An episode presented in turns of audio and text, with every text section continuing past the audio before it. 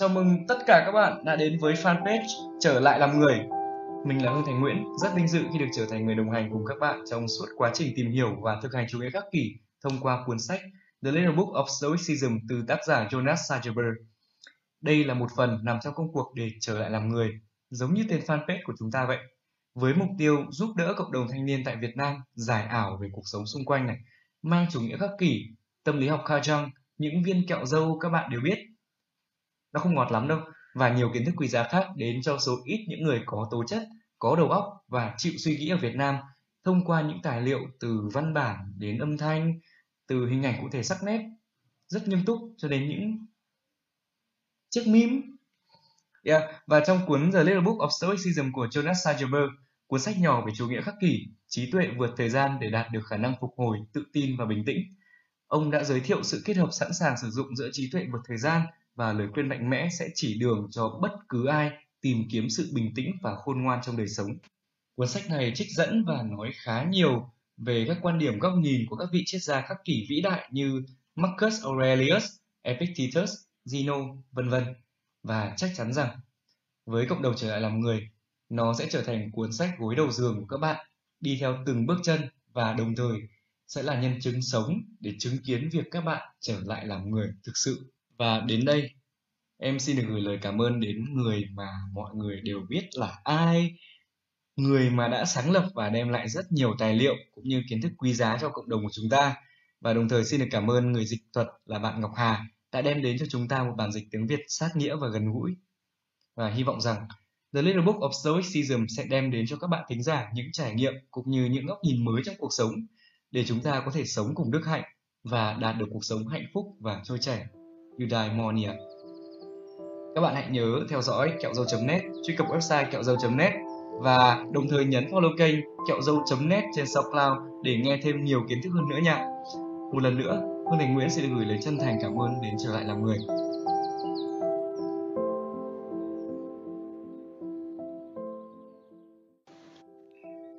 Phần 1 Chủ nghĩa khắc kỷ là gì? Điều không phải thì đừng làm, lời không đúng thì đừng nói. Trích dẫn từ Marcus Aurelius. Chương 1 Lời hứa của chủ nghĩa khắc kỷ Cây phát triển bộ rễ khủng và trở nên vững chắc nhờ có gió mạnh thổi vào. Gió tạt ngang, tạt dọc mới là điều khiến cây bám chặt vào đất và vươn rễ sâu hơn. Còn những cây mỏng manh là những cây được trồng trong một thung lũng đầy nắng. Seneca hỏi, Ngươi có bao giờ thắc mắc rằng những người tốt bị thử thách là vì để họ có thể phát triển mạnh mẽ hơn không? Giống như với cây cối, mưa to và gió lớn là lợi thế của những người tốt. Đó là cách họ có thể trở nên điềm tĩnh, kỷ luật, khiêm tốn và mạnh mẽ. Giống như cái cây phải bám chặt lấy đất để không bị gió quật ngã, chúng ta phải củng cố vị trí của mình nếu không muốn bị những chuyện vặt vãnh đánh gục. Và đây là mục đích của triết lý khắc kỷ. Nó sẽ giúp bạn trở nên mạnh mẽ hơn và khiến khó khăn trông thật dễ dàng và giữ cho bạn đứng vững trên đôi chân trong mọi hoàn cảnh. Hay nói cách khác, nó sẽ chuẩn bị hành trang cho bạn để đối phó một cách hiệu quả hơn với bất cứ thử thách nào trong đời. Bắt đầu từ những triết gia và ẩn dụ về đấu vật đến những con sói hung hăng mang tên cảm xúc kích động. Chương đầu tiên này bao gồm tất cả những gì bạn cần biết về lời hứa của triết học khắc kỷ hoặc lý do bạn nên thực hành chủ nghĩa này. Một cảnh báo, cuốn sách này sẽ chứa một số từ ngữ khá khủng bố như là eudaimonia, arete hoặc là virtual. Những từ ngữ xa lạ này sẽ khiến bạn muốn lật trang ngay lập tức. Tuy nhiên vì vậy, hãy chuẩn bị một tinh thần và giữ vững tâm lý, hãy bất chấp sự phản kháng. Và sau cùng, nó sẽ xứng đáng nếu bạn trụ lại và bạn thậm chí có thể thêm chúng vào vốn từ vựng hàng ngày của mình. Và này, đây sẽ không phải là triết học cổ xưa nếu không có ít nhất một số từ trông hơi khó nuốt chứ. Thực hành nghệ thuật sống trở thành thực hành nghệ thuật sống trở thành chiến binh triết gia. Trước tiên, xác định với bản thân về người ngươi muốn trở thành và sau đó làm những điều ngươi cần phải làm. Câu trích dẫn từ Epictetus làm thế nào để sống một cuộc đời tươi đẹp? Câu hỏi kinh điển này là gốc rễ của mối quan tâm hàng đầu của triết học khắc kỷ. Hay làm thế nào để sống? Hay nói một cách khác nữa, nghệ thuật sống. Nhà khắc kỷ Epictetus đã so sánh triết học với các nghệ nhân, giống như mối quan hệ của gỗ đối với người thợ mộc, đồ đồng với người điêu khắc, thì cuộc sống của chính chúng ta cũng là chất liệu thích hợp đối với nghệ thuật sống. Triết học không dành riêng cho những ông già thông thái, nó là một bài học cần thiết cho tất cả những ai muốn học cách sống và chết một cách sâu sắc. Mỗi hoàn cảnh cuộc sống đều như một tấm vải trắng hoặc một khối đá cẩm thạch thô mà chúng ta có thể dùng để điêu khắc và tập luyện, để chúng ta có thể hoàn thiện tay nghề đến cuối đời. Về cơ bản, đó là những gì chủ nghĩa khắc kỷ làm. Nó dạy chúng ta cách trở nên xuất sắc trong cuộc sống, chuẩn bị hành trang cho chúng ta đối mặt với nghịch cảnh một cách bình tĩnh và chỉ đơn giản là giúp chúng ta tạo dựng và tận hưởng một cuộc sống tốt đẹp. Điều gì làm cho một người thạo cách sống? Theo Epictetus, đó không phải là sự giàu có, cũng không phải chức vụ cao, mà cũng không phải là vị trí chỉ huy. Phải có một điều gì đó khác chứ. Cũng giống như người muốn viết đẹp thì phải luyện chữ và hiểu biết sâu rộng về nét chữ. Hay một người muốn giỏi về âm nhạc thì phải học nhạc lý. Như vậy, người muốn giỏi về cách sống thì phải có kiến thức sâu rộng về nghệ thuật sống. Nghe khá là có lý đúng không? Seneca, một nhà triết học khắc kỷ quan trọng khác mà chúng ta sẽ được tìm hiểu trong chương 2, nói rằng nhà triết học là người nắm rõ điều cơ bản, cách sống. Một nhà triết học dịch theo nghĩa đen từ tiếng Hy Lạp thành người yêu thích sự thông thái, tức là một người thích học cách sống, một người muốn có được sự từng trải trong cách sống. Như Epictetus đã từng nói với chúng ta, nếu chúng ta muốn thạo cách sống, chúng ta phải nắm được nhiều kiến thức về cách sống. Điều này có thể làm cho bạn ngạc nhiên, nhưng triết học thực sự nằm ở việc thực hành, bằng việc học cách điêu khắc nên cuộc sống của chúng ta. Nếu chỉ học lý thuyết, ta sẽ không biết cách sử dụng cái đục và cái vồ để điêu khắc nên khối đá cẩm thạch. Những nhà khắc kỷ đặc biệt quan tâm đến việc áp dụng triết học vào cuộc sống hàng ngày. Họ coi mình là những chiến binh thực sự của trí óc và nghĩ rằng lý do chính để nghiên cứu triết học là để áp dụng nó vào thực tế. Dưới đây là một so sánh thú vị của tác giả Donald Robertson trong cuốn sách The Philosophy of Cognitive Behavioral Therapy, triết lý của liệu pháp hành vi nhận thức. Ông nói rằng trong thời cổ đại, nhà triết học lý tưởng là một chiến binh thực sự của tâm trí, nhưng trong thời hiện đại, nhà triết học đã trở thành một thứ gì đó thiên về sách vở hơn, không phải là một chiến binh, mà chỉ là một thủ thư của tâm trí. Giống ông thầy già hay nói triết lý. Vì thế, chúng ta muốn trở thành những chiến binh, và điều quan trọng nhất không phải là khả năng học thuộc lòng các nguyên tắc khắc kỷ, mà là khả năng áp dụng trong thế giới thực. Khi Epictetus hỏi các học trò của mình, nếu trò không học những điều này để áp dụng chúng trong thực tế, trò học chúng làm gì? Ông tiếp tục nói rằng họ, các học trò của ông, không có đủ sự thèm khát và can đảm để ra ngoài thế giới thực và chứng minh lý thuyết trong thực tế. Đó là lý do tại sao ta muốn đến Rome để xem đấu vật. Vì ít ra, đô vật còn biết đưa chiến thuật vào thực tiễn.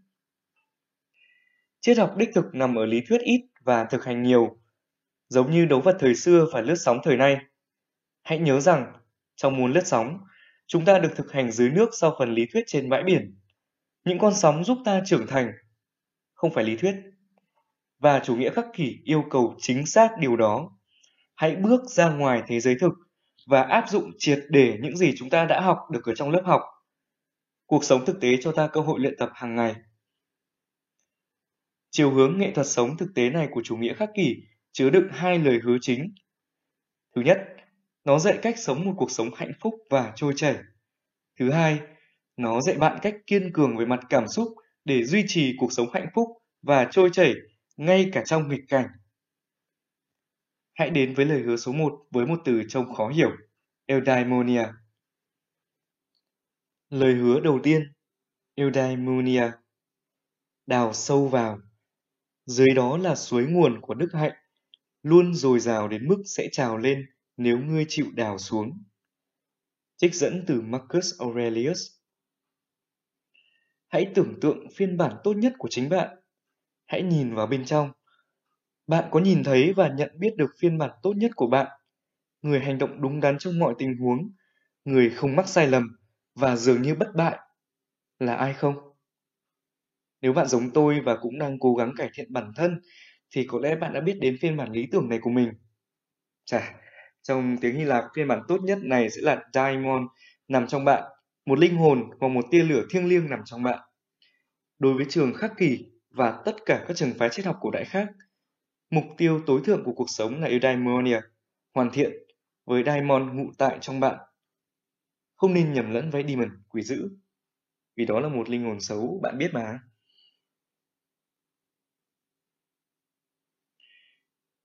Những người theo chủ nghĩa khắc kỷ tin rằng tự nhiên mong muốn chúng ta trở thành phiên bản cao cấp nhất, tốt đẹp nhất của chính mình. Đấy là lý do tại sao Diamond nội tại hay tia lửa thiêng liêng đã có sẵn trong ta, một tiềm năng để trở thành phiên bản tốt nhất của chính mình. Nói cách khác, ta được lập trình để nuôi nấng và phát triển tiềm năng ấy. Vì thế, để hoàn thiện Diamond bên trong của chúng ta, để trở thành phiên bản lý tưởng của chúng ta, phải trở nên giống với phiên bản lý tưởng nhất đó có thể. Chúng ta nên thu hẹp khoảng cách giữa người chúng ta có thể trở thành, phiên bản lý tưởng của chúng ta và người chúng ta thực sự đang là tại thời điểm đó. Làm thế nào để đạt được điều này vậy? Các nhà khắc kỷ cũng có một từ cho điều đó, artist. Nói một cách ngắn gọn, từ này được dịch nghĩa đen là đức hạnh hoặc sự xuất sắc và xin phép từ giờ cho đến cuối cuốn sách mình sẽ đọc từ này sẽ dịch là đức hạnh luôn. Nhưng một ý nghĩa sâu sắc hơn của nó là thể hiện phiên bản cao nhất của bản thân trong mọi khoảnh khắc.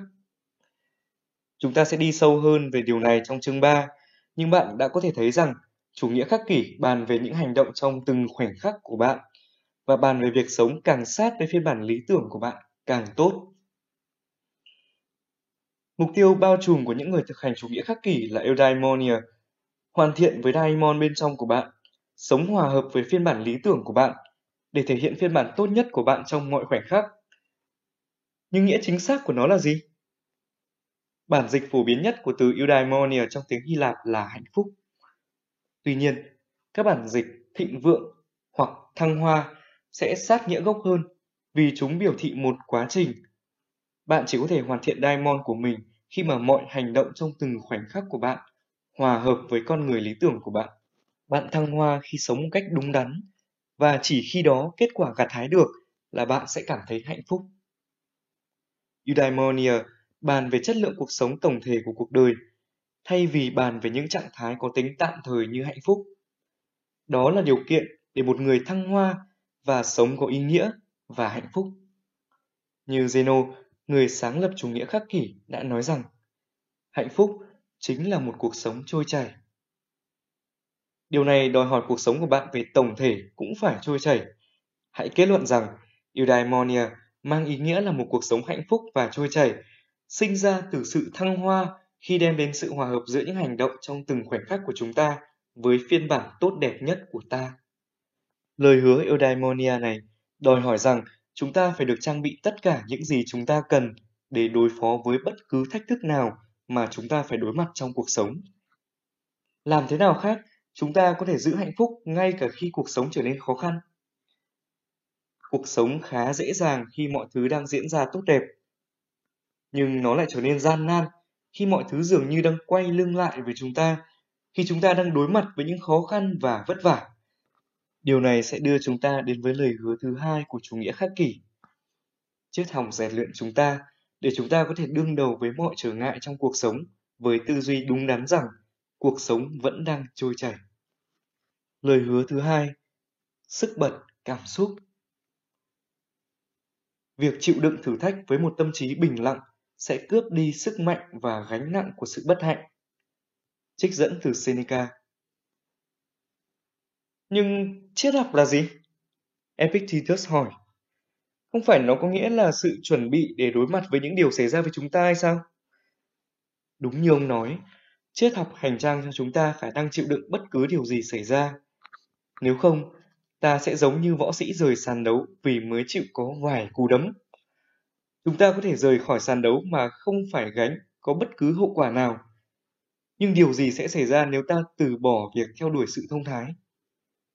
Vì vậy, mỗi người trong chúng ta nên nói gì khi phải đối mặt với thử thách? Tôi ở đây để chấp nhận. Đây là thử thách của tôi. Bạn à, một võ sĩ quyền Anh bị đấm vào mặt thì sẽ không rời sàn đấu. Đó là những gì anh ấy đã lường trước. Đó là thử thách của anh ấy. Và điều này cũng đúng với các triết gia. Chỉ vì cuộc đời khinh thường và đánh gục ta không có nghĩa là chúng ta nên bỏ cuộc và rời đi, mà thay vào đó, chúng ta nên đứng dậy và nỗ lực cải thiện để trở nên tốt hơn. Đây là cuộc sống hay một võ đài. Những quả đấm và những cú đá là những gì chúng ta đã lường trước. Đây là thử thách của chúng ta. Seneca nói, thành công mà không có sóng gió thì sẽ không thể trụ nổi sau một cú hích. Nhưng một người đàn ông đã trải qua vô số bất hạnh thì sẽ trở nên chai lì với khổ đau. Người này sẽ quyết chiến đến cùng và tiếp tục chiến đấu ngay cả khi phải lê lết trên đầu gối của mình. Người này sẽ không bao giờ bỏ cuộc. Những nhà khắc kỷ yêu thích phép ẩn dụ về đấu vật. Vì vậy, Marcus Aurelius cũng có một câu nói tương tự. Nghệ thuật sống giống với đấu vật hơn là khiêu vũ. Chúng ta cần phải chuẩn bị cho những cuộc tấn công bất ngờ. Không ai làm khó dễ một vũ công cả. Vũ công, khác với đồ vật, sẽ không bao giờ phải trải qua cảm giác bị bóp nghẹt bởi nghịch cảnh. Vì vậy, là chiến binh triết gia, chúng ta biết rằng cuộc sống sẽ đầy thử thách. Trên thực tế, chúng ta thậm chí nên xoa tay vào nhau và mong chờ việc ăn một vài cú đấm với niềm tin rằng chúng sẽ khiến ta thêm mạnh mẽ và da thịt thì chai cứng hơn. Đây là lý do tại sao chúng ta nên mong muốn được tham gia và huấn luyện trong cuộc chiến mang tên cuộc đời. Bởi vì chúng ta muốn được trở nên mạnh mẽ, chúng ta muốn sống một cuộc sống hạnh phúc và trôi chảy. Chúng ta muốn kiểm soát bản thân và hành động của mình khi cuộc sống trở nên khó khăn. Chúng ta muốn trở thành một tòa tháp của sức mạnh, không thể lay chuyển ngay cả khi ở đỉnh điểm của cuộc tấn công cuồng nộ. Khi người khác hoảng sợ, chúng ta muốn giữ bình tĩnh suy nghĩ thấu suốt và nỗ lực để trở nên tốt nhất có thể. Thực hành chủ nghĩa khắc kỷ giúp chúng ta phát triển các công cụ để ứng phó một cách hiệu quả nhất có thể với bất cứ cú đá hay cú đấm nào mà cuộc đời đến với chúng ta. Bất kể điều gì xảy ra trong cuộc sống, chúng ta đã sẵn sàng, chúng ta đã chuẩn bị để bắt lấy những cú húc và side kick, những cú móc ngang và đạp tống ngang. Không bao giờ bỏ cuộc và tận dụng tình thế. Đây chính là lời hứa của triết học khắc kỷ Tuy nhiên, ngay bây giờ, nếu bạn bị đấm vào mặt, điều gì sẽ xảy ra? Bạn bị chi phối bởi cảm xúc, thì cũng như những người khác, hoặc là bạn sẽ giận dữ đánh trả, hoặc là thậm chí bắt đầu bạn sẽ khóc.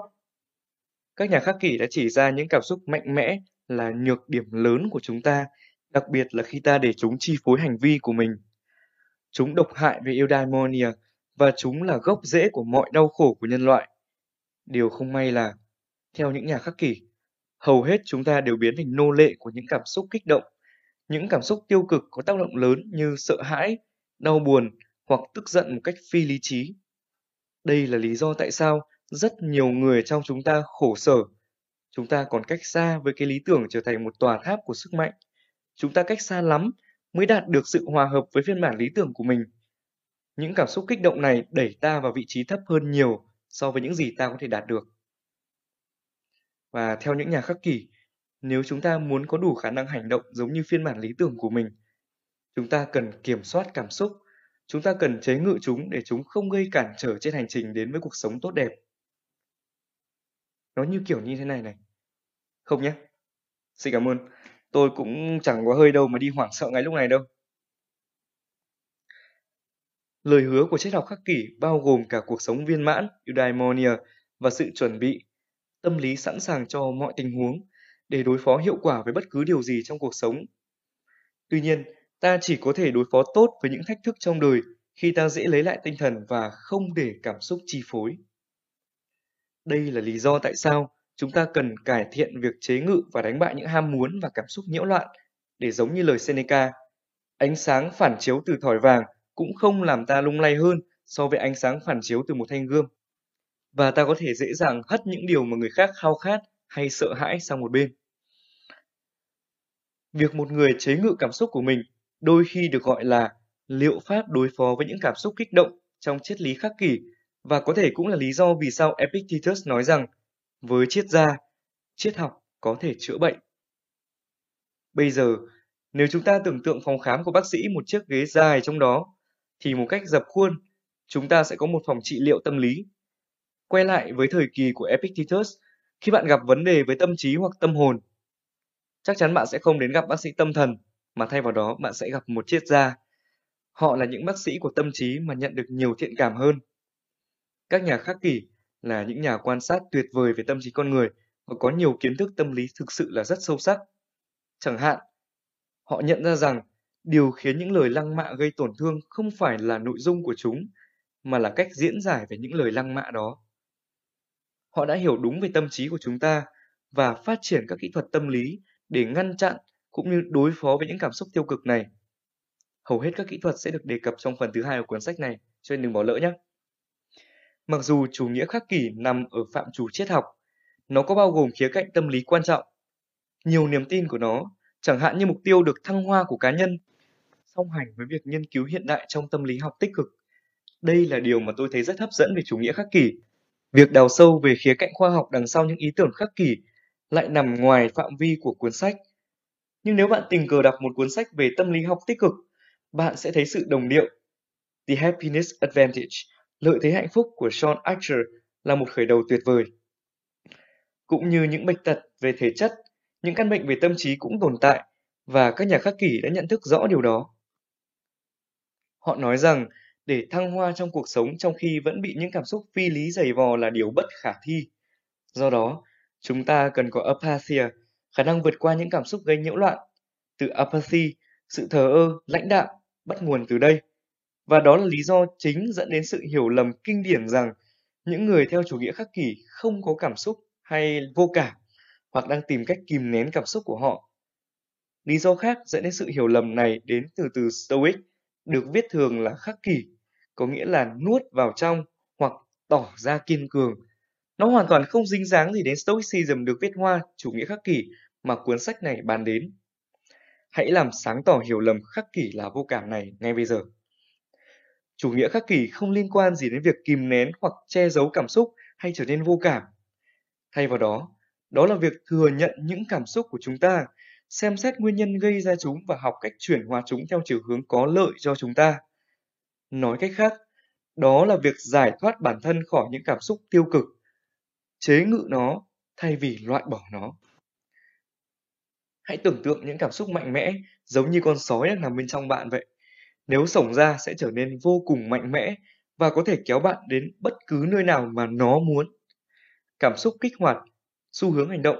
Chẳng hạn như khi bạn cảm thấy tức giận, bạn có xu hướng nắm chặt tay, la hét hoặc ném đồ đạc.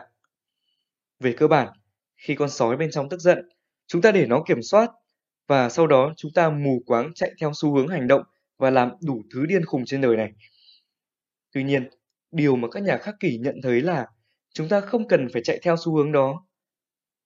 Chúng ta có thể rèn luyện bản thân để cư xử bình tĩnh cho dù đang cảm thấy tức giận hành động can đảm cho dù đang cảm thấy lo lắng và đi về hướng ngược lại với con sói bên trong. May mắn thay, chúng ta không cần phải giả vờ như con sói không có ở đó hoặc thậm chí giết chết nó. By the way thì điều này là không thể đâu. Các nhà khắc kỷ muốn chúng ta thuần hóa và học cách hiểu con sói đó. Thay vì để nó ra lệnh cho hành động của chúng ta khi nó tức giận, lo lắng hay đói khát, chúng ta hành động bình tĩnh bất chấp cơn tức giận. Nó có thể gầm gừ và hú bao nhiêu nó muốn, nhưng chúng ta không sợ nó và chỉ hành động theo những gì ta lựa chọn. Mặc dù vẫn tồn tại xu hướng hành động, nhưng con sói đã không còn tiếng nói trong các quyết định của chúng ta nữa. Mục tiêu không phải là loại bỏ tất cả cảm xúc. Mục tiêu của chúng ta là không bị chúng lấn át, cho dù những cảm xúc ấy có mạnh mẽ thế nào đi chăng nữa. Chúng ta cảm nhận được con sói đang kích động nhưng chúng ta vẫn tiếp tục đi trên con đường của mình, mặc cho nó đang kéo đi một hướng khác. Được rồi, con sói bên trong tôi đang muốn phát tiết. Nhưng mà điều này có giúp gì cho tình hình không? Ta tự nhủ như vậy. Chúng ta đứng trên cảm xúc của mình, ta có thể nghe thấy nó gầm gừ, nhưng ta hiểu rằng không cần phải lắng nghe hay làm theo. Những người theo chủ nghĩa khắc kỷ không phải là những người vô cảm với trái tim bằng đá. Họ thừa nhận rằng ham muốn và cảm xúc là điều bình thường, nhưng ta mới là người nắm trong tay cái khả năng vượt lên trên những cảm xúc và không để chúng quấy rầy.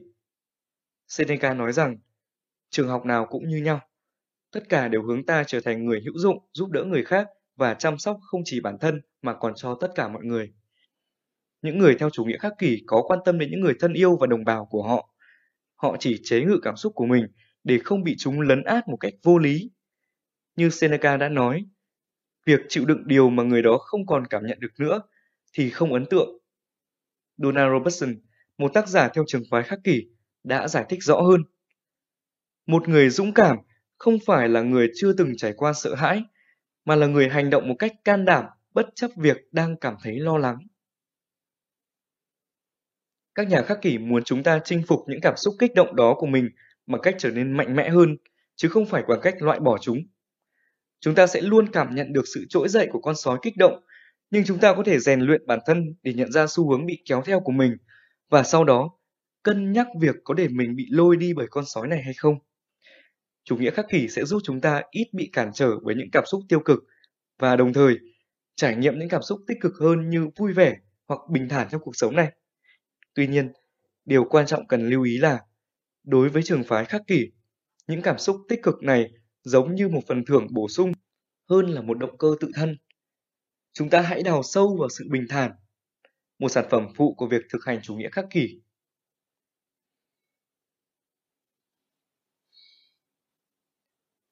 Thực hành chủ nghĩa khắc kỷ và gặt hái sự bình thản như một sản phẩm phụ. Điều này có thể gây ngạc nhiên, nhưng chủ nghĩa khắc kỷ là một triết lý sống thú vị. Khi bạn đọc về các nhà khắc kỷ, bạn thấy hình ảnh những người vui vẻ và lạc quan tận hưởng hoàn toàn những gì cuộc sống mang lại. Họ không hề vô cảm đâu. Họ chỉ là đang nhận ra cảm xúc mạnh mẽ là điểm yếu của họ và cản đường họ sống hết khả năng của mình.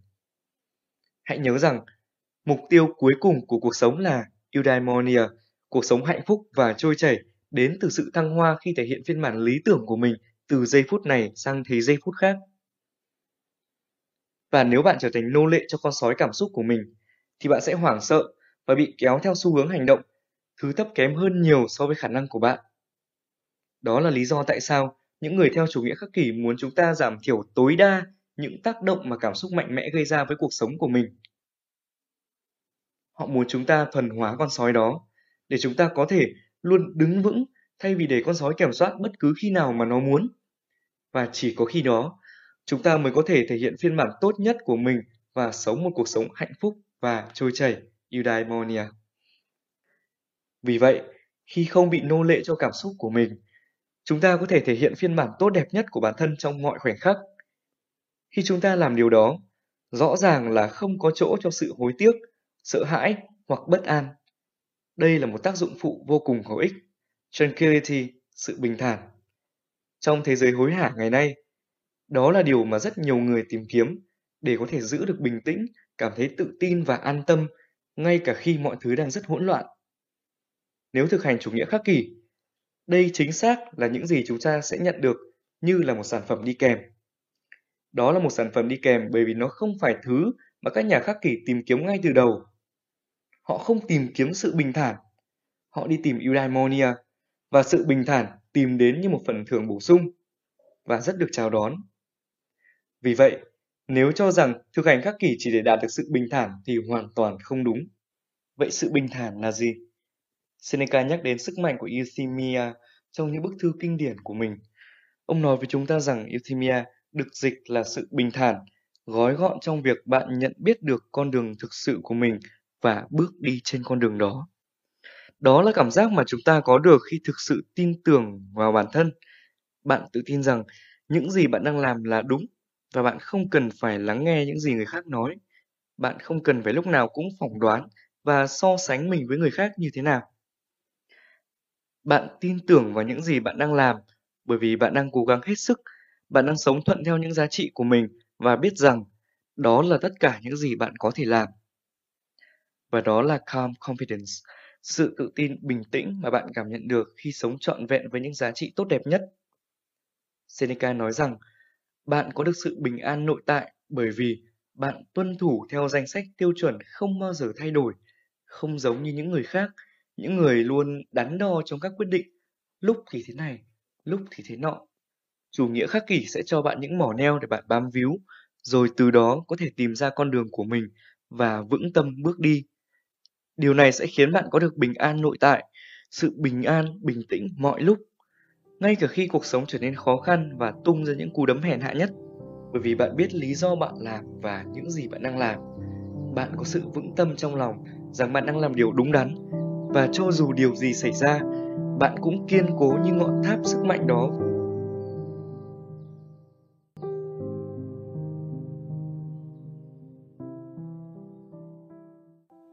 Chương 2 Tìm hiểu nhanh về lịch sử Ta đã có một cuộc hành trình trọn vẹn khi ta trải qua nạn đắm tàu. Câu trích dẫn từ Zeno của xứ Citium. Năm đó là khoảng năm 320 trước công nguyên, một thương gia người Phoenicia bị đắm tàu ở đâu đó giữa Ship và đất liền Hy Lạp trên biển Địa Trung Hải. Ông vừa mất hết tất cả thuốc nhuộm Murex, một loại thuốc nhuộm màu tím có giá trị cao, được chiết xuất từ con ốc biển cùng với đó là tất cả tài sản của ông. Và người chúng ta đang nhắc đến ở đây không ai khác, đó chính là Zeno của xứ Sidium, người nhờ có vụ đắm tàu này đã trở thành người sáng lập ra chủ nghĩa khắc kỷ nhiều năm sau đó. Bản thân cha của Zeno là một thương gia và thường trở về nhà sau chuyến du lịch với những cuốn sách mua ở thành phố Athens của Hy Lạp. Đây có thể là lý do tại sao sau vụ tai nạn trên biển, Zeno đến Athens tìm một cửa hàng sách và đọc về triết gia người Athens tên là Socrates, người của một thế kỷ trước. Zeno ấn tượng đến mức hỏi người bán sách có thể tìm thấy những người như ông ở chỗ nào. Người bán sách chỉ về hướng của Chris, một người theo chủ nghĩa cynic, người vừa đi ngang qua và nói Hãy đi theo người đàn ông đằng xa kia. Thật vậy, Zeno đã đi theo Chris, triết gia hàng đầu vào thời điểm đó và trở thành học trò của ông trong nhiều năm tới. Zeno rất vui vì cuộc đời của mình đã rẽ sang hướng khác và nói Vận mệnh ơi, sự sắp xếp của người thật hoàn hảo vì nó đã dẫn ta đến với triết học.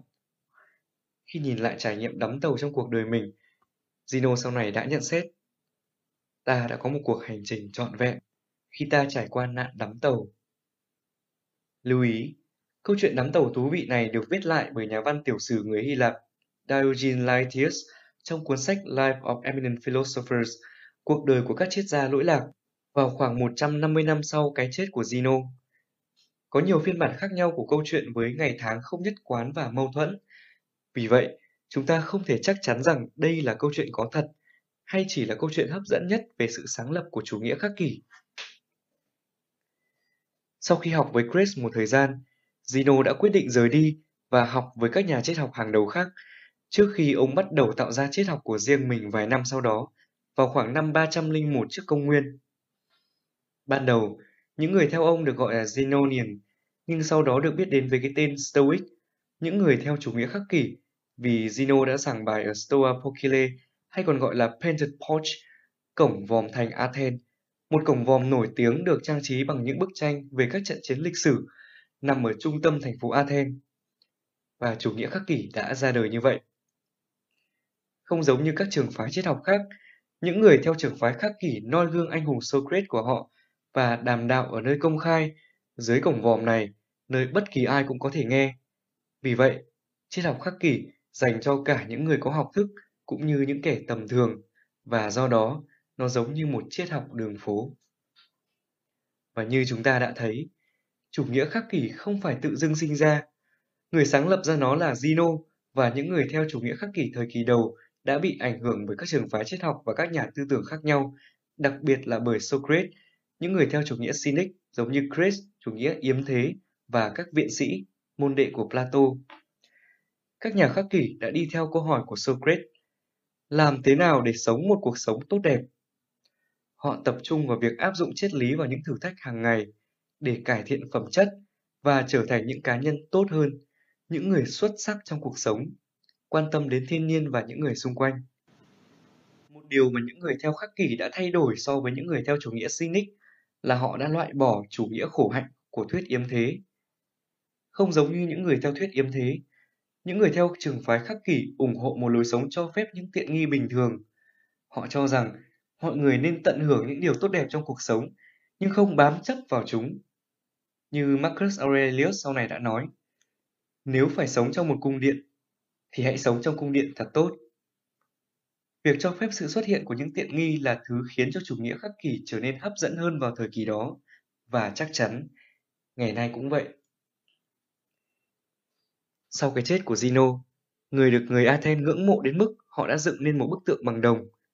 Trường phái khắc kỷ giữ vị trí như một trường triết học hàng đầu của người Athens cùng với những trường phái khác cho đến năm 155 trước công nguyên khi có một sự kiện quan trọng ảnh hưởng đến triết học cổ đại. Những người đứng đầu chủ nghĩa khắc kỷ, Diogenes thành Babylon và các trường phái triết học khác đã được chọn làm đại sứ đại diện cho Athens trong các cuộc đàm phán chính trị với Rome tại thành Rome.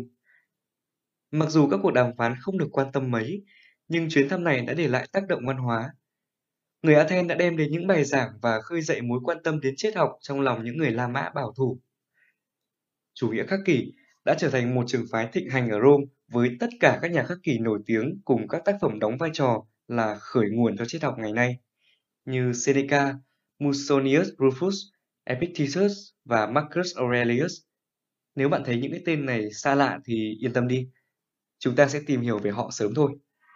Chủ nghĩa khắc kỷ là một trong những trường phái triết học có ảnh hưởng và được ngưỡng mộ nhất trong gần 5 thế kỷ sau đó. Người thực hành chủ nghĩa này trải dài từ người giàu đến kẻ nghèo, người quyền lực cũng như người đang bị áp bức.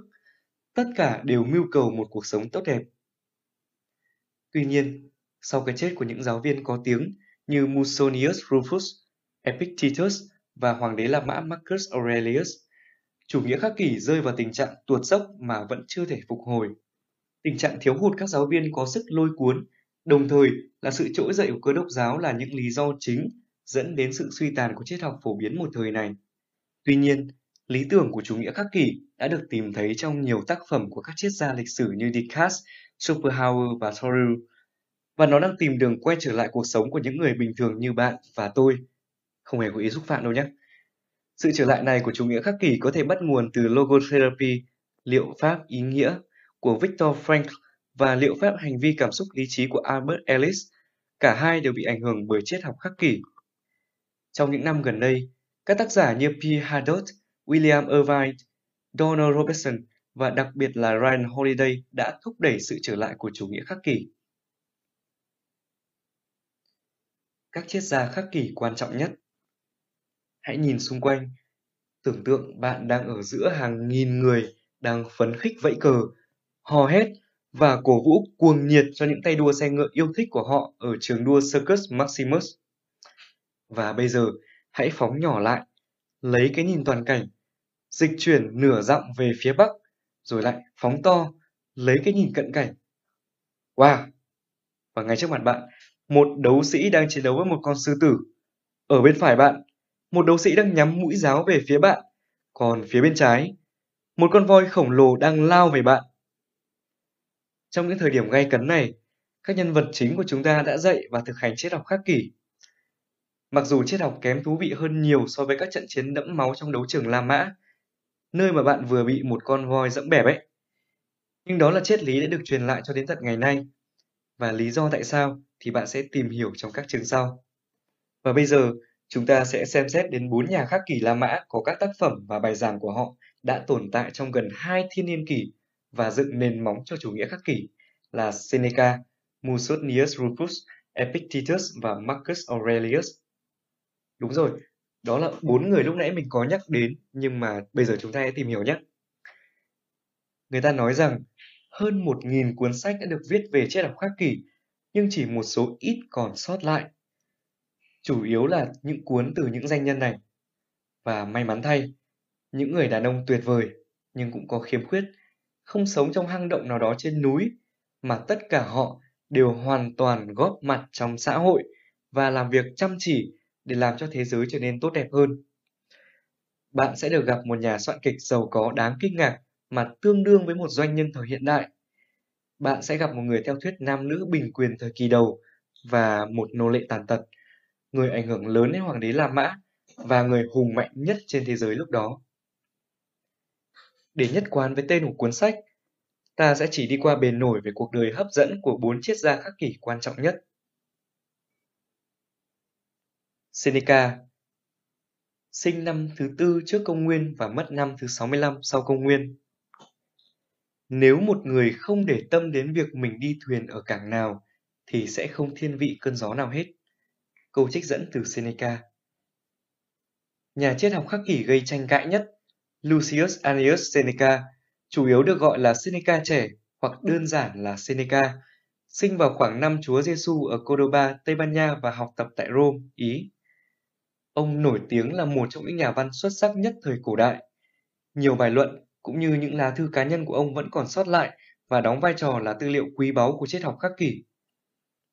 Những bài viết này quan trọng với ta bởi vì ông tập trung vào khía cạnh thực tế của chủ nghĩa khắc kỷ, ví dụ như cách đi du lịch, cách đối phó với nghịch cảnh và những cảm xúc kích động của nó như đau buồn, tức giận, cách đối xử với bản thân khi có ý định tự tử, hay làm thế nào để đối phó với sự giàu có, điều mà ông ấy biết quá rõ luôn, và sự nghèo đói. Seneca đã sống một cuộc đời phi thường, một cuộc đời dấy lên nhiều câu hỏi nếu được nghiên cứu kỹ lưỡng. Ngoài những bức thư vẫn được đón đọc gần hai thiên niên kỷ sau khi ông qua đời, tên tuổi ông nằm trong sử sách vì nhiều lý do khác. Ông ấy là một nhà viết kịch thành công. Ông trở nên cực kỳ giàu có nhờ những chủ trương tài chính thông minh, tương tự như những doanh nhân và nhà đầu tư trẻ tuổi thời đại này. Ông bị lưu đày vì tội ngoại tình với cháu gái của hoàng đế, bị đày đến cái nơi ông gọi là vùng đất cằn cỗi và khắc nghiệt, Kosisa. Nhân tiện thì đây là một nơi nghỉ mát nổi tiếng với những cảnh quan đa dạng và tuyệt đẹp. Sau 8 năm lưu đày, người vợ mới của hoàng đế muốn Seneca làm gia sư cho con trai Nero. Khi Nero trở thành hoàng đế, Seneca được thăng chức làm cố vấn của ông và trở thành một trong những người giàu có nhất trong đế chế La Mã. Theo tác giả Nassim Taleb, người đã dành hẳn một chương cho Seneca trong cuốn sách Anti-Fragile, khả năng cải thiện nghịch cảnh. Tài sản của ông ấy là 300 triệu denarii. Theo nghĩa tương đương, vào khoảng thời gian đó, Judas được 30 denarii, tương đương một tháng lương để phản bội Chúa Giêsu. Sự giàu có tột độ này trong khi vẫn là một triết gia đề cao sự thờ ơ với tài sản hữu hình là lý do tại sao đôi lúc Seneca bị gọi là kẻ đạo đức giả. Một sự thật khác làm dấy lên nhiều nghi vấn đó là ông là gia sư và cố vấn của hoàng đế Nero, một người cai trị phóng túng và độc ác, người mà đã giết mẹ mình và rất nhiều người khác nữa. Năm 65 sau công nguyên, Nero ra lệnh cho Seneca tự sát vì cho là có liên quan đến âm mưu chống lại hoàng đế. Thực sự thì có phải là kẻ đạo đức giả hay không? Thì Seneca cũng đã sống một cuộc đời đầy sóng gió, giàu sang và quyền lực, nhưng cũng nhiều triết lý và quan sát nội tâm. Ông đủ hiểu rằng mình không hoàn hảo. Chủ nghĩa khắc kỷ vẫn giữ vị trí vững chắc trong cuộc đời ông và để lại những dấu ấn trong những bức thư hữu dụng và đầy cảm hứng mà tôi sẽ trích dẫn tùy hứng trong cuốn sách này. Sau khi đã tìm hiểu qua về vị triết gia đầu tiên thì sau đây chúng ta sẽ cùng nhau đi tìm hiểu đến vị triết gia thứ hai, Musonius Rufus, sinh vào khoảng năm thứ 30 sau công nguyên và mất năm thứ 100 sau công nguyên. Ai rồi cũng chết. Vậy ta thả ra đi với sự xuất chúng còn hơn là sống thọ. Câu trích dẫn từ Musonius Rufus. Người ít được biết đến nhất trong bốn nhà khắc kỷ La Mã vĩ đại, Gaius Musonius Rufus đã dạy triết học khắc kỷ trong trường học của chính mình. Chúng ta biết rất ít về cuộc đời và những lời dạy của ông vì ông không buồn ghi chép lại bất cứ điều gì. May mắn thay, một trong những học trò của Musonius là Lucius đã ghi chép lại bài giảng của ông.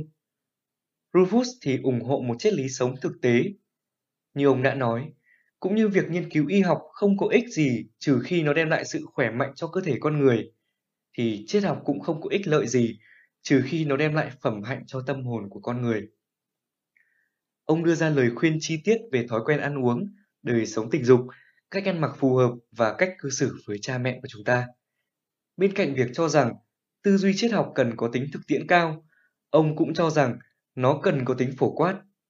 Ông cho rằng cả nam hay nữ đều có thể hưởng lợi từ việc học và nghiên cứu triết học.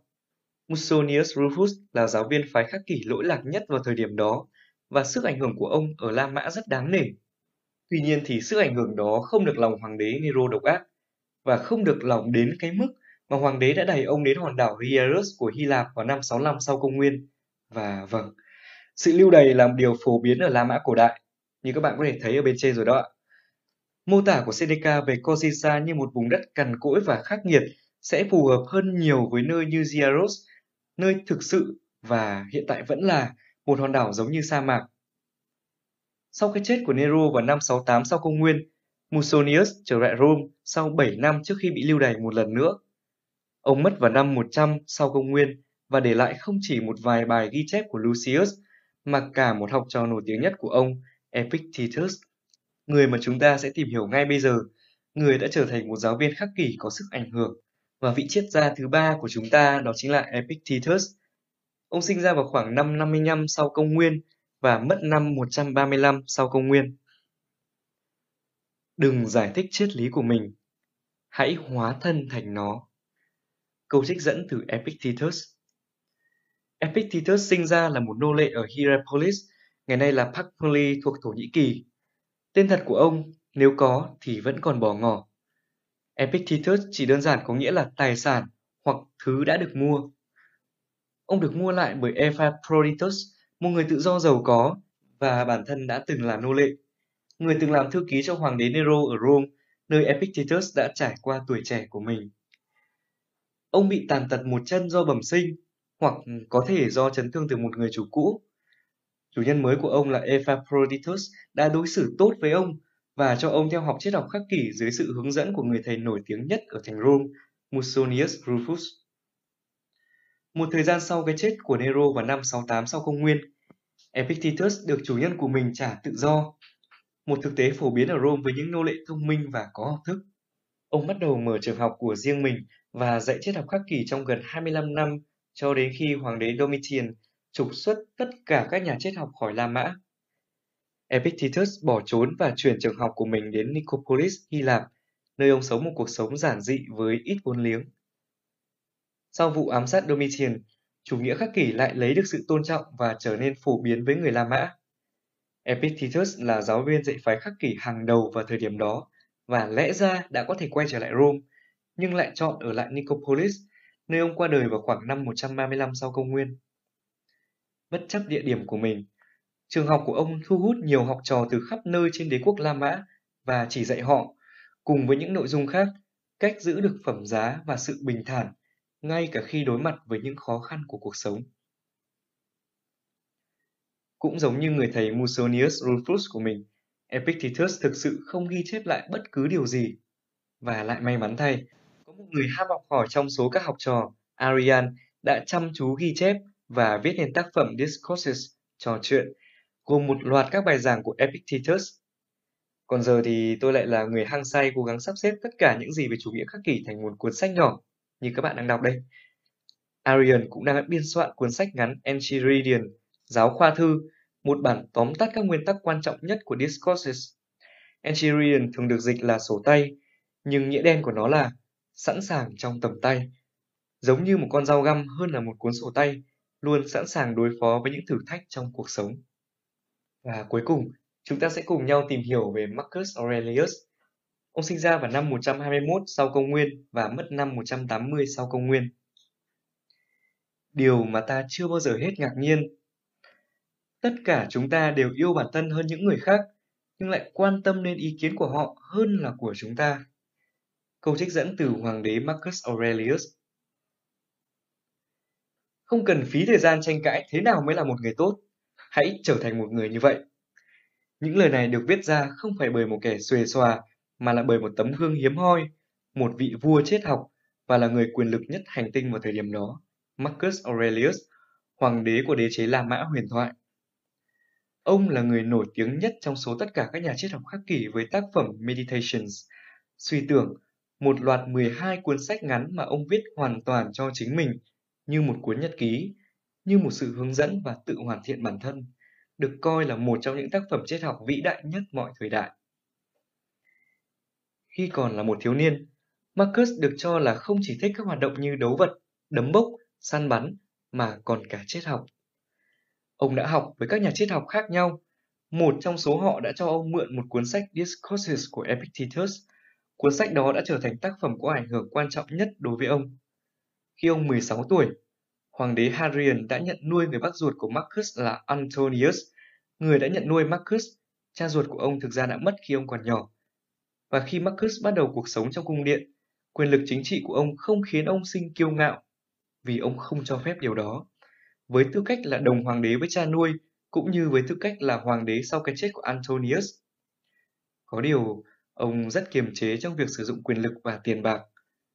Hơn nữa, mặc dù quan tâm đến triết học khắc kỷ, ông đã chọn không sử dụng quyền lực của mình để thuyết giảng chủ nghĩa khắc kỷ, mà chỉ giảng cho những cộng sự La Mã về lợi ích đến từ việc thực hành nó. Ông là một vị hoàng đế tốt hiếm hoi và trị vì từ năm 161 sau công nguyên đến khi qua đời vào năm 180 và được coi là người cuối cùng trong chuỗi kế vị những người cai trị mang tên The Five Good Emperors, ngũ hiền đế.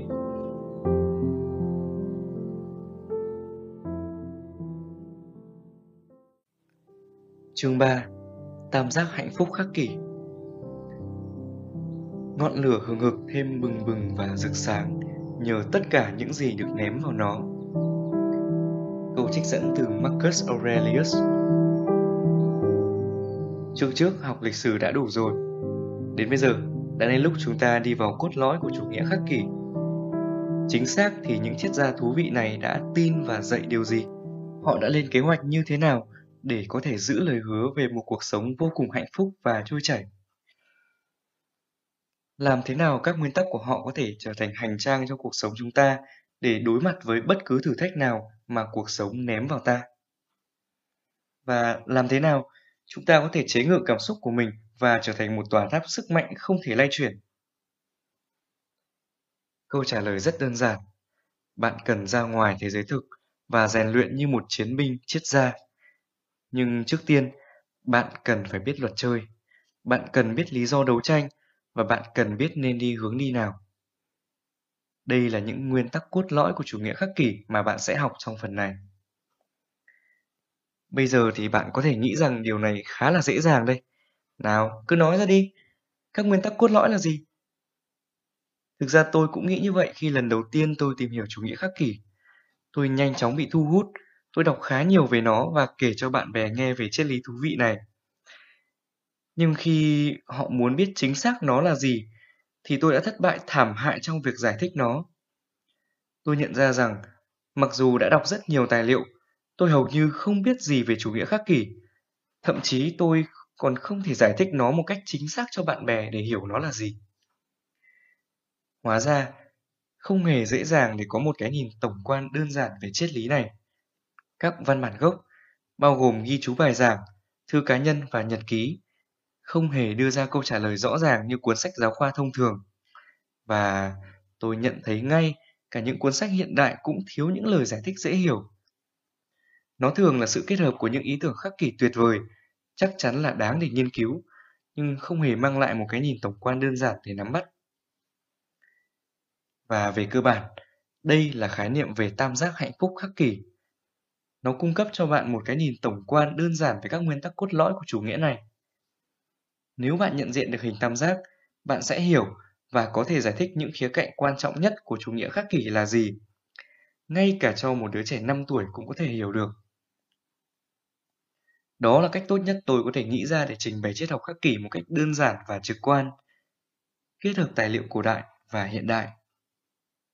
Và tôi hy vọng rằng bạn sẽ thấy nó hữu ích. Và hãy nhớ rằng, tam giác hạnh phúc khắc kỷ không phải là những gì các nhà khắc kỷ đã dạy nó là hình dung của tôi về những lời dạy cốt lõi của họ. Và sau đây chúng ta sẽ cùng nhau tóm gọn về tam giác hạnh phúc khắc kỷ nhé.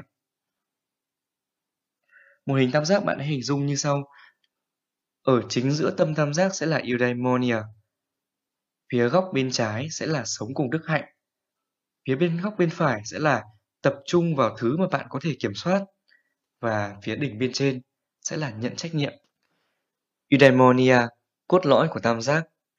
Tất cả các nền triết học cổ đại đều nhất trí rằng đây là đích đến cuối cùng của cuộc đời. Như đã đề cập trong chương 1, đây là lời hứa quan trọng của triết học khắc kỷ và đó chính là việc sống một cuộc sống mãn nguyện và trôi chảy. Đó là về sự thăng hoa của cuộc sống. Về cơ bản, đó là điều mà tất cả chúng ta đều muốn để thăng hoa và sống hạnh phúc, phải không nào? Đó là lý do tại sao nó là cốt lõi của tam giác hạnh phúc khắc kỷ bạn có nhớ nguồn gốc Hy Lạp của từ này không? Nếu bạn không nhớ thì nó là sống hòa hợp với diamond bên trong của bạn, tức là phiên bản tốt nhất của bạn. Và làm thế nào chúng ta có thể đạt được điều này? Đó chính là bằng cách sống với đức hạnh. Sống với đức hạnh là thể hiện phiên bản tốt nhất của bạn trong mọi khoảnh khắc. Nếu chúng ta muốn sống hòa hợp với phiên bản tốt đẹp nhất của mình, chúng ta cần thu hẹp khoảng cách giữa những gì chúng ta có khả năng trở thành và những gì chúng ta đang là. Đó chính là việc trở thành phiên bản tốt nhất của bạn ngay ở đây và ngay bây giờ. Đó là về việc sử dụng lý trí trong hành động của chúng ta và sống hài hòa với các giá trị sâu sắc. Điều này rõ ràng là nói thì dễ hơn làm. Điều bổ trợ cho mục tiêu đầy tham vọng này chính là tách biệt điều tốt với điều xấu và tập trung vào những gì chúng ta có thể kiểm soát. Tập trung vào những gì bạn kiểm soát được. Đây là nguyên tắc nổi bật nhất trong chủ nghĩa khắc kỷ. Trong mọi thời điểm, chúng ta cần tập trung vào những thứ chúng ta kiểm soát được và để những thứ này xảy ra theo cách nó xảy ra. Phải chấp nhận những gì là khách quan, bởi ta không có quyền hành để mà thay đổi nó. Những gì vượt quá khả năng của chúng ta thì đến cuối cùng cũng không còn quan trọng đối với quá trình phát triển của chúng ta. Điều quan trọng đối với sự phát triển của chúng ta là những gì chúng ta lựa chọn để đối mặt với những ngoại cảnh được đem đến. Vì vậy, trong bất kể tình huống nào, ta luôn có sự kiểm soát với việc tận dụng hoàn cảnh và sống hòa hợp với phiên bản lý tưởng của mình. Cuối cùng là đỉnh trên của tam giác, chịu trách nhiệm. Tốt và xấu chỉ đến từ chính bạn. Điều này bám sát hai góc đầu tiên của tam giác, đề cập rằng những thứ bên ngoài không có tầm ảnh hưởng đến cuộc sống tốt đẹp. Vì vậy, sống với đức hạnh trong tầm kiểm soát của bạn là đủ để thăng hoa trong cuộc sống. Ngoài ra, bên cạnh đó thì bạn phải chịu trách nhiệm với cuộc sống của mình vì mọi hoại cảnh bạn không kiểm soát được đều đưa đến một khía cạnh mà bạn có thể kiểm soát và đó là cách bạn chọn để đối phó với ngoại cảnh. Điều này thực sự rất quan trọng trong chủ nghĩa khắc kỷ. Nó không phải là những việc khiến chúng ta hạnh phúc hay đau khổ, mà là cách giải thích của chúng ta về những sự việc đó. Và đây là tháp sức mạnh có thể được dựng lên. Thời điểm bạn quyết định không cho phép các ngoại cảnh áp đặt bạn. Tất nhiên thì những gì được đề cập chỉ là khung của hình tam giác và chúng ta hầu như chỉ mới đi qua phần khái quát mà thôi. Trong các trang tiếp theo, chúng ta sẽ xem xét từng góc tam giác một cách chi tiết với những ý tưởng và phép ẩn dụ rõ ràng. Đồng thời, chúng ta sẽ nhận biết được kẻ phản diện đã cản trở rất nhiều người trong chúng ta thể hiện phiên bản tốt nhất của mình trong từng khoảnh khắc. Nhưng trước tiên, chúng ta hãy nhớ lại về bài học lướt sóng. Tiếp theo là phần lý thuyết rất quan trọng nhưng không quá vui nhộn ở phần đầu bài học lướt sóng đầu tiên của bạn đâu. Ồ, thấy chưa? Một số kẻ tự cho rằng mình khôn ngoan, chạy thẳng xuống nước, bất chấp những lời cảnh báo. Điều này thì luôn luôn xảy ra. Và đây là điều thú vị. Khi chúng ta hoàn thành bài học trên cạn và các bạn bắt đầu xuống nước theo chân họ, ngay lập tức các bạn sẽ làm tốt hơn họ vì họ thiếu kiến thức cơ bản. Và đó là lúc bạn cần phải nhìn thấy khuôn mặt của họ. À, một khoảnh khắc thật là vô giá. Tuy nhiên, một số người sẽ quay trở lại bờ sớm thôi, vì họ nhận ra rằng họ đang thiếu thứ gì đó, hoặc họ đã tự làm tổn thương chính mình. Dù sao, hãy bắt đầu mà không trốn tránh, và rồi bạn sẽ đến lúc bạn được xuống nước. Còn giờ, trên bãi cát này, khởi động và sau đây bắt đầu. Đầu tiên, sống cùng đức hạnh thể hiện phiên bản tốt nhất của bạn trong mọi khoảnh khắc. Một nhân cách tốt là điều duy nhất đảm bảo cho niềm hạnh phúc thành thơi vô tận. Câu trích dẫn từ Seneca Góc đầu tiên của tam giác hạnh phúc khắc kỷ là sống với đức hạnh. Bản dịch cổ điển cho từ Hy Lạp này là đức hạnh hoặc xuất sắc. Tôi thích cách Brian Johnson, nhà triết học của trang Optimize.me, dịch là thể hiện phiên bản tốt nhất của bản thân từ khoảnh khắc này sang khoảnh khắc khác – vì từ này có nghĩa sâu sắc hơn thế, vì từ này có ý nghĩa sâu sắc hơn thế, và bởi vì nó dường như là một trong những lý tưởng cao nhất của văn hóa Hy Lạp. Chúng ta hãy sử dụng từ gốc cho tên của góc đầu tiên của tam giác. Chúng ta cũng cần phải sử dụng từ dịch tiếng Anh phổ biến khác là virtue, đức hạnh. Chính vì vậy, hãy ghi nhớ điều đó.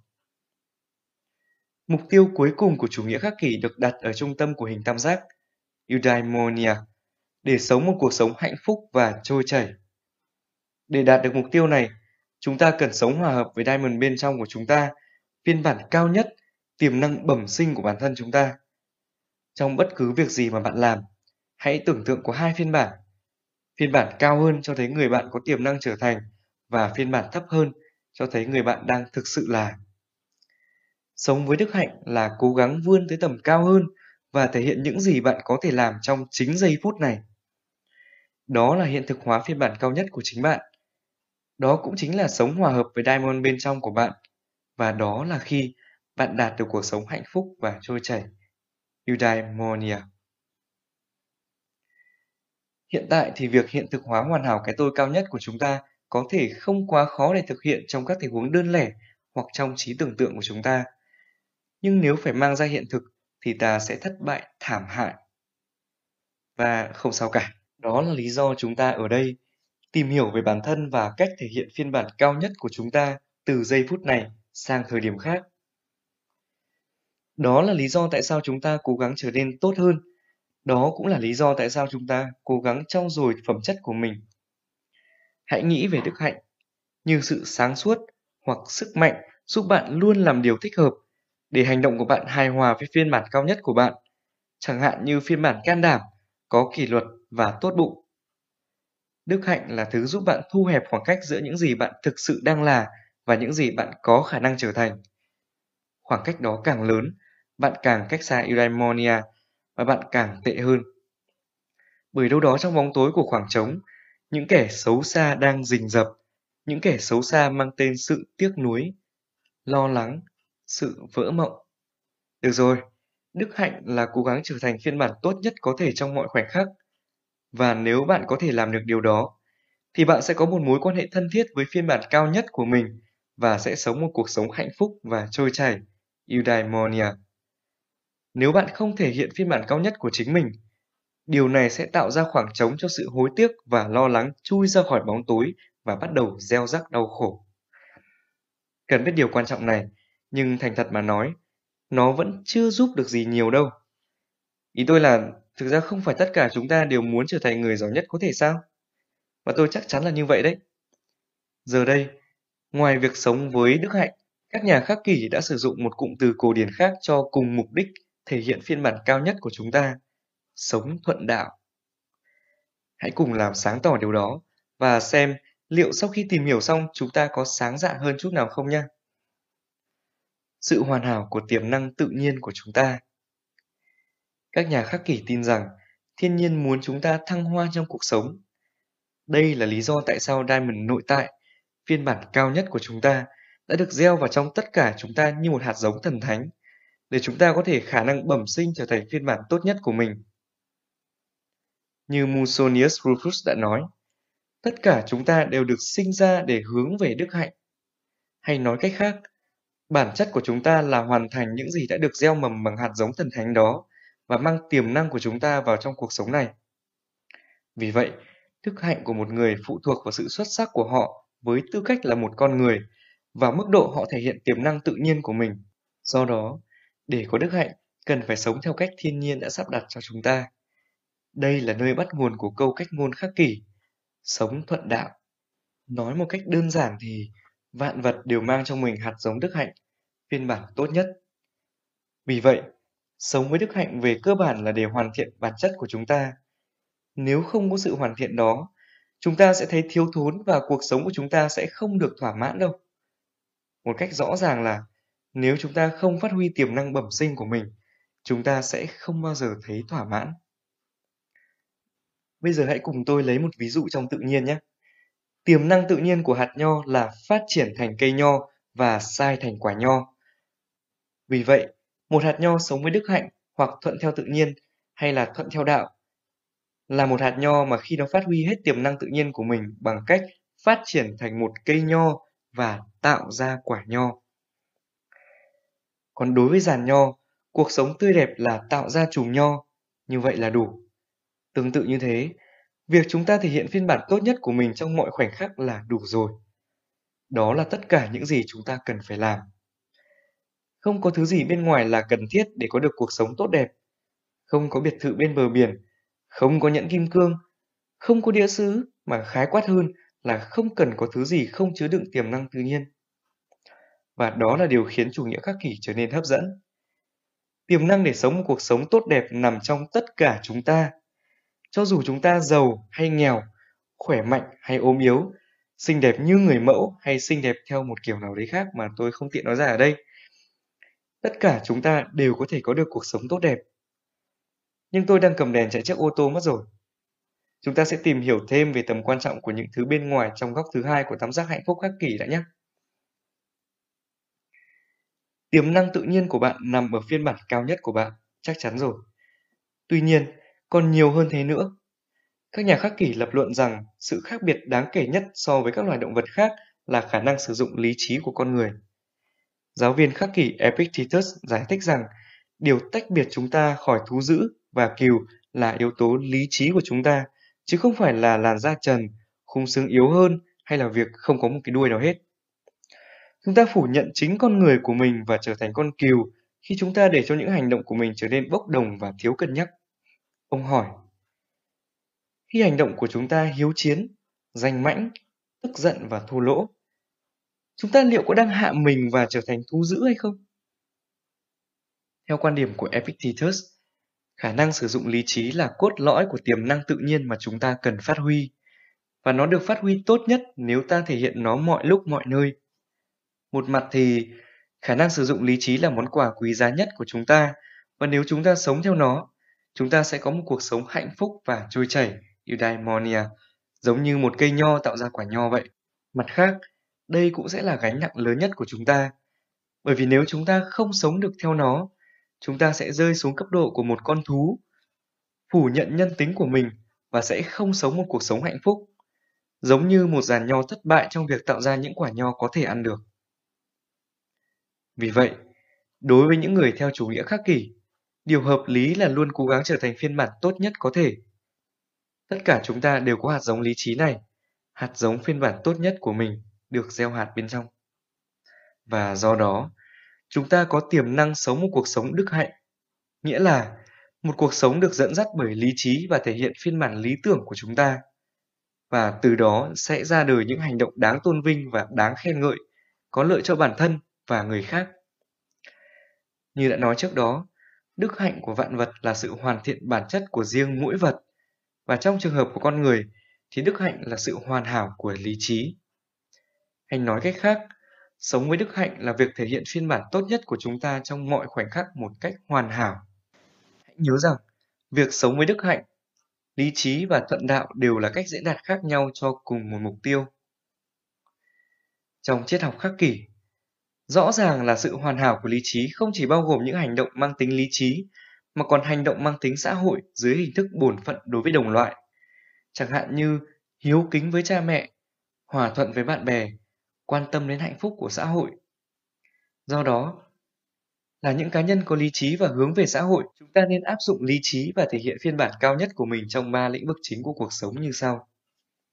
Đầu tiên, trí óc của chúng ta là những người có khả năng suy nghĩ hợp lý, chúng ta nên xem xét hành động của mình một cách lý trí và sáng suốt và luôn cố gắng trở nên tốt nhất có thể. Với người khác, là những người sống trong xã hội bẩm sinh đã quan tâm đến nhau, chúng ta nên cố gắng sống hài hòa với những người khác và đóng góp vào hạnh phúc chung của nhân loại.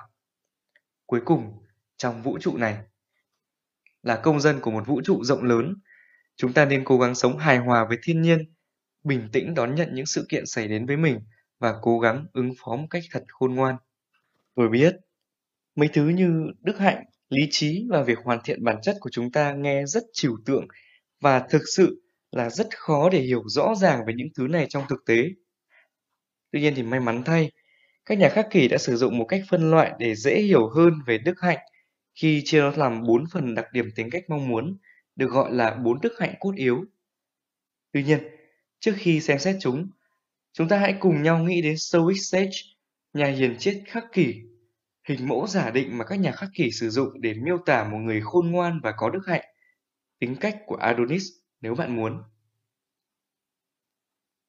Bạn có thể đã tự hỏi, việc trở thành phiên bản tốt nhất có thể mọi lúc mọi nơi, thậm chí có khả thi hay không? Không, không phải lúc nào cũng vậy. Đây là lý do tại sao các nhà khắc kỷ coi nhà hiền chết như một lý tưởng bởi vì không có con người nào là hoàn hảo, nhân vô thập toàn. Và chúng ta cũng không cần phải hoàn hảo với tư cách là người theo các kỷ, nhưng ít nhất chúng ta có thể cố gắng trở thành nên tốt nhất có thể. Đây là lý do tại sao những nhà khắc kỷ nghĩ đến nhà hiền triết. Họ muốn trở nên tốt nhất có thể và đạt được eudaimonia hoàn hảo như nhà hiền triết. Donald Robertson mô tả, người ấy sống hòa hợp hoàn toàn thành một thể với bản thân, với phần còn lại của nhân loại và thiên nhiên, bởi vì người ấy đã đi theo lý trí và chấp nhận số phận của mình một cách khoan dung, chừng nào nó nằm ngoài tầm kiểm soát của mình. Người ấy đã vượt lên trên những ham muốn và cảm xúc phi lý trí để đạt được sự thanh thản trong tâm hồn. Nhân cách của người ấy cao đẹp, đáng ca ngợi và đáng trân trọng. Không có gì ngạc nhiên khi nhà hiền chết là một lý tưởng giả định, nhưng các nhà khắc kỷ cho rằng sẽ có lợi khi có một hình mẫu để ngưỡng mộ và so sánh với chính chúng ta. Nhà hiền triết giúp chúng ta dễ dàng hình dung ra con người lý tưởng của chúng ta hơn và trở thành một biển chỉ đường soi phương hướng chúng ta đi. Và bây giờ, chúng ta hãy cùng nhau xem xét bốn đức hạnh mà có thể giúp chúng ta giống với nhà hiền triết nhé. Bốn đức hạnh quan trọng. Bạn và tôi, chúng ta tiến gần hơn đến mục tiêu chung của chúng ta về một cuộc sống tốt đẹp bằng cách trau dồi để tiến đến với việc sống với đức hạnh. Và bây giờ, chúng ta có thể đánh giá sự tiến bộ này theo bốn đặc điểm chung mà các nhà khắc kỷ đã áp dụng từ triết học Socrates.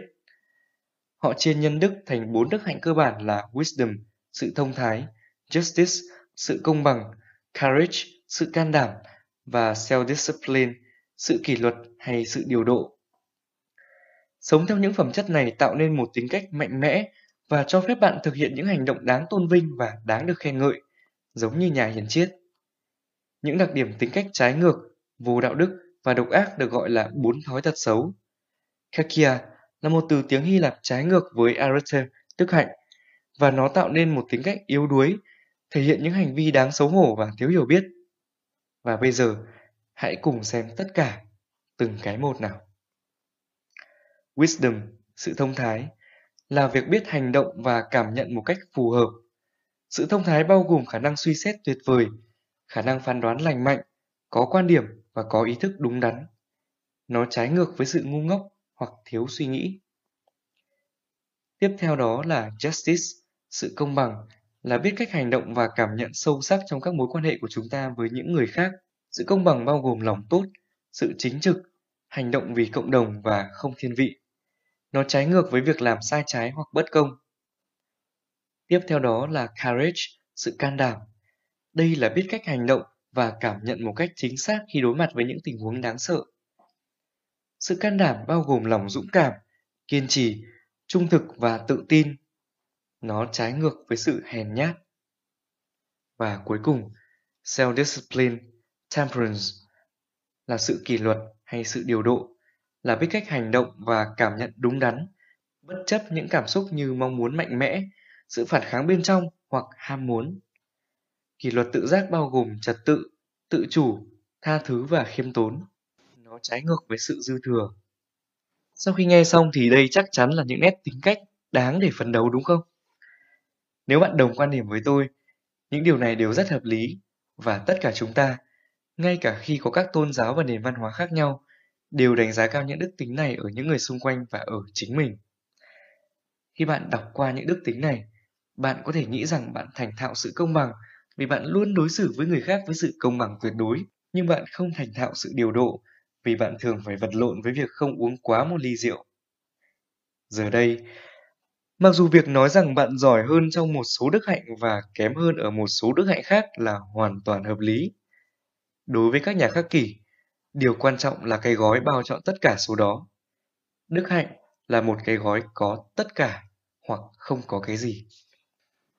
Các nhà khắc kỷ đã đưa ra phép loại suy để làm sáng tỏ mọi thứ.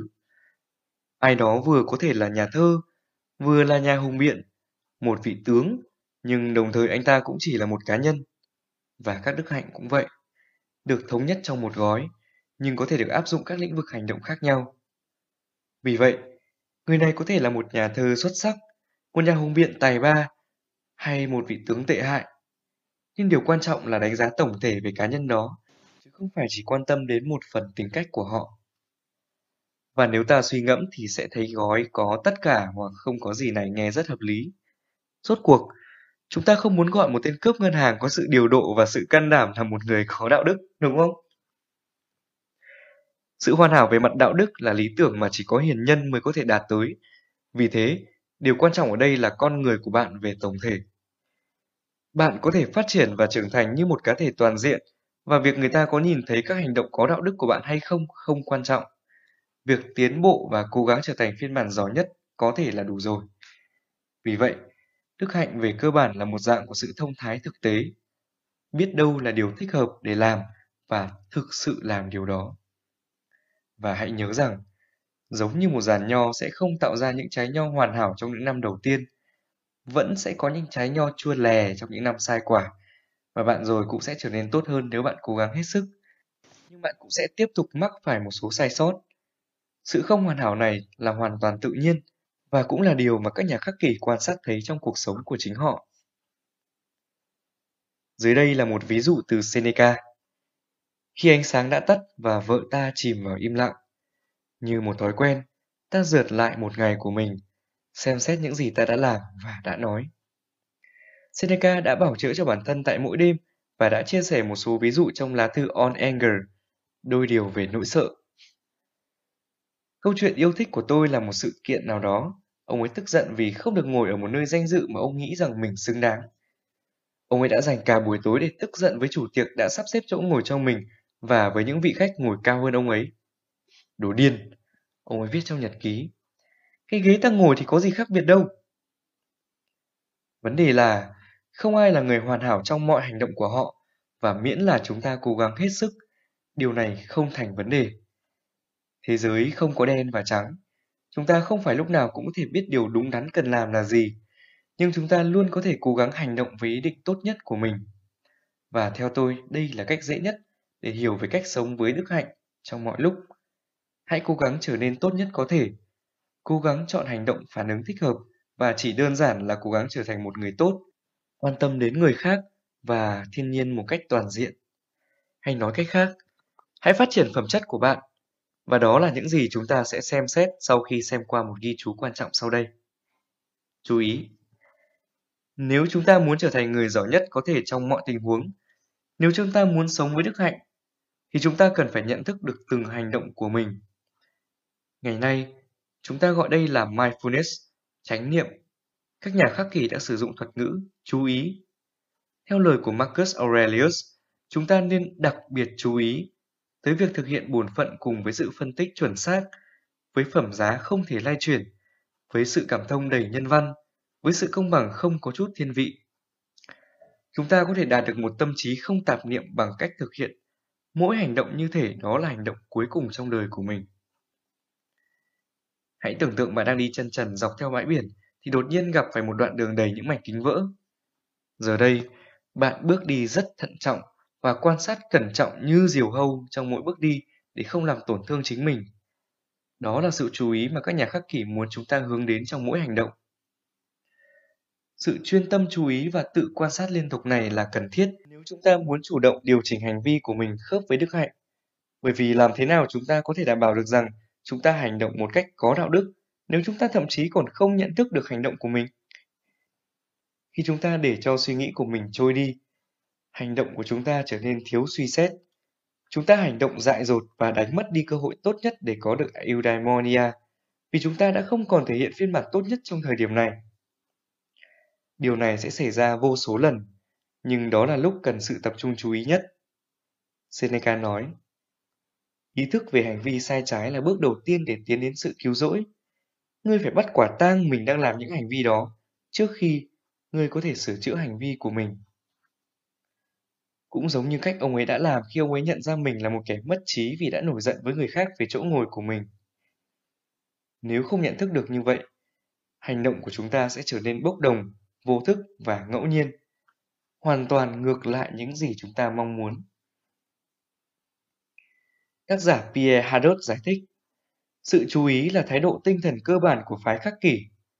Đó là sự thận trọng và hiện diện liên tục của tâm trí, sự tự ý thức không bao giờ ngủ và sự căng liên tục của sự tinh thần.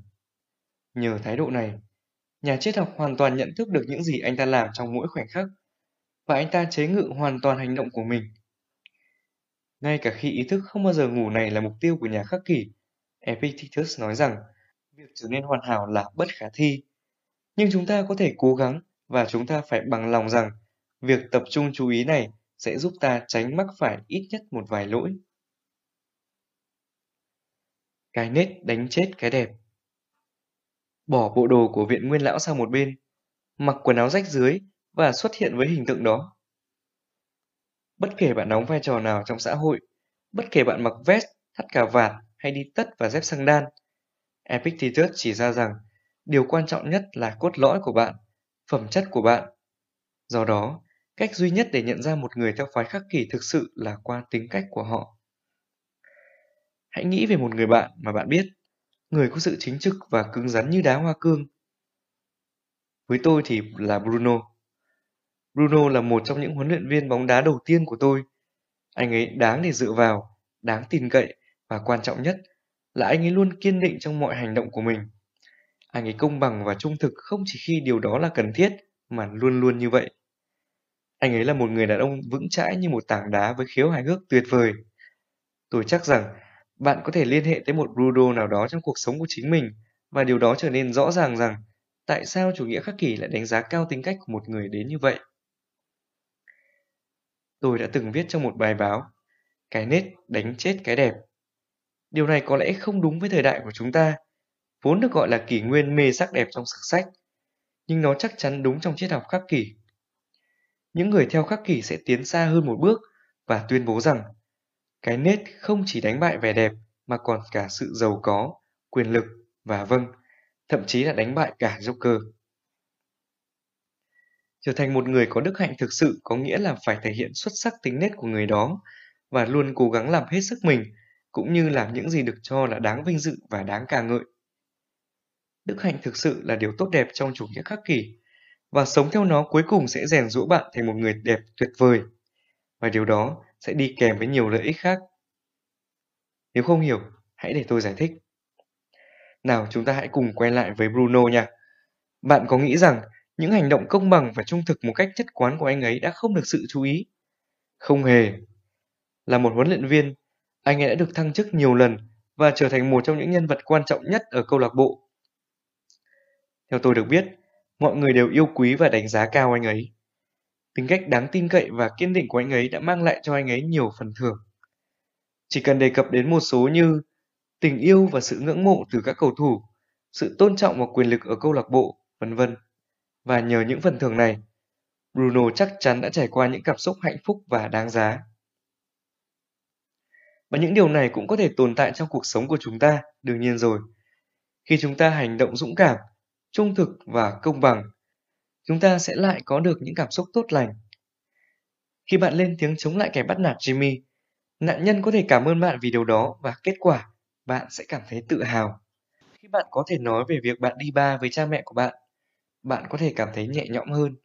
Khi kiên trì làm việc, bạn sẽ cảm thấy hạnh phúc khi được báo trúng tuyển.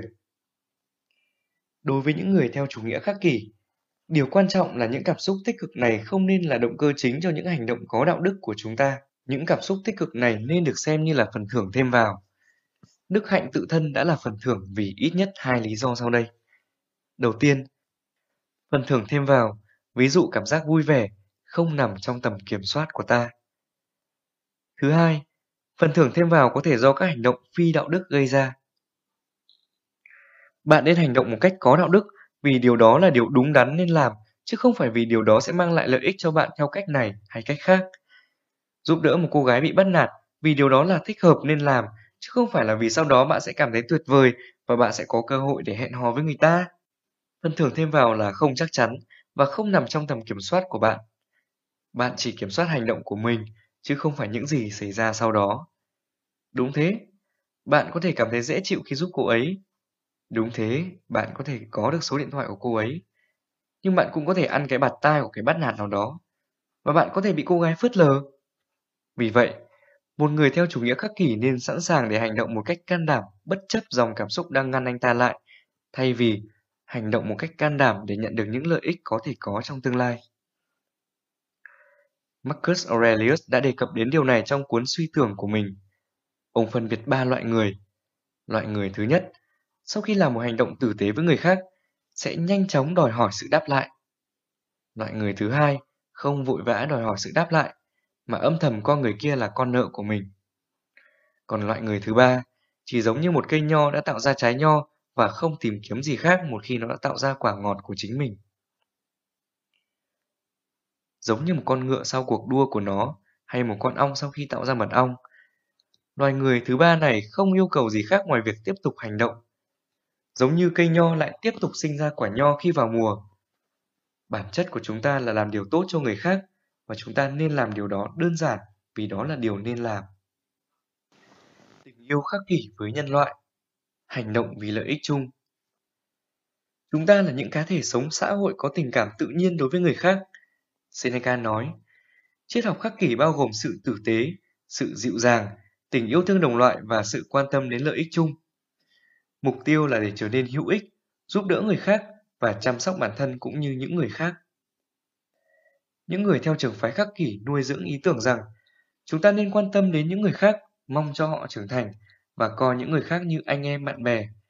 Đối xử ngay cả với những người lạ và những người chống đối chúng ta như họ hàng, anh chị em, cô dì, chú bác.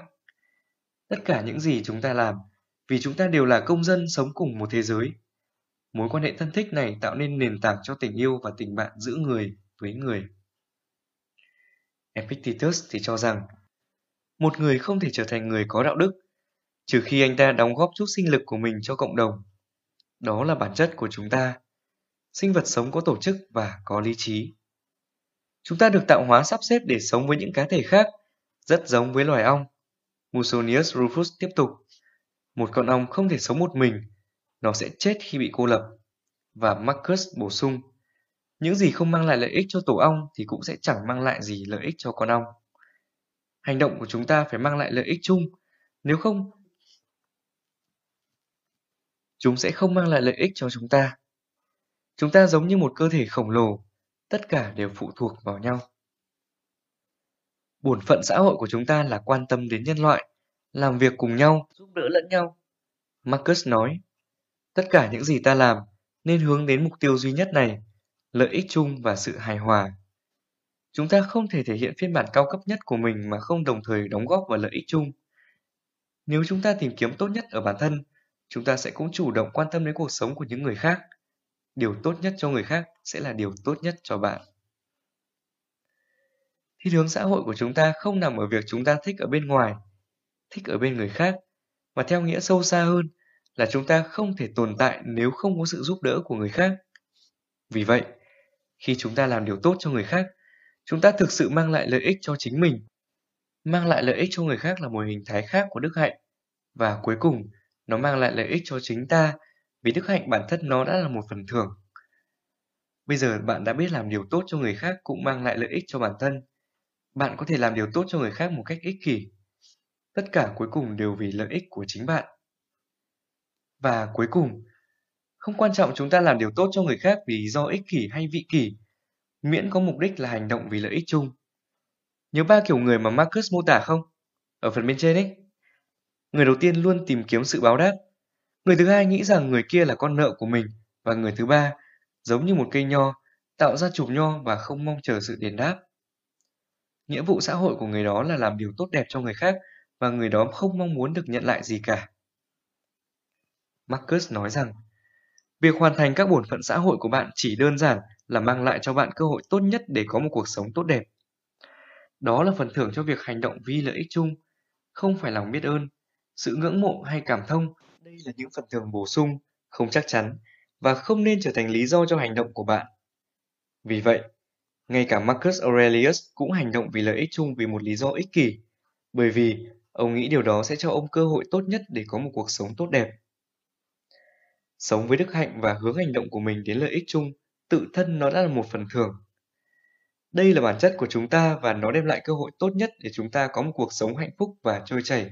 Eudaimonia Chúng ta không được tìm kiếm hoặc mong muốn có thêm phần thưởng, chẳng hạn như sự ngưỡng mộ từ người khác. Những kẻ khôn ngoan không thể mất gì, Seneca lập luận. Sự tốt đẹp của những kẻ đó được giữ gìn cẩn thận, ràng buộc với đức hạnh là thứ không đòi hỏi gì từ những cơ hội và do đó không thể gia tăng hay mất đi. Phẩm chất của bạn bắt nguồn từ hành động của bạn, là thứ bạn có thể tin cậy mọi lúc. Theo triết lý khắc kỷ, chỉ cần cố gắng thể hiện phiên bản cao nhất của mình mọi lúc và hướng hành động của bạn đến lợi ích chung đã là đủ. Đó là tất cả những gì bạn có thể làm. Marcus Aurelius khéo léo nhắc nhở bản thân rằng một ngọn đèn sáng mãi cho đến khi hết dầu để đốt. Vậy tại sao tấm lòng chân thật, sự công bằng và sự tự chủ của ông không tiếp tục tỏa sáng cho đến khi ông không còn nữa?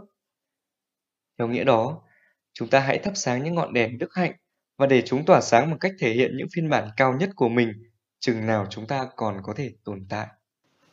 Tập trung vào điều trong tầm kiểm soát, chấp nhận mọi sự và làm tốt nhất có thể. Vậy thế nào là được coi là đã tiếp thu được bài học? Đó là học cách áp dụng những nhận thức tự nhiên của chúng ta vào những điều đúng đắn thuận theo tự nhiên và xa hơn thế là tách biệt những thứ nằm trong khả năng của chúng ta với những thứ nằm ngoài nó. Câu trích dẫn từ Epictetus Có những thứ nằm trong kiểm soát của chúng ta, những thứ khác thì không.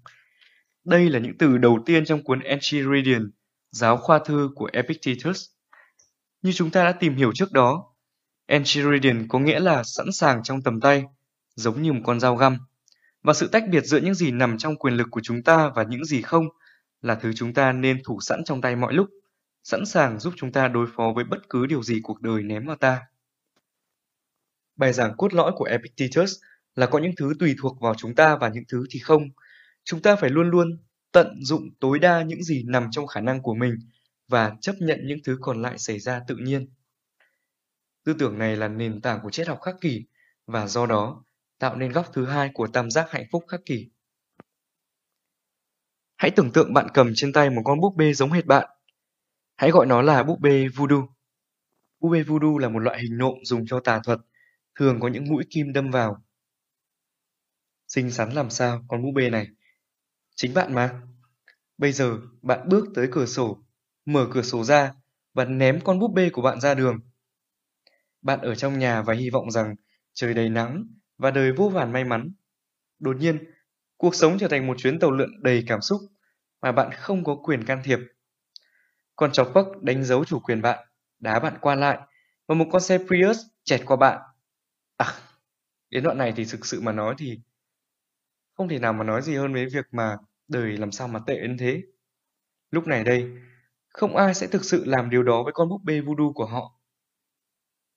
Hay họ sẽ làm thế nhỉ? Đó chẳng phải là điều chính xác mà mọi người thường làm khi lo lắng về những thứ nằm ngoài tầm kiểm soát của họ sao? Đúng vậy, lo lắng về ngoại cảnh là nguyên nhân sâu xa của sự đau khổ. Nào là Steven có thích tôi không? Tôi sẽ nhận được công việc đó chứ. Tại sao tôi không cao hơn hay gầy hơn hay đẹp hơn nhỉ? Giao quyền hành cho những thứ chúng ta không có quyền kiểm soát trực tiếp sẽ gây ra đau khổ về mặt tinh thần. Và đây là lý do tại sao các nhà khắc kỷ sẽ yêu cầu chúng ta lấy lại con búp bê voodoo tưởng tượng đó vào tay của chính mình và chúng ta sẽ tự quyết định liệu có nên quăng quật con búp bê hay không. Và trọng điểm là, những người theo chủ nghĩa khắc kỷ muốn chúng ta tập trung vào những gì chúng ta kiểm soát và cứ để cho những con chó Puck đánh dấu bất cứ chỗ nào chúng nó muốn. Vậy thì quay lại câu chuyện một chút. Chúng ta thực sự kiểm soát điều gì? Chỉ có một số thứ mà thôi. Những suy nghĩ và hành động tự nguyện của ta. Chúng ta có thể quyết định các sự việc có ý nghĩa như thế nào đối với chúng ta và cách chúng ta muốn phản ứng với chúng. Chúng ta sẽ xem xét các đánh giá của mình kỹ hơn ở góc thứ ba của tam giác hạnh phúc khắc kỷ. Về hành động của chúng ta, chúng ta có thể chủ động điều chỉnh chúng phù hợp với đức hạnh, như đã thảo luận trong phần trước. Tất cả những thứ khác không nằm trong tầm kiểm soát của chúng ta. Bất kể đó là thời tiết, những người khác và hành động của họ, hay sức khỏe và cơ thể của chúng ta, và đúng ra là chính tất cả những gì diễn ra xung quanh chúng ta. Đúng thế, các bạn có thể thấy hơi lạ, nhưng ví dụ là như thế này nhé. Cơ thể của chúng ta không hoàn toàn nằm trong tầm kiểm soát của chúng ta đâu. Chúng ta có thể ảnh hưởng đến nó bằng cách hành động của mình. Chúng ta có thể nâng tạ, chạy nước rút hết sức và ăn bông cải xanh mỗi ngày. Nhưng điều này sẽ không làm cho hông của chúng ta nhỏ lại, vai rộng hơn, mũi thẳng hơn hay mắt xanh hơn. Có một số điều ảnh hưởng đến cơ thể mà chúng ta không kiểm soát được, chẳng hạn như là gen, sự phát bệnh sớm hoặc chấn thương, cái gọi là sự phân đôi của sự kiểm soát theo kiểu khắc kỷ. Một số thứ phụ thuộc vào quyết định của chúng ta những thứ khác thì không. Chính là việc nhận thức ba mức độ ảnh hưởng của chúng ta trên thế giới. Đầu tiên, ảnh hưởng mạnh. Lựa chọn của chúng ta trong các phán đoán và hành động. Vậy thì khi nào chúng ta ảnh hưởng một phần? Đó là khi ảnh hưởng đến sức khỏe, sự giàu có, các mối quan hệ và kết quả các hành động của chúng ta. Vậy thì thứ gì chúng ta không ảnh hưởng được? Đó chính là thời tiết, dân tộc và hầu hết các ngoại cảnh. Điều này hoàn toàn phụ thuộc vào nhà ngươi. Ai có thể ngăn cản ngươi trở thành người có đức hạnh và chân thành?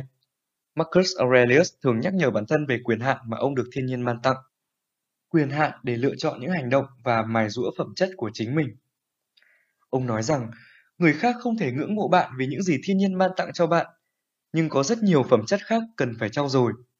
Vì vậy, hãy thể hiện những đức tính hoàn toàn nằm trong khả năng của ngươi, sự liêm chính, phẩm giá, chăm chỉ, sự hy sinh, sự thỏa mãn, sự tiết kiệm, tốt bụng, độc lập, giản dị, thận trọng và hào hiệp. Chúng ta là những người duy nhất cản trở bản thân trau dồi những phẩm chất này. Việc ngăn chặn sự xấu xa, kiềm chế sự kiêu ngạo, ngừng ham muốn danh tiếng và kiểm soát tính khí của chúng ta, những điều này đều nằm trong khả năng của mỗi người. Bạn không thấy bao nhiêu đức hạnh của bạn có thể thể hiện ra mà không cần lấy cớ rằng mình không có tài năng hay năng khiếu hay sao? Hay việc bạn không có năng khiếu bẩm sinh đẩy bạn vào cảnh phải cầu nhau, chê bai hay đổ lỗi? Làm gì có chuyện đó? Chúng ta có quyền lựa chọn hành động của mình, ngay cả khi những thứ khác hoàn toàn nằm ngoài hay chỉ nằm một phần trong sự kiểm soát của chúng ta. Và trước khi xem xét kỹ hơn, chi tiết hơn những gì nằm trong tầm kiểm soát của chúng ta, hãy lấy một ví dụ về điều đó ở trong thực tế. Sincerity Prayer, lời nguyện an tĩnh, một lời cầu nguyện được sử dụng bởi Alcoholics Anonymous, một tổ chức từ thiện giúp cai nghiện rượu và các cộng đồng hỗ trợ khác, chính là ví dụ được áp dụng trong thực tế. Lạy Chúa, xin ban cho con sự an tĩnh để chấp nhận những điều con không thể thay đổi, sự can đảm để thay đổi những điều con có thể và sự thông thái để biết khác biệt giữa hai điều những người đang cai nghiện rượu không thể thay đổi sự bạo hành phải gánh chịu suốt thời thơ ấu, hoặc thậm chí có thể trước khi họ được sinh ra. Họ không thể xóa đi các lựa chọn mà họ đã thực hiện trong quá khứ. Họ đã không thể không hút cocaine, không uống rượu hoặc không sử dụng thuốc. Họ không thể xóa bỏ nỗi đau mà họ đã gây ra cho bản thân và người khác. Nhưng họ có thể chấp nhận quá khứ và cố gắng thay đổi hiện tại và tương lai bằng cách tập trung vào những gì chúng ta đang có khả năng kiểm soát – cụ thể là những lựa chọn chúng ta thực hiện hàng ngày và chấp nhận những gì xảy ra như nó vốn phải xảy ra. Epictetus nói rằng, lo lắng về những điều không theo ý mình là một việc cực kỳ vô ích và do đó nó là việc ngu ngốc. Cung thủ khắc kỷ Tập trung vào quá trình Vì tôi là một người Thụy Sĩ, cho nên tôi nghĩ là đã đến lúc để kể về một huyền thoại của Thụy Sĩ vào đầu thế kỷ thứ 14, một phần của Thụy Sĩ bị trấn áp bởi các hoàng đế Habsburg của Viên. Ở một ngôi làng nọ, một tên cai quản độc ác đã dựng một cái cột ở chợ, treo chiếc mũ lông vũ của mình lên và yêu cầu mọi người phải cúi đầu kính trọng trước chiếc mũ đó. Khi William Tell và con trai đi qua nơi này mà không cúi đầu, lúc này thì họ có thể đã không biết hoặc cố tình phớt lờ. Tell đã bị ép buộc phải dùng cây cung bắn một quả táo đặt trên đầu con trai mình. May mắn thay, ông là một cung thủ và ông đã bắn trúng quả táo đó dễ dàng. Cuối cùng, ông vẫn bị bắt vì đã thừa nhận rằng mình đã chuẩn bị một mũi tên thứ hai để giết tên cai quản đó trong trường hợp ông bắn trượt quả táo và trúng con trai mình. Và nhờ một cơn bão, treo đã trốn thoát khỏi chiếc thuyền đã được cho là sẽ đưa ông đến lâu đài của tên cai quản để giam cầm.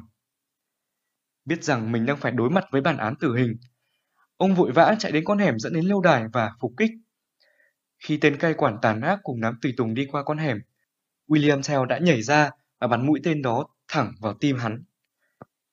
Hành động dũng cảm của người đồng hương của tôi đã châm ngòi cho một cuộc nổi dậy và dẫn đến sự giải phóng của liên bang Thụy Sĩ. Đến đây thì hooray!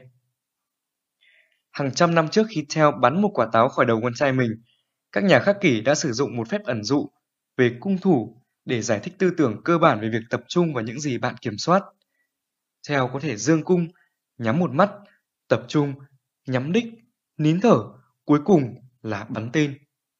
Bây giờ hãy tưởng tượng mũi tên đang bay trên không trung với chuyển động chậm. Mũi tên được phóng đi, xé không khí về phía quả táo. Lúc này nó đã nằm ngoài tầm kiểm soát, theo không thể ảnh hưởng đến nó nữa. Ông chỉ có thể chờ đợi và quan sát. Một cơn gió bất ngờ có thể thổi bay mũi tên. Một con chim có thể bay đến trước mũi tên. Cậu con trai có thể khom lưng xuống, hoặc mẹ cậu ấy có thể nhảy vào và đỡ thay mũi tên một cách dũng cảm. Vấn đề là, theo có thể đã cố gắng hết sức cho đến thời điểm anh bắn tên. Nhưng việc anh bắn trúng quả táo hay con mắt của cậu con trai thì nó không nằm trong khả năng của anh nữa rồi. Và điều này cũng tương tự với chúng ta trong cuộc sống hàng ngày.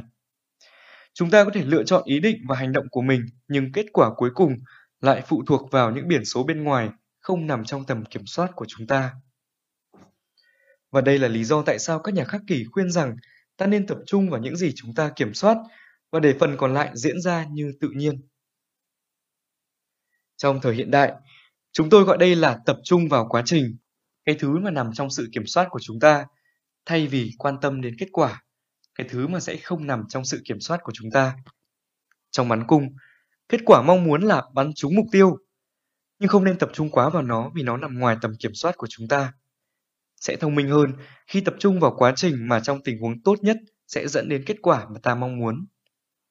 Các nhà khắc kỷ nhận ra rằng quá trình sẽ ảnh hưởng đến kết quả. Quá trình này là về hành vi của chúng ta, một sự luyện tập có chủ đích và tất cả những gì hành trang cho chúng ta để bắn tên chuẩn. Vì vậy, thành công được định nghĩa bằng nỗ lực của chúng ta để làm mọi thứ trong khả năng của mình. Dù chúng ta có nhắm trúng mục tiêu hay không, dù thắng hay thua, dù có giảm cân được hay không, cuối cùng đều không quan trọng. Việc chúng ta thành công hay thất bại đều nằm trong quá trình.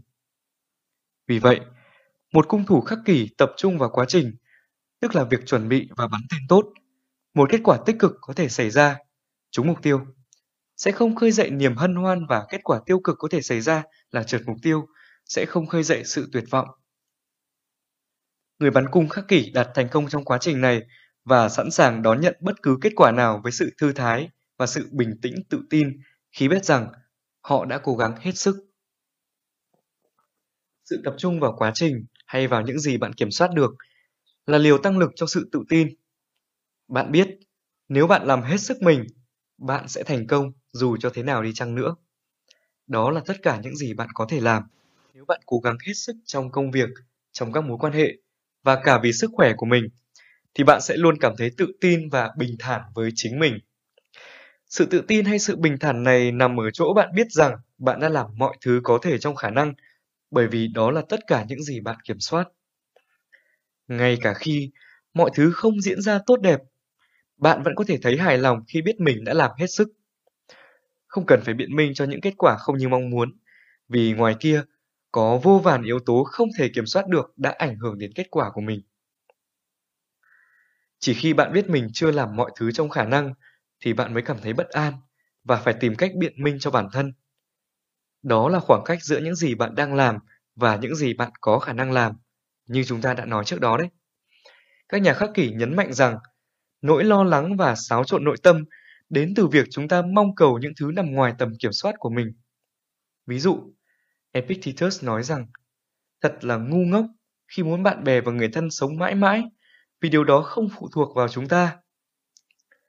Như đã đề cập, nguyên nhân sâu xa của cảm xúc đau khổ đến từ việc lo lắng về những điều nằm ngoài tầm kiểm soát của chúng ta. Đây là lý do tại sao chúng ta nên tập trung vào quá trình. Quá trình này hoàn toàn nằm trong tầm kiểm soát của chúng ta. Và nếu chúng ta định nghĩa thành công là nỗ lực hết mình trong quá trình, thì chúng ta không thể thất bại. Ta sẽ cảm thấy tự tin một cách bình thản và có thể chấp nhận mọi kết quả một cách nhẹ nhàng. Chấp nhận theo kiểu khắc kỷ tận hưởng chuyến đi hay bị kéo theo nó. Dan Millman giải thích trong cuốn The Way of the Peaceful Warriors, đau khổ là sự phản kháng đến từ tâm trí ta đối với những gì xảy ra. Các sự việc có thể mang lại cho chúng ta nỗi khổ đau về thể xác, nhưng sự đau khổ và xáo trộn nội tâm chỉ đến từ việc phản kháng những gì đang diễn ra, từ việc đấu tranh với hiện thực.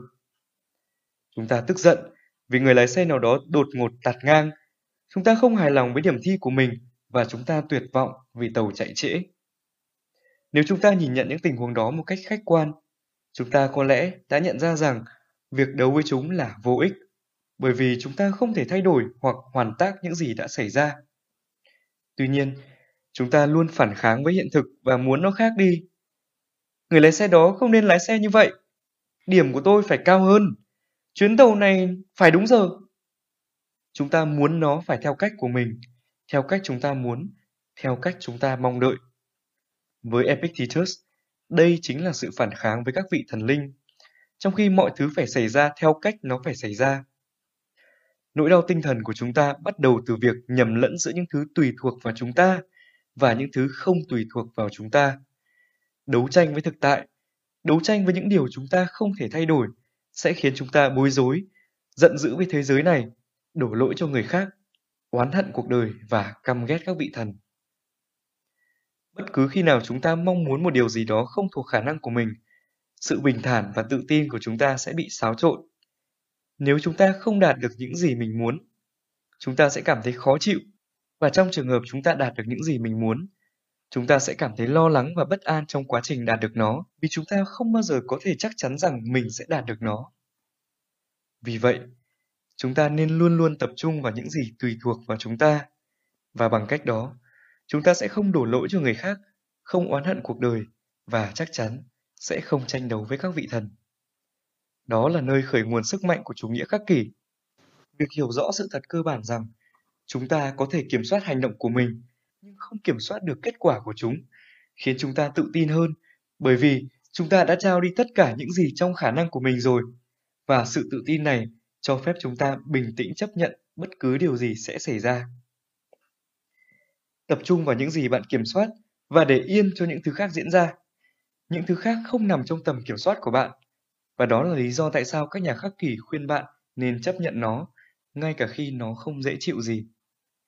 Hãy chấp nhận hoàn cảnh trước và sau đó, cố gắng tận dụng nó một cách tốt nhất. Chúng ta nên chấp nhận hơn là tranh đấu cho từng điều nhỏ nhặt nếu anh chàng này cắt ngang lời bạn, thì hãy để như vậy đi. Nếu điểm của bạn kém, thì bây giờ kém cũng đã kém rồi, và bạn đã được trao cơ hội để có sự chuẩn bị tốt hơn. Nếu tàu đến muộn, tức là nó đến muộn, mà tàu đến muộn có lẽ lại tốt, ai biết được nhỉ? Tất cả những gì bạn biết là tàu vẫn chưa ở đấy, và điều đó không sao cả, bởi vì người lái tàu là người khác.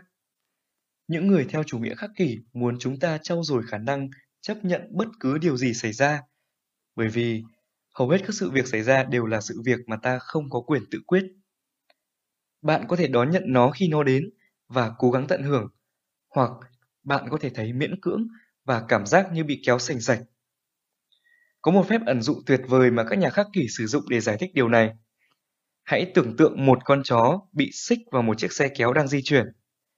Dây xích đủ dài để mang đến cho con chó hai lựa chọn. Hoặc chú chó có thể chấp thuận đi theo hướng của xe kéo mà chú chó không có quyền điều khiển, đồng thời tận hưởng chuyến đi và ngắm nhìn quang cảnh xung quanh. 2.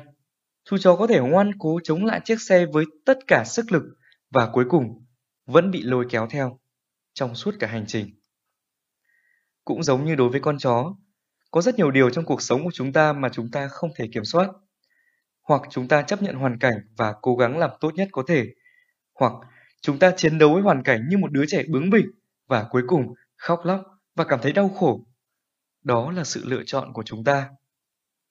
Theo cách nói của Ryan Holiday, việc thấy buồn bực bởi những thứ xung quanh chính là việc đưa ra giả thuyết sai lầm rằng những thứ đó sẽ không thay đổi và việc thấy không bằng lòng với sự thay đổi chính là việc đưa ra những giả thuyết sai lầm rằng bạn có quyền quyết định điều gì sẽ xảy ra. Đó là lý do tại sao chúng ta nên ghi nhớ lời khuyên của Epictetus. Không mong cầu những sự việc xảy ra theo ý muốn của ta. Thay vào đó, hãy mong cầu những sự việc xảy ra theo cách nó nên xảy ra, và rồi cuộc đời ta sẽ thật êm ả. Rất đơn giản, nhưng không hề dễ thực hiện và rồi chúng ta sẽ cùng nhau xem xét các bài thực hành khác trong phần 2. Không có gì phải bàn cãi rằng có những việc xảy ra rất đáng tiếc. Những người thân yêu qua đời. Một trận lũ lụt phá hủy ngôi nhà của bạn. Bạn mất việc làm hoặc thi trượt. Thật đáng tiếc. Bạn không thể thay đổi những điều đó. Bạn chỉ có thể cố gắng chịu đựng chúng với sự rộng lượng và cố gắng làm tốt nhất có thể với tình huống đã xảy ra.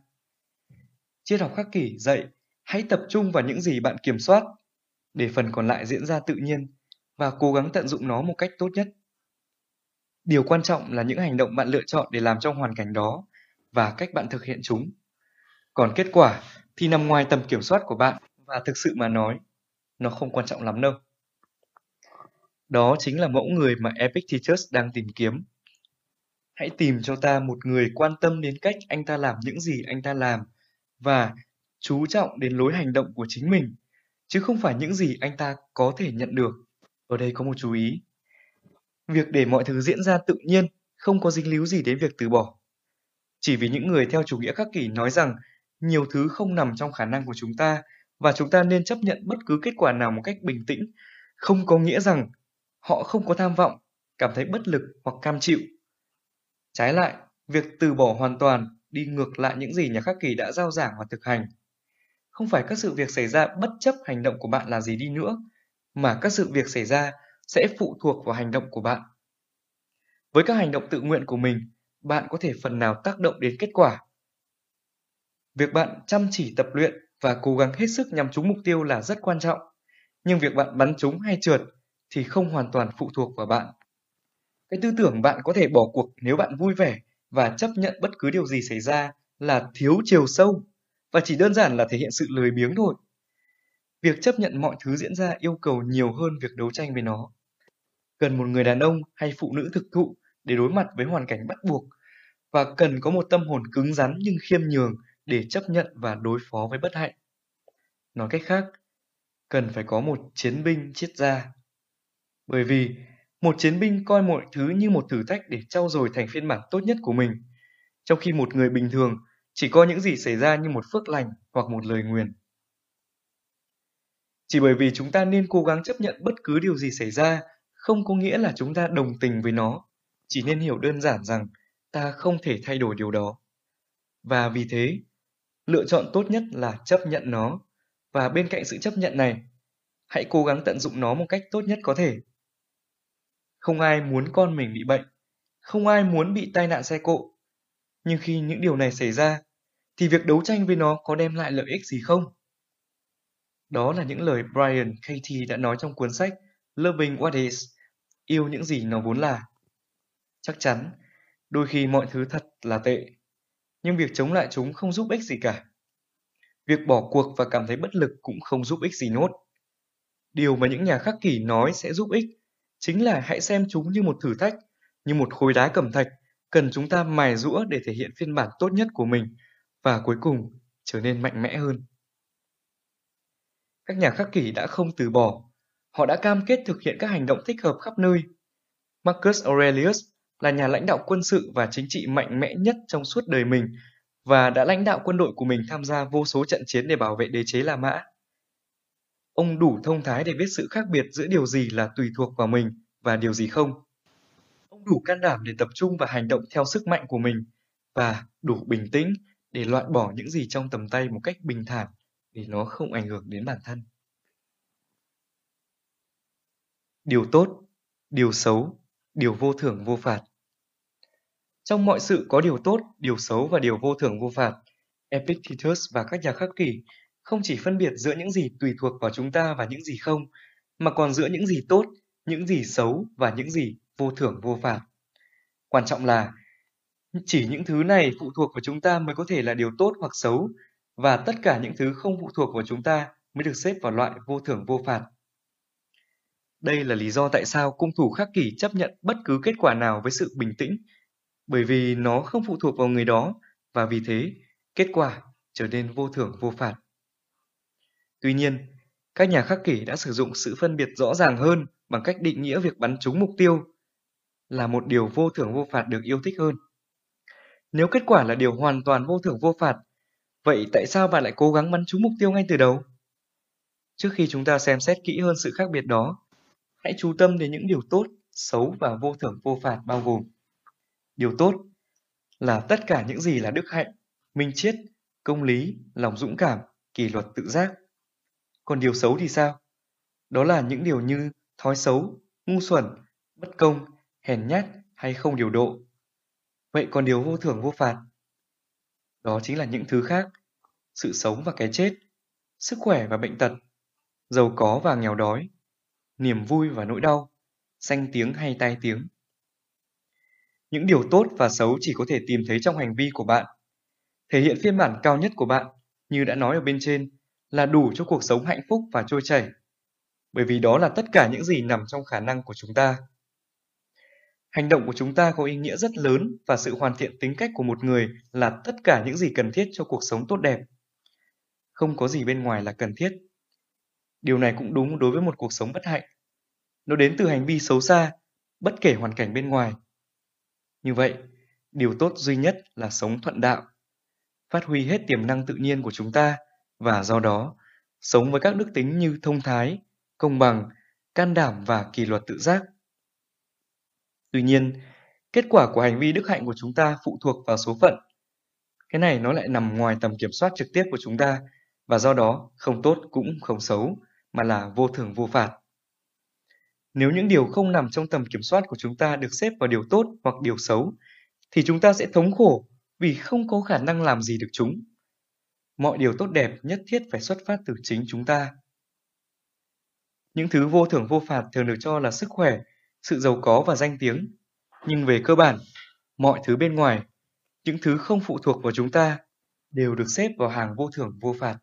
Vô thưởng vô phạt được trường phái khắc kỷ định nghĩa rằng những sự kiện này là trung lập, không giúp ích cũng như không gây hại cho sự phát triển của chúng ta với tư cách là những cá nhân.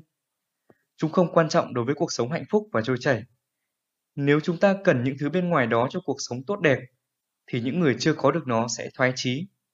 Vì vậy, chúng ta nên học cách thờ ơ với những điều vô thưởng vô phạt và như đã nói ở phần trước, hãy chấp nhận phần còn lại xảy ra tự nhiên thay vì chiến đấu với nó. Hãy nhớ rằng, cung thủ khắc kỷ sẵn sàng đón nhận bất cứ kết quả nào một cách bình tĩnh, bởi vì kết quả nằm ngoài tầm kiểm soát của bản thân họ. Tuy nhiên, thuật ngữ vô thưởng vô phạt có thể gây chút hiểu lầm vì nó ngụ ý những thứ này không có giá trị gì cả. Không phải vậy đâu. Mặc dù những thứ bên ngoài này không liên quan đến cuộc sống tốt đẹp, nhưng một số vẫn được ưa thích hơn những thứ khác. Rất hợp lý nếu bạn ưa thích khỏe mạnh hơn là ốm đau, thích giàu có hơn là nghèo, và thích mình đẹp hơn là mình xấu. Ngoài ra, rõ ràng là William theo thích bắn trúng quả táo hơn là bắn trúng con trai mình chứ. Chúng được gọi là điều vô thưởng vô phạt được yêu thích hơn. Và nếu có thể lựa chọn, chúng ta sẽ luôn đưa ra những lựa chọn tốt hơn. Và điều đó cũng tương tự đối với các nhà khắc kỷ. Họ tìm kiếm những lựa chọn tốt hơn với tâm thế không bám chấp. Họ mưu cầu những điều này nhưng vẫn sẽ thấy không sao cả nếu không đạt được. Và ưu tiên số một vẫn là sống với đức hạnh.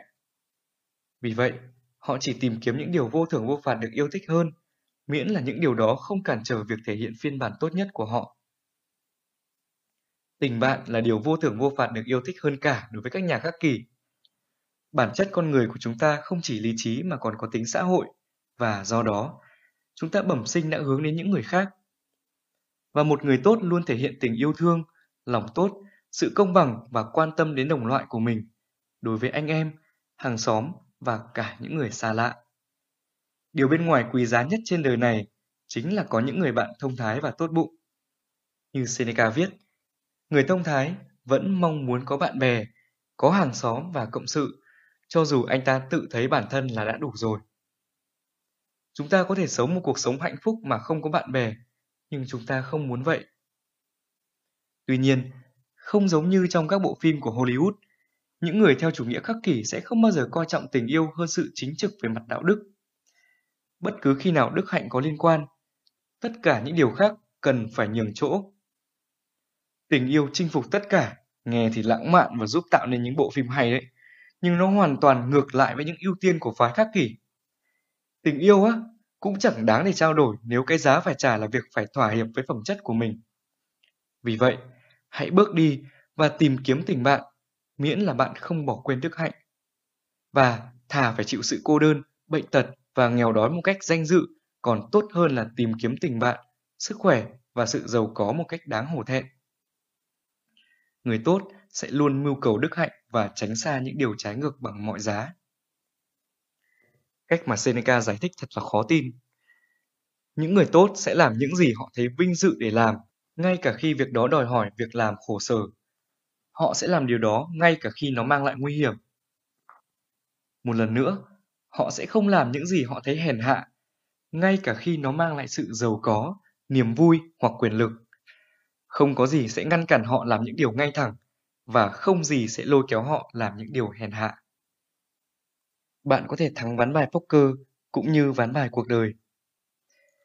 Poker giải thích rất hay về những điều tốt, những điều xấu và điều vô thưởng vô phạt. Những lá bài bạn phải đối mặt là những điều kiện và hoàn cảnh sống khác nhau. TV màn hình phẳng, người xếp xấu tính của bạn, bệnh tật của vợ bạn, điểm kém của con trai bạn và người bạn thân luôn khích lệ bạn.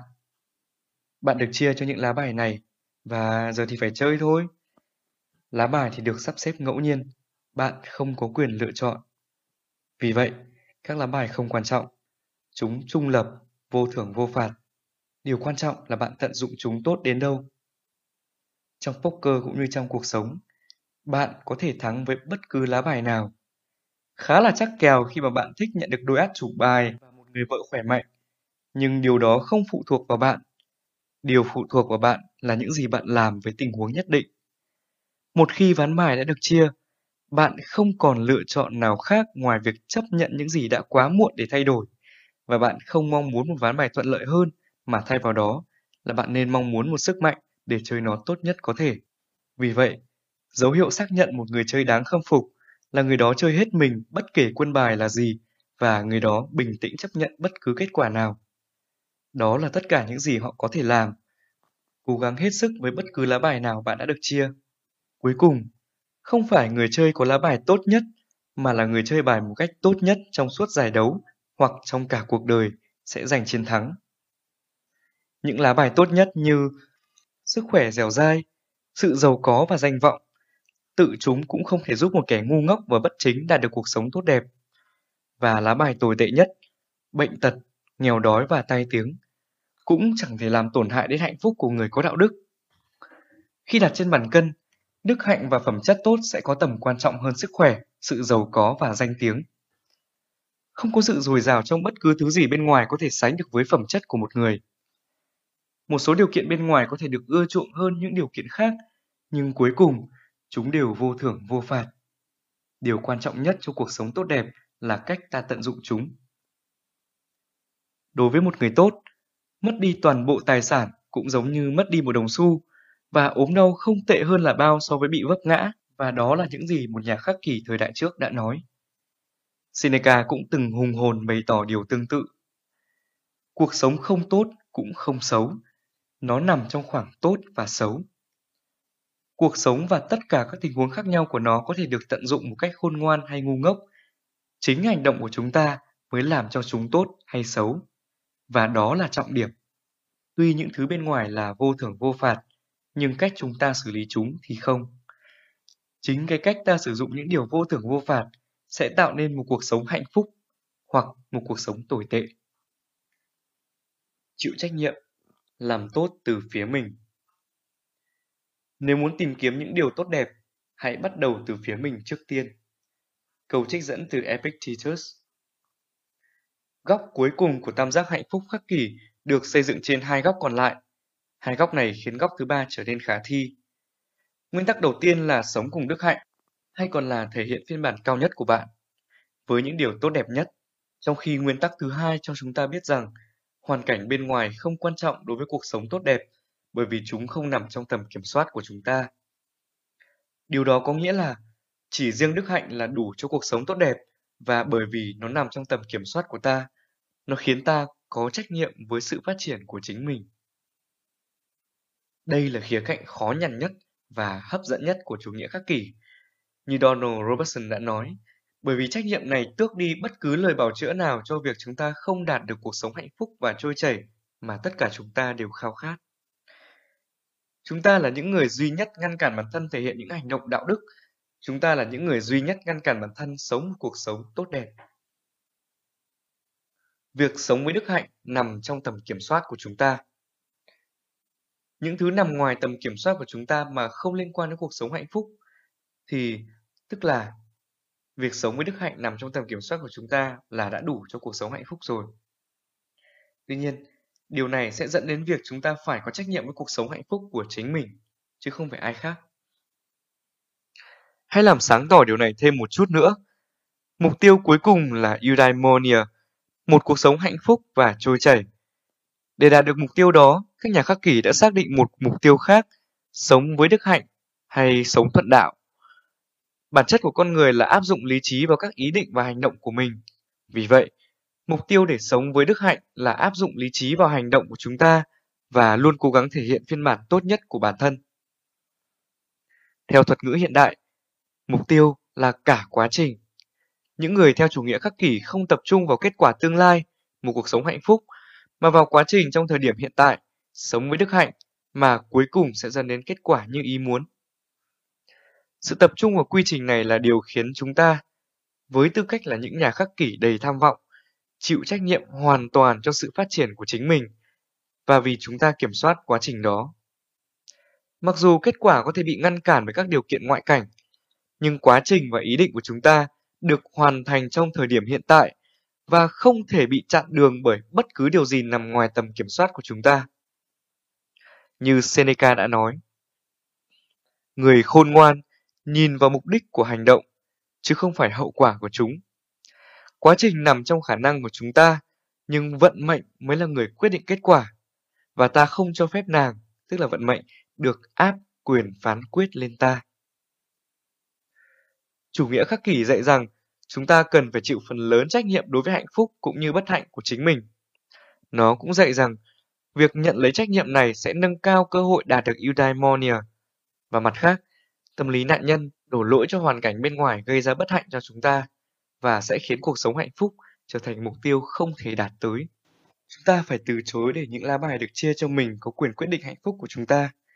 Các nhà khắc kỷ nói rằng, các ngoại cảnh và những người khác có thể có sức ảnh hưởng đến cách thức bạn sống trên đời và thậm chí việc bạn có sống được trên đời hay không, nhưng lại không có quyền hạn để tàn phá cuộc sống của chúng ta chỉ bản thân bạn mới có thể hủy hoại cuộc sống của mình, khi để cho những thứ bạn không kiểm soát được và việc bạn không thể hành động tốt nhất trong khả năng cho phép quăng quật bạn túi bụi chúng ta phải chắc chắn rằng hạnh phúc của chúng ta phụ thuộc vào hoàn cảnh bên ngoài ít nhất có thể.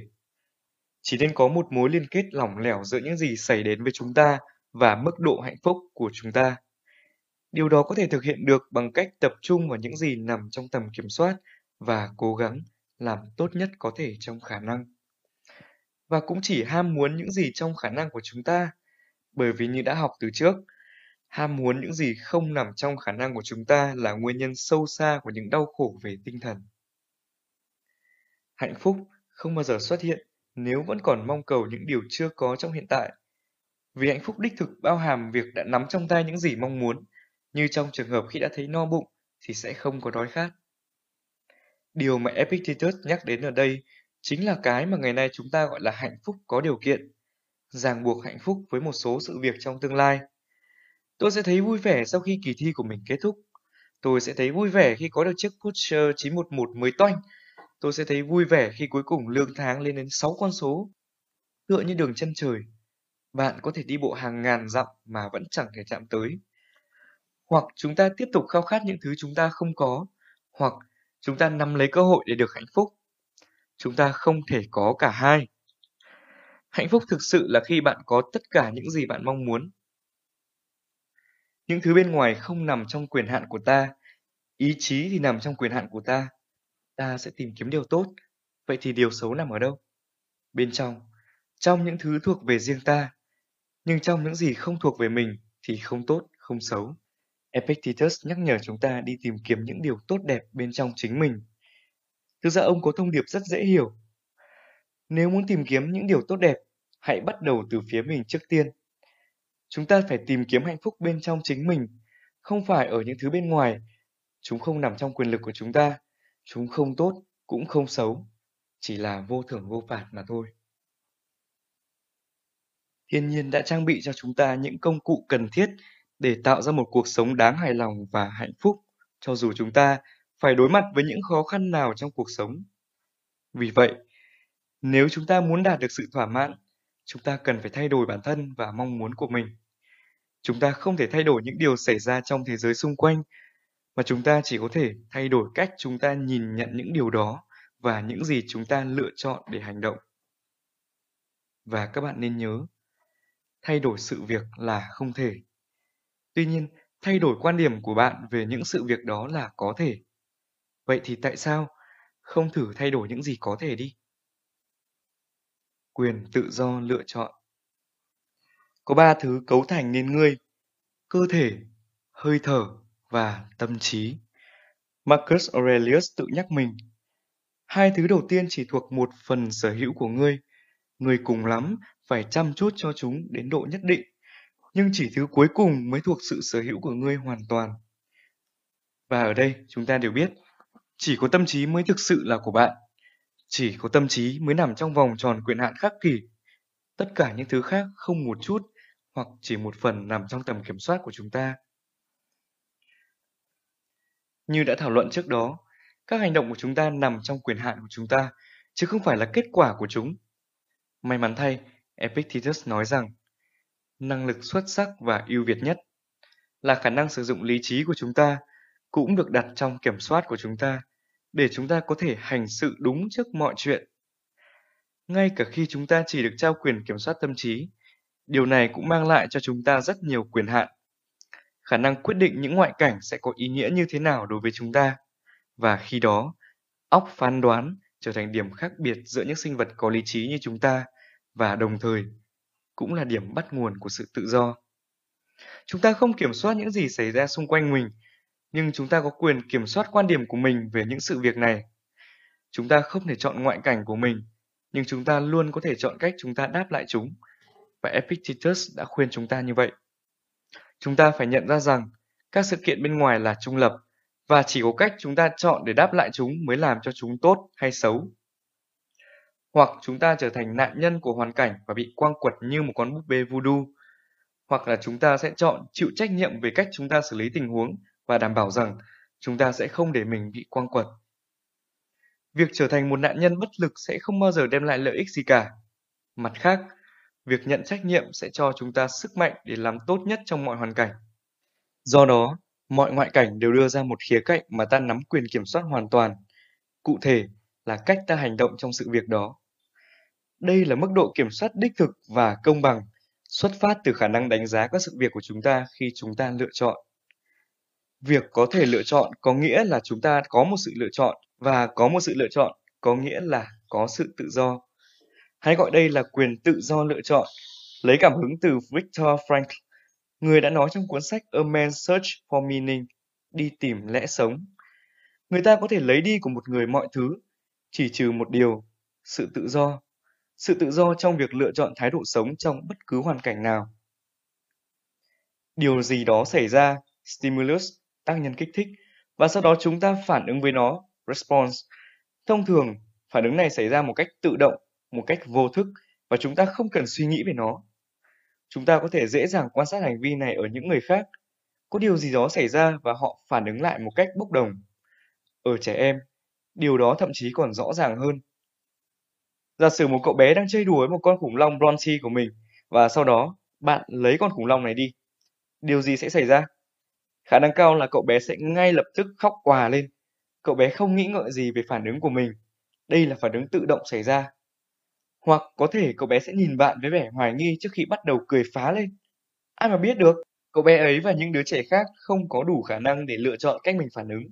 Nhưng bạn và tôi thì khác.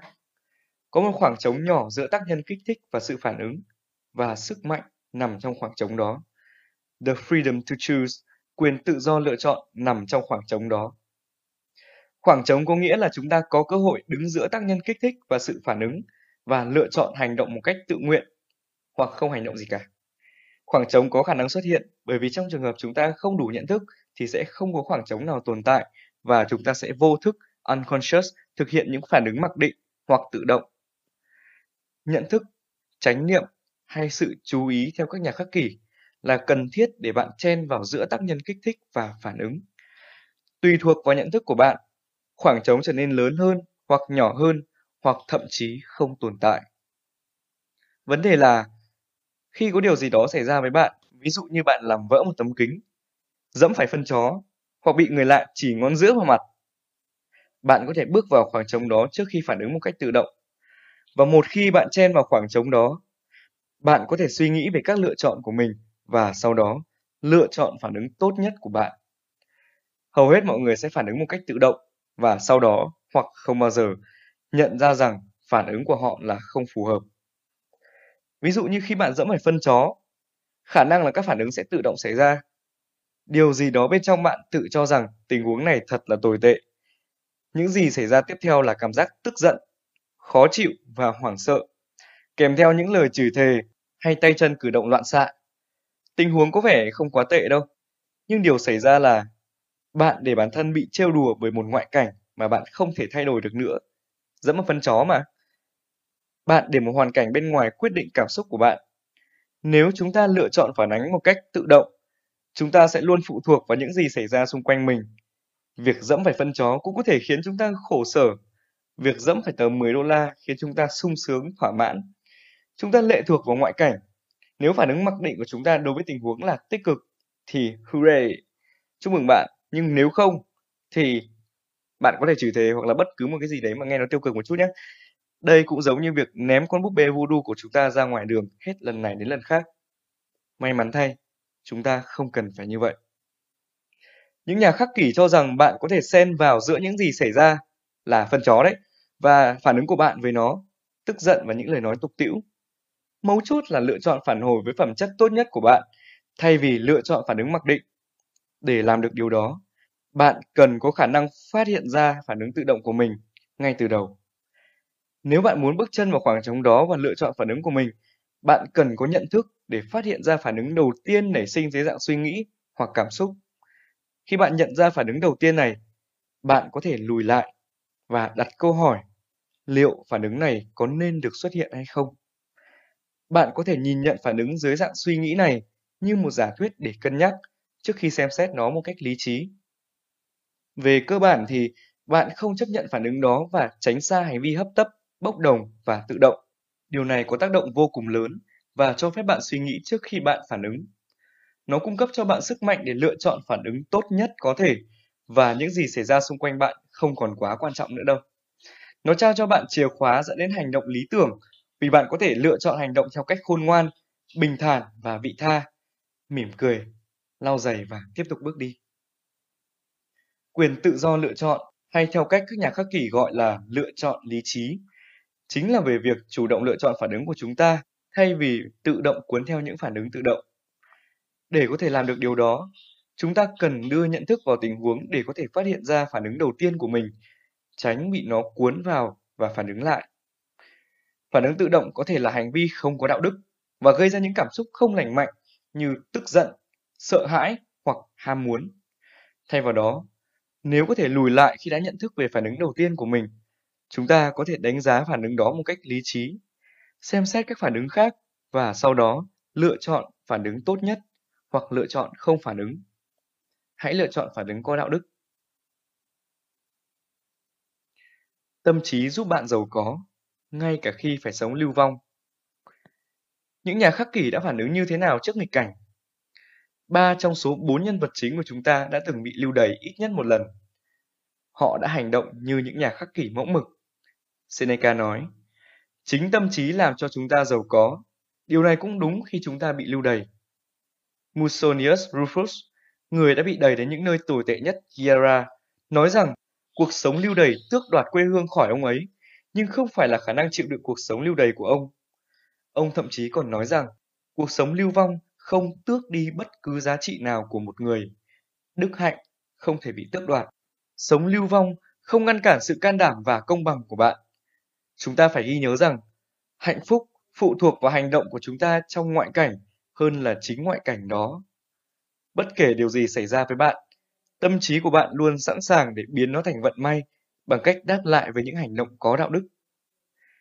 Nhà hiền triết khắc kỷ và cũng như các triết gia mẫu mực khác hoàn toàn tự do ngay cả khi sống lưu vong. Bởi vì sự tự do của họ bao gồm khả năng thuận theo bản năng lý trí của họ, đó là tập trung vào những gì có thể kiểm soát, để phần còn lại xảy ra tự nhiên và đáp lại tình huống với đức hạnh. Mọi trở ngại đều trở thành cơ hội để rèn luyện sự thông thái, sự can đảm, sự công bằng và sự điều độ. Một người theo chủ nghĩa khắc kỷ lý tưởng chỉ phản ứng nếu như điều đó có sự hài hòa với lý trí và phiên bản tốt nhất của mình và không gì có thể ngăn cản người ấy làm điều đó. Người ấy chỉ ham muốn những gì nằm trong tầm kiểm soát của mình và do vậy, người ấy vẫn tự do ngay cả khi bị lưu đày hoặc ngồi tù. Chủ nghĩa khắc kỷ thách thức bạn thay đổi bản thân bất cứ khi nào bạn không thể thay đổi hoàn cảnh. Ngay cả khi bạn không thể thay đổi hoàn cảnh, bạn vẫn có khả năng thay đổi thái độ của mình với hoàn cảnh đó và phản ứng cùng với đức hạnh. Bất kể bạn ở đâu, nhà tù hay cung điện, bất kể bạn đang đối mặt với thách thức nào, phân chó hay tờ 10 đô la, bạn sẽ luôn có quyền tự do lựa chọn. Bạn chỉ cần xác định phản ứng đầu tiên của mình, tránh trở nên lo lắng hay sợ hãi và thay vào đó, hãy lùi lại một bước, đánh giá tình hình và chọn phản ứng khôn ngoan nhất. Các sự việc bên ngoài không quan trọng mà là hành động của bạn khi đáp lại các sự việc đó mới quan trọng. Chúng ta phải nhận ra sự thật rằng chúng ta có khả năng phản ứng lại với cách chúng ta lựa chọn để phản ứng lại sự việc. Victor Frank, người đưa ra khái niệm quyền tự do lựa chọn, đã trải qua những trải nghiệm tàn khốc nhất mà chúng ta có thể tưởng tượng ra. Ông đã mất đi toàn bộ gia đình của mình và khó khăn lắm mới sống sót qua sự kinh khủng của các trại tập trung của Đức Quốc xã trong Thế chiến II.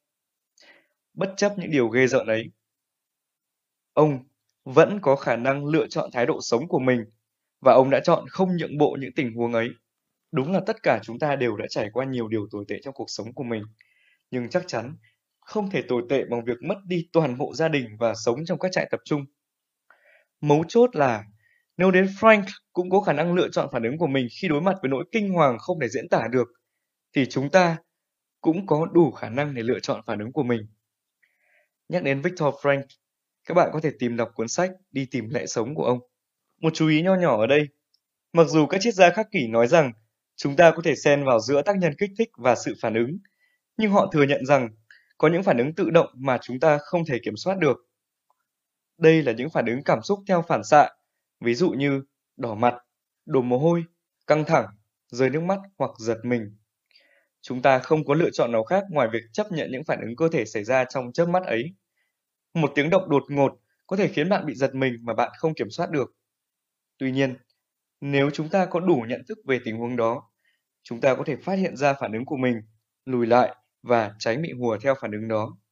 Ngay cả khi bạn không kiểm soát được những phản xạ tức thời này, bạn vẫn có khả năng kiểm soát những gì xảy ra tiếp theo để bản thân cuốn theo những phản ứng đó hoặc lùi lại, đánh giá tình huống và chọn phản ứng phù hợp với giá trị của bạn. Bị lay động hay không thể bị quật ngã, điều đó phụ thuộc vào bạn. Con người bị xáo trộn không phải bởi những sự việc mà bởi những nhận định về sự việc đó. Câu nói của Epictetus là một điều quan trọng rút ra từ những gì chúng ta học được.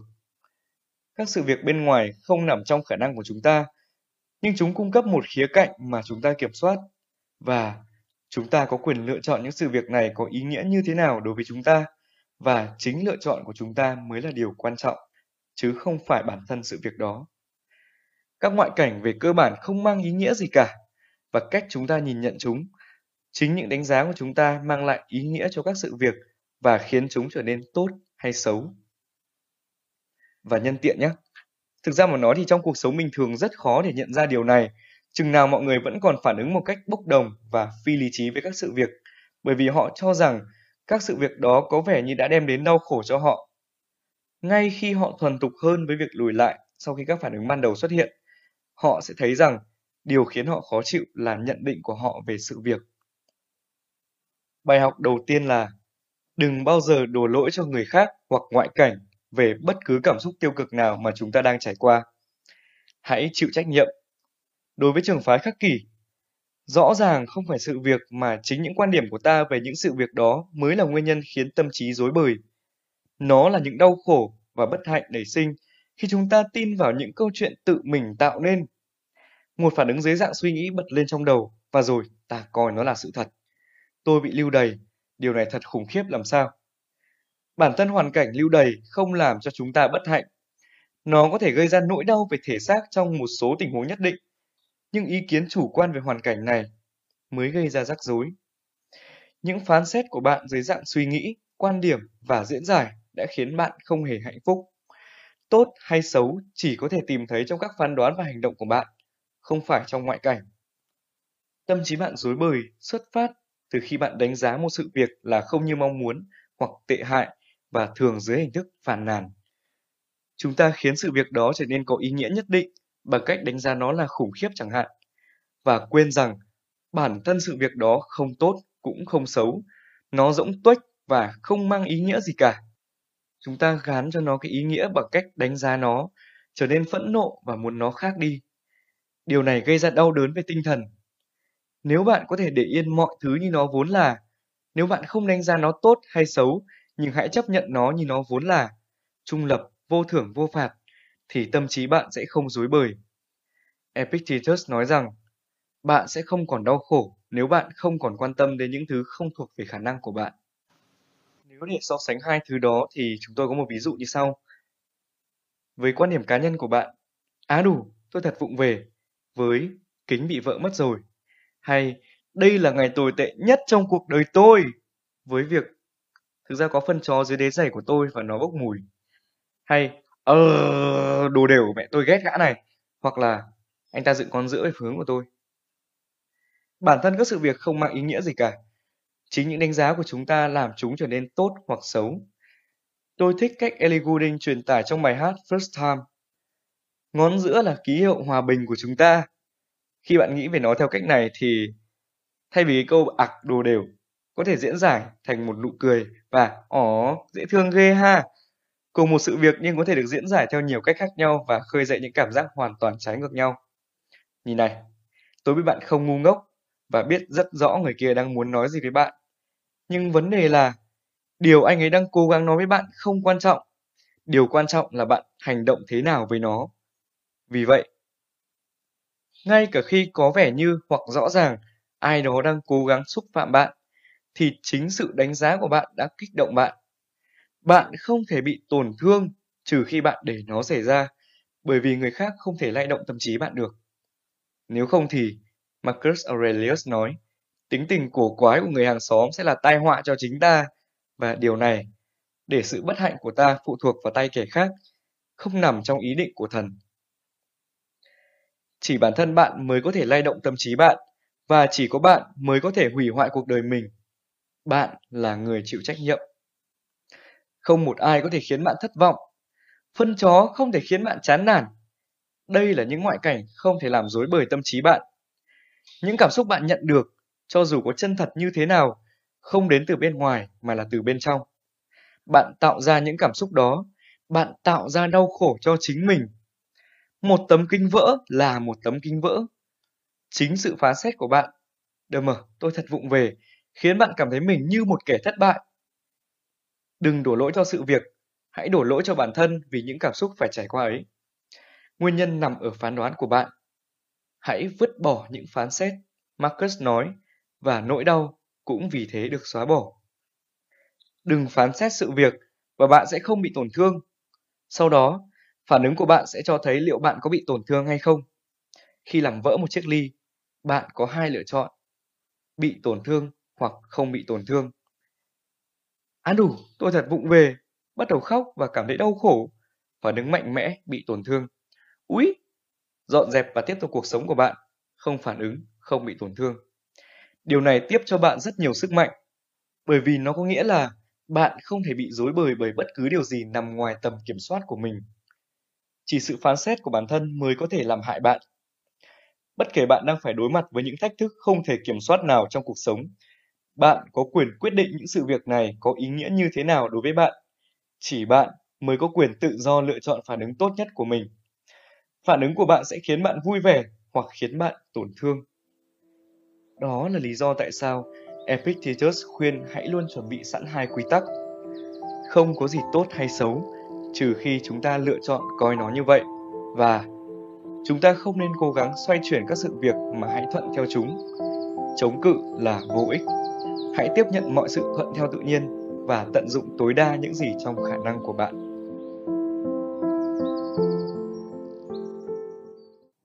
Chương 4 Kẻ phản diện. Khi những cảm xúc tiêu cực xuất hiện, Một khi sự tức giận bắt đầu khiến chúng ta bị cuốn theo, Rất khó để trở lại trạng thái tỉnh táo, Bởi vì lúc đó lý trí trở nên vô dụng khi sự kích động đã xâm nhập vào tâm trí. Kẻ thù phải bị chặn đứng và đánh lui ở giới tuyến ngoài cùng. Vì khi hắn đã bước một chân vào trong thành và đánh hạ từng bước tường thành hắn sẽ không cho phép bất cứ ai cản đường đến thắng lợi vẻ vang của mình. Câu trích dẫn từ Seneca Hạnh phúc có vẻ khá dễ đạt được, phải không? Đối với trường phái khắc kỷ, nó chỉ bao gồm cách chúng ta phản ứng với các sự việc và cách chúng ta lựa chọn để hành động. Điều chỉnh hành động của chúng ta sao cho có đạo đức là điều kiện đủ, cũng là điều kiện cần để cuộc sống hạnh phúc và trôi chảy. Vậy điều gì xảy ra? Tại sao tất cả chúng ta không dễ dàng chạm đến cái đích này? Cuộc sống vướng chân ta. Thực tế ngáng đường chúng ta, nó làm chúng ta ngạc nhiên, có chút choáng ngợp, gây ra sự sợ hãi, bất an, tức giận và đau buồn, và khiến chúng ta muốn bỏ chạy và trốn tránh. Mọi thứ khó khăn hơn ta tưởng, và chúng xảy ra khác với những gì chúng ta mong chờ và mong muốn. Chúng ta phải đấu tranh để giải quyết chúng một cách hiệu quả, hoặc thậm chí phải chấp nhận chúng ngay từ đầu. Nhưng đợi đã. Chủ nghĩa khắc kỷ dạy rằng các ngoại cảnh không quan trọng, và chúng ta phải tìm kiếm những điều tốt đẹp từ bản thân trước tiên. Có vẻ như cuộc sống vướng chân ta, nhưng trên thực tế, chính những cảm xúc tiêu cực của chúng ta đã gây ra cản trở. Những cảm xúc mãnh liệt này đánh bại tâm trí của chúng ta, thậm chí là toàn bộ cơ thể, khiến chúng ta không thể suy nghĩ rõ ràng và thôi thúc chúng ta làm ngược lại những gì chúng ta cho là đúng. Và một khi tâm trí của chúng ta đã bị thu phục bởi những cảm xúc tiêu cực, hoặc theo cách các nhà khắc kỷ gọi chúng, những cảm xúc kích động, chẳng hạn như sự sợ hãi, đau buồn, tức giận hoặc tham lam vô cớ. Những cảm xúc kích động này sẽ nắm quyền kiểm soát và khiến chúng ta phản ứng một cách bốc đồng mà không hề suy nghĩ. Như Seneca đã nói trong những dòng mở đầu của chương này, một khi kẻ thù đã xâm nhập vào tâm trí, lý trí sẽ biến mất. Chỉ có một thứ được xuất hiện, hoặc lý trí, hoặc cảm xúc kích động. Khi cảm xúc kích động giữ tay lái, lý trí bị trói chặt và bị bịt miệng nằm im lìm trong cốp xe. Cảm xúc tiêu cực đem lại cảm giác tồi tệ. Hãy nghĩ đến sự đau buồn, sợ hãi ghen tị hoặc cảm giác thèm ăn đến cồn cào ruột gan. Vì vậy, khi cảm xúc giữ tay lái và trong ta cảm thấy tồi tệ, ưu tiên số một của chúng ta theo một cách vô thức là làm sao để cảm thấy tốt hơn và chúng ta tự động tìm cách giảm bớt nỗi đau mà chúng ta đang cảm thấy. Cảm xúc tiêu cực ra lệnh cho chúng ta làm những gì khiến chúng ta cảm thấy tốt hơn và làm nguôi đi nỗi đau trong thời điểm hiện tại. Mặc xác những giá trị và mục tiêu dài hạn của chúng ta là gì. Và cuối cùng, kết quả là gì đây? Chúng ta đã gạt đi tất cả những giá trị quan trọng của mình sang một bên và thay vào đó, trốn tránh như một kẻ hèn nhát, đặt bánh pizza, tiramisu, say sưa xem phim Marvel, đập phá đồ đạc, hét vào mặt bạn bè và lũ trẻ và mua những đôi giày cao gót màu đen mà thực sự chúng ta chưa chắc đã cần đến. Cảm xúc tiêu cực có vô số hình thức. Chúng có thể nuốt chửng chúng ta hoàn toàn, giống như cơn giận dữ đột ngột khiến ta mất đi sự sáng suốt và hành động không suy nghĩ. Bam! Và sau đó thì sự đã đành. Cảm xúc tiêu cực có thể có dạng nhẹ hơn nhiều, ví dụ như sự đau khổ có thể dẫn đến sự tủi thân, những suy nghĩ trầm cảm và sự trì trệ. Hoặc cảm xúc tiêu cực có thể trở nên rất khó phát hiện. Nó ở dưới dạng chỉ là không có hứng làm gì cả, như tôi hiện tại. Điều này có thể xuất phát từ những cảm xúc khác nhau và khiến chúng ta đơn giản là không làm những gì chúng ta biết là chúng ta nên làm. Bạn đã bao giờ nghe nói đến sự trì hoãn chưa? Tôi nghĩ là rồi đấy. Ví dụ, khi tôi còn là một thiếu niên, một người bạn của tôi đã bị một anh chàng khác ở trường đánh đập. Những đứa trẻ khác và tôi chỉ đứng nhìn, và tôi biết giúp đỡ là việc đúng đắn, nhưng có thứ gì đó bên trong đang kìm hãm tôi. Tôi không cảm thấy muốn giúp đỡ, tôi đã e sợ, và lúc này, cảm xúc đã chiến thắng. Ví dụ khác là, vô số lần tôi thấy một cô gái đẹp trong quán bar và muốn làm quen, nhưng đồng thời tôi lại không cảm thấy muốn làm quen, tôi đã sợ hãi. Cảm xúc đã chiến thắng gần như mọi lúc, và tất nhiên, tôi đã có một số lý do bao biện hợp tình hợp lý. Cô ấy không xinh đến như vậy. Tôi chỉ không có tâm trạng để làm quen. Tôi ở đó chỉ vì muốn dành thời gian vui vẻ với anh em bạn bè của mình. Không quan trọng cảm xúc nào thực sự gây cản trở. Đối với tôi, trong nhiều trường hợp, đó là nỗi sợ hãi, và tôi đang cố gắng cải thiện vấn đề đó. Đối với bạn, có thể đó là sự giận dữ, tham lam, oán giận hoặc tự hào. Vấn đề với những cảm xúc này không phải sự tồn tại của chúng, mà là cách chúng lấn lướt ta đến mức chúng ta làm ngược lại những gì ta phải làm. Và như ta đã học trước đó, hành động lý trí là gốc rễ của hạnh phúc, và do đó, Chúng ta không thể sống một cuộc sống hạnh phúc khi để những rối loạn cảm xúc mạnh mẽ này chi phối hành động của mình. Các nhà khắc kỷ tin rằng những cảm xúc kích động như vậy có hại cho cuộc sống tốt đẹp và gây ra khổ sở cho nhiều người. Đa số chúng ta biến thành nô lệ cho những cảm xúc này.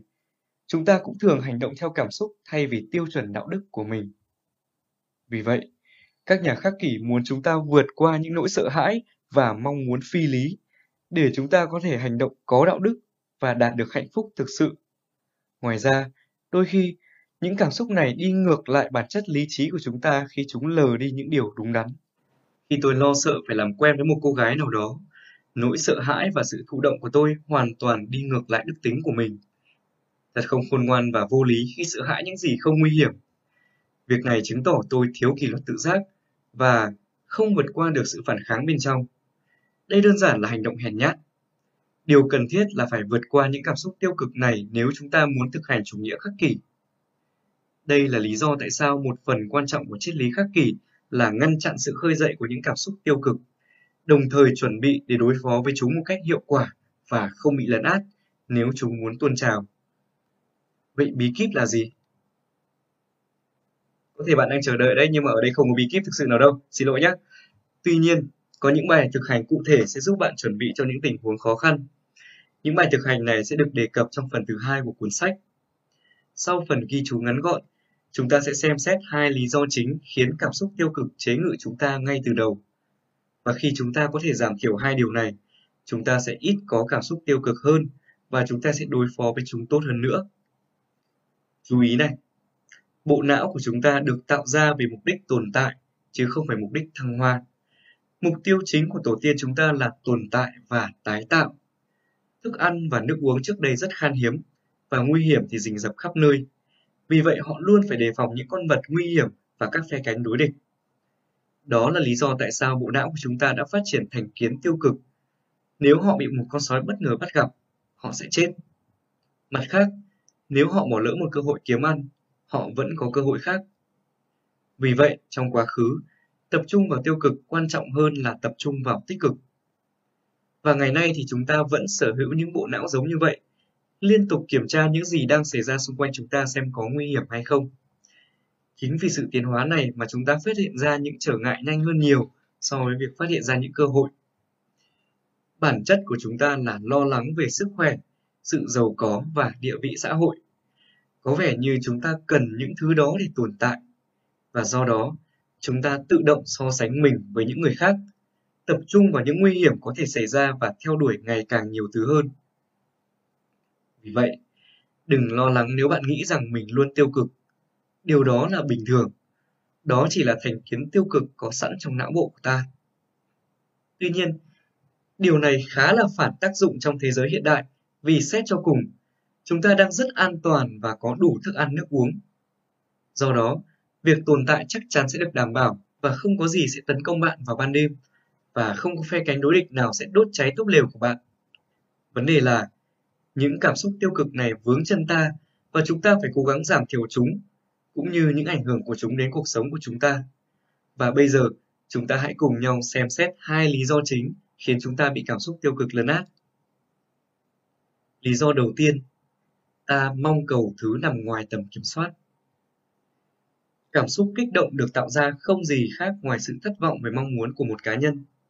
Epictetus đã đưa ra quan điểm rằng những cảm xúc tiêu cực nảy sinh khi chúng ta không đạt được điều mình muốn. Và sự thất vọng này là nguồn cơn của nỗi buồn, là tiếng thở than và sự ghen tị. Nó làm chúng ta đố kỵ và ảo tưởng và không còn khả năng lắng nghe lý trí. Về cơ bản, cảm xúc tiêu cực xuất phát từ mong muốn và sợ hãi những gì không nằm trong tầm kiểm soát của chúng ta. Và như chúng ta đã biết trước đó, nguyên nhân sâu xa của sự đau khổ của chúng ta bắt nguồn từ việc lo lắng về những thứ nằm ngoài tầm kiểm soát của bản thân. Đây là những quan điểm về giá trị bị sai lệch. Ta gán ý nghĩa cho những thứ bên ngoài vô thường vô phạt là tốt hay xấu. Chẳng hạn, việc đánh giá sai lệch những thứ vật chất là tốt hay đáng thèm muốn chính là nguyên nhân của sự thèm khát giàu có và khoái lạc. Sự thèm khát mạnh mẽ như vậy là một cảm xúc tiêu cực chiếm lấy tay lái và bắt ta làm bất cứ điều gì để thỏa mãn cơn thèm muốn ngay tại thời điểm đó, bất chấp tiêu chuẩn đạo đức của ta. Lúc này, chúng ta không còn có khả năng lắng nghe lý trí và hãy nhớ rằng lý trí đã bị trói chặt và bị bịt miệng nằm im lìm trong cốp xe. Những đánh giá không chính xác này cũng hoạt động theo cách khác. Chúng ta đánh giá sai lệch một số ngoại cảnh vô thưởng vô phạt như mưa, những kẻ khó ưa hoặc sự nghèo đói là điều xấu hoặc thậm chí là điều kinh khủng và phán đoán sai về sự việc đã gây ra sự tức giận hoặc sợ hãi. Kết luận lại, các phán đoán sai lệch về sự việc là tác nhân gây ra cảm xúc tiêu cực và những cảm xúc này lại cản trở cuộc sống hạnh phúc bởi vì chúng khiến chúng ta hành động một cách bốc đồng thay vì hành động một cách lý trí. Donald Robertson đã nói rất rõ về điều đó trong cuốn sách Stoicism and the Art of Happiness, chủ nghĩa khắc kỷ và nghệ thuật hạnh phúc. Phần lớn những người bình thường thiếu sự thỏa mãn và bình yên trong tâm trí vì các giá trị của họ không được xác định rõ ràng và gây mâu thuẫn với nhau. Chúng ta lãng phí cuộc đời mình để chạy theo ảo tưởng về hạnh phúc, dựa trên sự pha trộn giữa chủ nghĩa khoái lạc, chủ nghĩa duy vật và chủ nghĩa vị kỷ, những giá trị điên rồ, đáng phê phán được tạo ra từ thế giới ngu ngốc xung quanh chúng ta. Chúng ta thèm muốn và sợ hãi những thứ bên ngoài tầm kiểm soát trực tiếp của chúng ta. Chúng ta ngây thơ đánh giá những thứ vô thưởng vô phạt như sức khỏe, sự giàu có và danh tiếng là tốt và thậm chí cần thiết cho cuộc sống hạnh phúc. Và chúng ta cũng đánh giá bệnh tật, nghèo đói và sự nhạo báng là xấu và gây cản trở cho cuộc sống hạnh phúc. Những thèm muốn và nỗi sợ hãi về những thứ bên ngoài này là một biển cảnh báo đang nhấp nháy sáng. Bạn đã quên những điều cơ bản. Hãy quay đầu và thấm nhuần những giá trị cốt lõi đi. Nói cách khác, chúng ta vẫn chưa tiếp thu hết những nguyên tắc cơ bản của khắc kỷ, rằng đức hạnh là điều đúng đắn duy nhất, rằng những gì không nằm trong tầm kiểm soát của chúng ta đều là vô thưởng vô phạt, và chúng ta tự chịu trách nhiệm về sự thăng hoa của mình. Nếu chúng ta vẫn cảm thấy rằng mọi thứ xảy ra thuận theo hoặc chống lại chúng ta, ví dụ như phân chó khiến một ngày của chúng ta bị phá hỏng, hay tiền thưởng khiến một ngày của ta thêm trọn vẹn. Nếu chúng ta sợ hãi việc không đạt được điều mình muốn và cảm thấy tồi tệ khi không đạt được nó, thì chúng ta vẫn chỉ là con rối của những cảm xúc xuất phát từ những phán đoán sai lệch về những gì thực sự là tốt hay xấu. Nhà người thật ngớ ngẩn, Epictetus nói. Nếu ngươi muốn những thứ không thuộc quyền của mình trở thành thuộc quyền của mình và những thứ thuộc về người khác trở thành thuộc về ngươi, nếu chúng ta có thể cẩn thận phân biệt những thứ thuộc về chúng ta và những thứ không thuộc về chúng ta và tập trung vào những thứ phụ thuộc vào mình và để những thứ còn lại diễn ra tự nhiên, thì chúng ta sẽ ít bị lấn át bởi những cảm xúc tiêu cực gây ra bởi những phán đoán sai lệch. Tuy nhiên, ngay cả khi chúng ta bắt đầu làm chính xác điều đó, thì vẫn có những thứ khác ngáng đường. Vô thức Chúng ta vốn không đủ nhận thức trong các tình huống và quên rằng phải tập trung vào những gì chúng ta có thể kiểm soát. Thay vào đó, chúng ta bị cuốn theo những ấn tượng ban đầu của mình và chỉ sau đó mới nhận ra rằng chúng ta đã đánh giá sai lệch sự việc.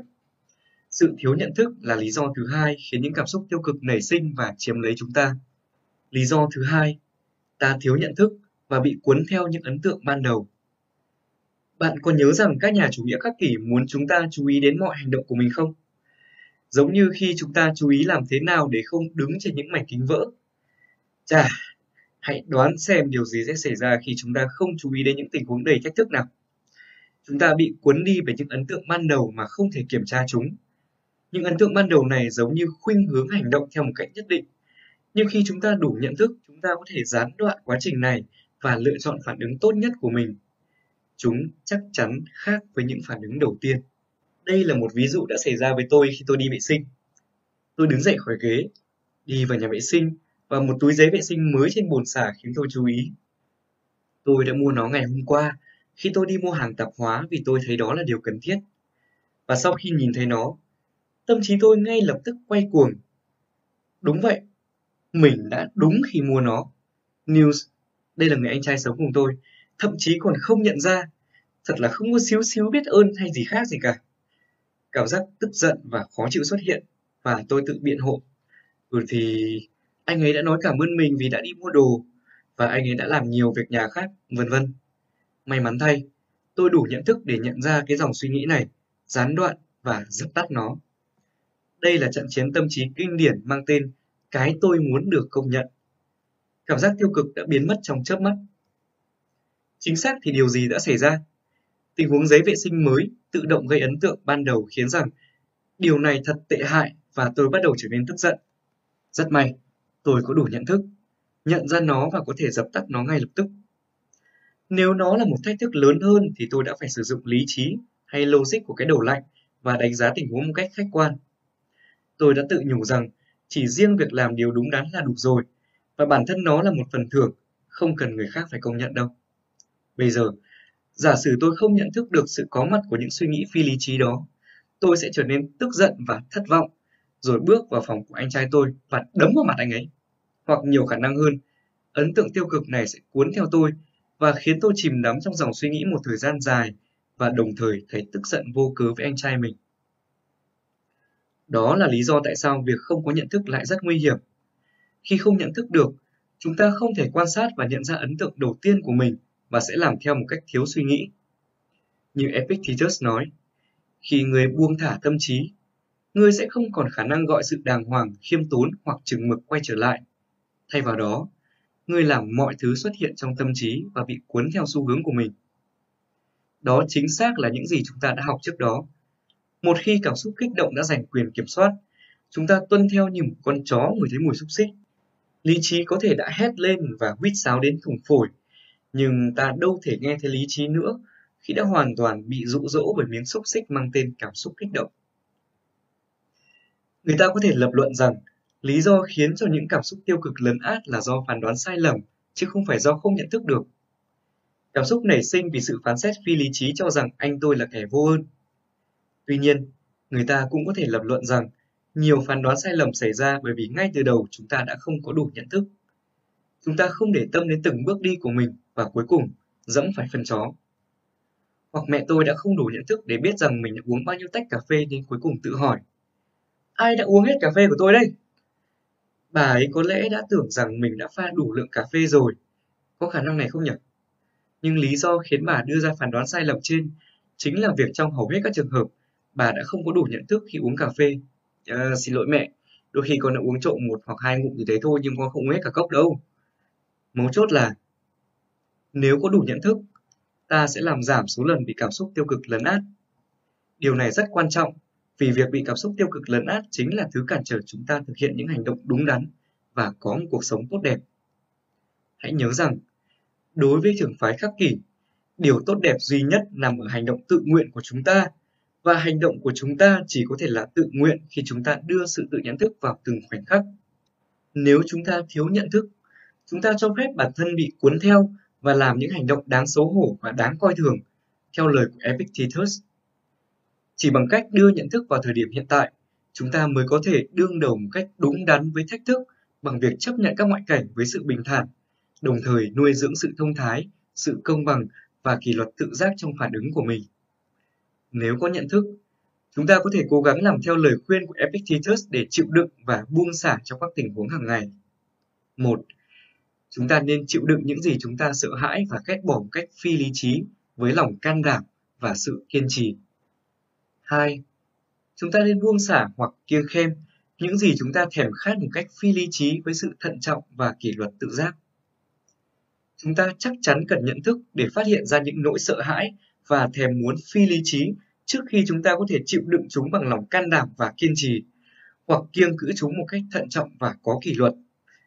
Tuy nhiên, nhận thức vẫn chưa đủ. Không phải ai cũng có thể nhìn chằm chằm vào nỗi sợ hãi và làm điều đúng đắn bằng mọi giá. Thường thì tôi không thể làm như vậy. Ngay cả khi tôi đủ nhận thức để nhận ra nỗi sợ hãi của mình, đồng thời hiểu rằng nỗi sợ hãi là phi lý trí và nếu hành động bất chấp nỗi sợ hãi thì đó mới là điều khôn ngoan. Sự thật là cảm xúc thường đánh gục lòng can đảm của tôi. Một ví dụ khác là cuộc chiến giữa những thèm muốn phi lý trí và sự tự kỷ luật sau một ngày dài làm việc và kiên trì với nhiệm vụ của mình, tôi nhận thấy ham muốn cập nhật một số tin tức. Tôi nhận thức rõ về cuộc chiến giữa ham muốn sung sướng và ý chí đang yếu thế của mình, và hầu hết mọi trường hợp thì ý chí đều chiến thắng. Nhưng đôi khi tôi vẫn bị đánh bại bởi ham muốn. Nhận thức có thể không đủ để giúp hành động luôn đi theo những nguyên tắc đạo đức của chúng ta, nhưng nó chắc chắn sẽ giúp bạn câu giờ và trì hoãn, để bạn có thể đánh giá rõ tình hình và ít nhất có thể đưa ra quyết định có lý trí. Điều này sẽ giúp bạn dễ dàng làm chủ bản thân, hành động có lý trí và bước gần hơn tới cuộc sống hạnh phúc và trôi chảy. và nó sẽ khiến bạn không bị những cảm xúc phi lý trí cuốn đi. Bạn sẽ ít hành động dại dột hoặc ít dẫm phải phân chó hơn đấy. Từng bước, từng bước, bạn sẽ tiến lên phía trước.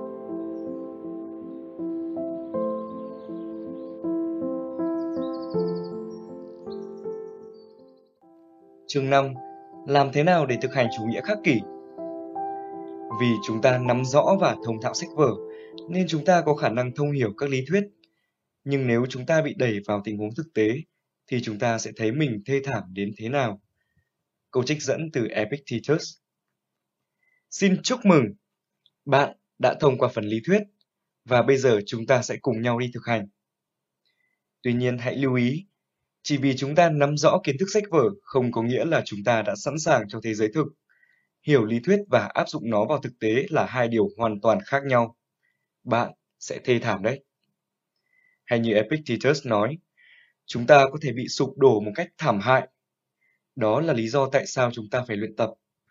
Ông ấy nói rằng, một người thợ mộc trở nên thạo nghề bằng cách học những điều cốt lõi, và một người lái tàu trở nên thạo nghề bằng cách học những điều cốt lõi. Vì vậy, rõ ràng là nếu chúng ta muốn trở thành người tốt, chúng ta cũng cần phải học những điều cốt lõi. Hãy tiến lên phía trước, ông nói, và tận dụng những gì học được. Không cần phải mổ xẻ kiến thức quá nhiều. Các bài học khắc kỷ là đủ rồi. Những gì chúng ta cần bây giờ là mỗi người áp dụng những gì học được và phải chịu trách nhiệm quan sát quá trình đưa lý thuyết vào hành động của mình. Làm ơn, hãy là người chủ động nhận lấy trách nhiệm. Ta đã quá mệt mỏi trong việc lấy những tấm gương trong quá khứ. Ta muốn có thể nêu ra một tấm gương trong thời đại của mình. Bạn hãy là tấm gương đó. Đừng hài lòng với việc học đơn thuần, mà hãy thực hành, thực hành và thực hành. Bởi vì khi thời gian qua đi, Epictetus nói, chúng ta sẽ quên mất những gì chúng ta đã học và cuối cùng làm ngược lại, có những quan điểm ngược với những gì chúng ta nên làm. Xin lỗi vì nói thẳng, nhưng bạn không phải siêu nhân. Bạn không thể chỉ nghe các nguyên tắc khắc kỷ một lần và mong đợi dựa vào chúng khi việc gì đó xảy ra. Bạn phải luyện tập như một vận động viên chuyên nghiệp và thể hiện trên sân cỏ mỗi ngày, xuất hiện sớm hơn và về muộn hơn những người khác. Này, có làm thì mới có ăn, không làm mà đòi có ăn á. Hãy nhớ rằng, triết học là cách sống. Như đã thảo luận trước đó, Epictetus so sánh triết học với các nghệ nhân, cũng giống như người thợ mộc sử dụng gỗ và nhà điêu khắc sử dụng đồ đồng. Chúng ta sử dụng cuộc sống của chính mình, coi nó là nguyên liệu thô để thực hành nghệ thuật sống. Mỗi sự việc trong cuộc sống của chúng ta đều như một khối đá cẩm thạch thô mà chúng ta có thể gọt rũa. Đó là cách chúng ta học cách sử dụng cái đục và cái vồ cho đến khi chúng ta thành thạo tay nghề của mình. Triết học gói gọn trong việc áp dụng các nguyên tắc của nó vào thế giới thực. Hãy nhớ rằng, chúng ta muốn trở thành những triết gia chiến binh và áp dụng những gì chúng ta học được vào thực tế. Và đó là nội dung của phần này. Bạn sẽ tìm thấy 55 bài thực hành khắc kỷ kết hợp với những lời khuyên thực tế Mỗi bài thực hành có thể sử dụng riêng biệt. Và để đơn giản, chúng ta hãy phân biệt giữa ba loại phương pháp. Thứ nhất là các bài thực hành khởi động mà bạn có thể tự chuẩn bị. Bạn có thể tự học ở nhà mà không cần hoàn cảnh cụ thể. Thứ hai là các bài thực hành cho các tình huống thử thách trong cuộc sống. Làm thế nào để kiểm soát bản thân trong thời điểm căng thẳng. Và thứ ba là bài thực hành cho các tình huống trong mối quan hệ. Làm thế nào để đối phó với những người không mấy dễ chịu. Hãy nhớ rằng các cách tiếp cận khác nhau có thể hiệu quả với người này nhưng không có tác dụng với người khác. Coi các bài thực hành như những đề xuất, không phải là những quy tắc cứng nhắc. Hãy thử áp dụng các phương pháp thực hành, giữ lại phương pháp hiệu quả và bỏ qua phương pháp không hiệu quả. Đừng nghĩ quá nhiều. Bây giờ, trước khi chúng ta bắt đầu các phương pháp thực hành, chúng ta hãy xem nhanh một chú thích và ba chi tiết quan trọng sẽ giúp bạn tận dụng tối đa các phương pháp thực hành. Đầu tiên, gồng mình lên. Người nghĩ đi, Hercules sẽ trở thành người thế nào nếu không có sư tử, quái vật Hydra, con nai hay heo rừng? Anh ấy sẽ thể hiện được điều gì nếu như không có các thử thách? Câu trích dẫn từ Epictetus. Hercules hay là Hercules như chúng ta thường nói, sẽ ra sao nếu không trải qua thử thách? Rõ ràng là, Epictetus nói, anh ta sẽ chỉ lan trên giường và ngủ tiếp. Vì thế, bằng cách đắm chìm trong sự an nhàn và thoải mái, anh ta sẽ không bao giờ trở thành Hercules bất khả chiến bại. Người mà bạn ngưỡng mộ nếu như không gặp khó khăn gì trong đời thì sẽ trở thành như thế nào? Mẹ của bạn? Đồng nghiệp mà bạn đánh giá rất cao? Roger Federer hay bất cứ siêu sao nào khác? Có một điều chắc chắn rằng họ sẽ không phải họ như bây giờ nếu không có những thử thách mà họ chắc chắn phải đối mặt trong đời. Những khó khăn đều rất quan trọng, và đó là lý do ta ở đây. Seneca nói rằng, Thượng đế không muốn tạo ra một người nhu nhược, người muốn anh ta phải bị thử thách để trở nên cứng cỏi và sống với đúng mục đích của mình. Tất cả những khó khăn bạn phải đối mặt trong cuộc sống của mình, đây là những bài kiểm tra, chỉ là quá trình rèn luyện mà thôi. Cuộc sống không nên quá dễ dàng. Cuộc sống chính ra phải có nhiều thử thách để đảm bảo rằng bạn thực sự trưởng thành.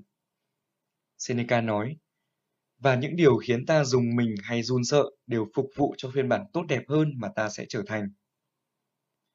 Bất cứ khi nào bạn cảm thấy bị mắc kẹt, hãy nhắc nhở bản thân về Hercules, người đã trở nên mạnh mẽ nhờ những thử thách mà anh ấy phải đối mặt. Cuộc sống sẽ có lúc khó khăn. ngẩng đầu lên, ưỡn ngực ra, bạn sẽ ổn thôi. Bây giờ, hãy xem qua ba nội dung hữu ích sẽ giúp bạn tận dụng tối đa các phương pháp nhé. Đầu tiên, hãy chú tâm. Chủ nghĩa khắc kỷ không phải là một con đường dễ đi. Có nhiều nguyên tắc cần ghi nhớ và tuân thủ.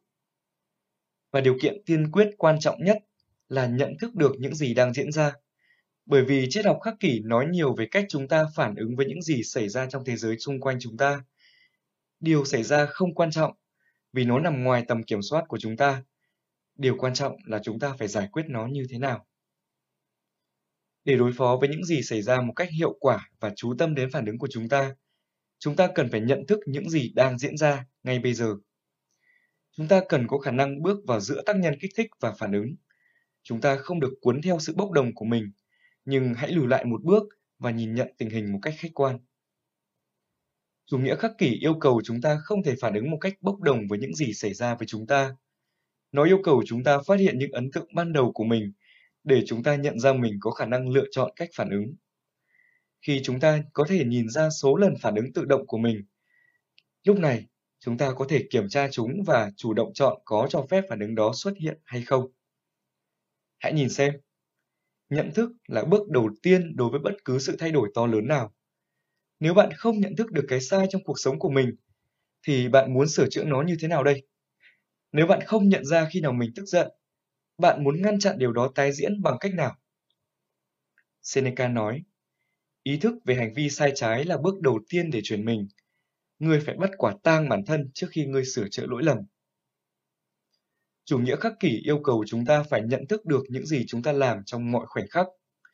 Để thể hiện phiên bản tốt nhất của chúng ta cùng với đức hạnh trong mọi thời điểm, chúng ta phải có khả năng chú tâm trong thời điểm đó và nhận thức điều gì đang xảy ra làm gì còn cách nào khác để lựa ra hành động tốt nhất của mình? Theo định nghĩa, những suy nghĩ và hành động tự nguyện của chúng ta là những thứ duy nhất nằm trong tầm kiểm soát của chúng ta, và chúng chỉ tồn tại ở đây và bây giờ. Chúng ta không thể lựa chọn một hành động nếu chúng ta chìm đắm trong dòng suy nghĩ, nghiền ngẫm về quá khứ hay mơ mộng về tương lai. Vì vậy, chúng ta nên tập trung sự chú ý vào thời điểm hiện tại, không bị phân tâm bởi quá khứ hay tương lai. Sau đó, chúng ta sẽ có cách đúng đắn để ứng phó với thách thức đang phải đối mặt ở hiện tại và cố gắng chấp nhận nó như nó đang là và chọn một phản ứng phù hợp với các giá trị đạo đức của chúng ta. Về cơ bản, chúng ta nên nhận thức được từng hành động của mình. Như đã nói trước đó, chúng ta nên xem mình như một con diều hâu và tập trung sự chú ý vào mọi khoảnh khắc, như thể chúng ta đang đi chân trần trên tấm kính vỡ Việc tự quan sát một cách tập trung và liên tục này là cần thiết để thực hành chủ nghĩa khắc kỷ một cách hiệu quả.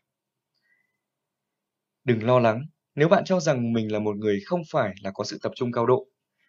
Bạn vẫn có thể thực hành hầu hết các phương pháp sau. Thêm vào đó, rất nhiều bài thực hành trong này sẽ cải thiện khả năng chú tâm của bạn. Việc cải thiện nhận thức là một phần của chủ nghĩa khắc kỷ. Bạn sẽ tránh bị cuốn theo sự bốc đồng. Vì vậy, bạn có thể phân tích và đặt câu hỏi về tính đúng đắn của hành động, sau đó quyết định phản ứng tốt nhất của mình. Lưu ý thứ hai, nạp năng lượng cho sự tự kỷ luật. Thực hành chủ nghĩa khắc kỷ không giống như xem TV. Nó cần nỗ lực. Bạn thực sự phải thò tay xuống, đặt chân xuống để làm một cái gì đó. Hầu hết các phương pháp thực hành đều đòi hỏi sự tự giác nếu bạn muốn thực hiện chúng. Một số phương pháp khá là khó, không vui vẻ mấy và dễ làm bạn nản chí, phải nói thật là như thế đấy. Nhưng đó là một phần của trò chơi, và nó cũng tương tự với những thứ khác trong cuộc sống. Nếu bạn muốn giỏi ném phi tiêu, bạn phải tập luyện. Nếu bạn muốn nâng tạ tốt hơn, bạn phải tập luyện chăm chỉ. Điều này cũng tương tự với chủ nghĩa khắc kỷ. Nó đòi hỏi nỗ lực và kỷ luật, nhưng đồng thời cũng sẽ rèn luyện sức bền và tính tự giác. Nó sẽ làm cho bạn mạnh mẽ hơn. Giống như việc nâng tạ sẽ làm cho cơ bắp của bạn khỏe hơn, thực hành các nguyên tắc khắc kỷ sẽ làm cho ý chí của bạn mạnh mẽ hơn. Đúng thế, như đã nói lúc trước đấy. Có làm thì mới có ăn. Bạn sẽ luôn phải trả giá nếu muốn tiến bộ. Các bài thực hành sẽ cho bạn kiên cường, tĩnh lặng, can đảm và kỷ luật hơn. Thêm vào đó, bạn phải nhớ rằng luôn có cái giá cho việc không học hỏi và thực hành một triết lý sống. Tác giả William Irvine giải thích cái giá này một cách thẳng thắn. Điều đáng sợ là bạn sẽ dành cả ngày để theo đuổi những thứ vô giá trị và do đó sẽ lãng phí cuộc sống của bạn. Điều đó tùy thuộc vào chúng ta. Hoặc chúng ta sẵn sàng đầu tư và gặt hái lợi ích, hoặc chúng ta không chịu làm gì và có nguy cơ lãng phí cuộc sống của mình. Hãy nhìn xem, phần thưởng có thể gặt hái lớn hơn nhiều so với nỗ lực bạn phải bỏ ra. Nếu bạn hỏi tôi, tôi sẽ nói khoản đầu tư này là quá hời, không cần phải nghĩ ngợi gì đâu. Có nhiều thứ đạt được mà chỉ mất một chút nỗ lực. Dưới đây là cách Irvine mô tả những gì bạn nhận được nếu chịu đầu tư. Những người theo chủ nghĩa khắc kỷ có thể biến mình thành những tấm gương đáng kinh ngạc với lòng dũng cảm và sự tự chủ. Họ sẽ có thể làm những điều mà người khác sợ phải làm. Họ sẽ có thể từ chối làm những điều mà người khác không thể cưỡng lại được.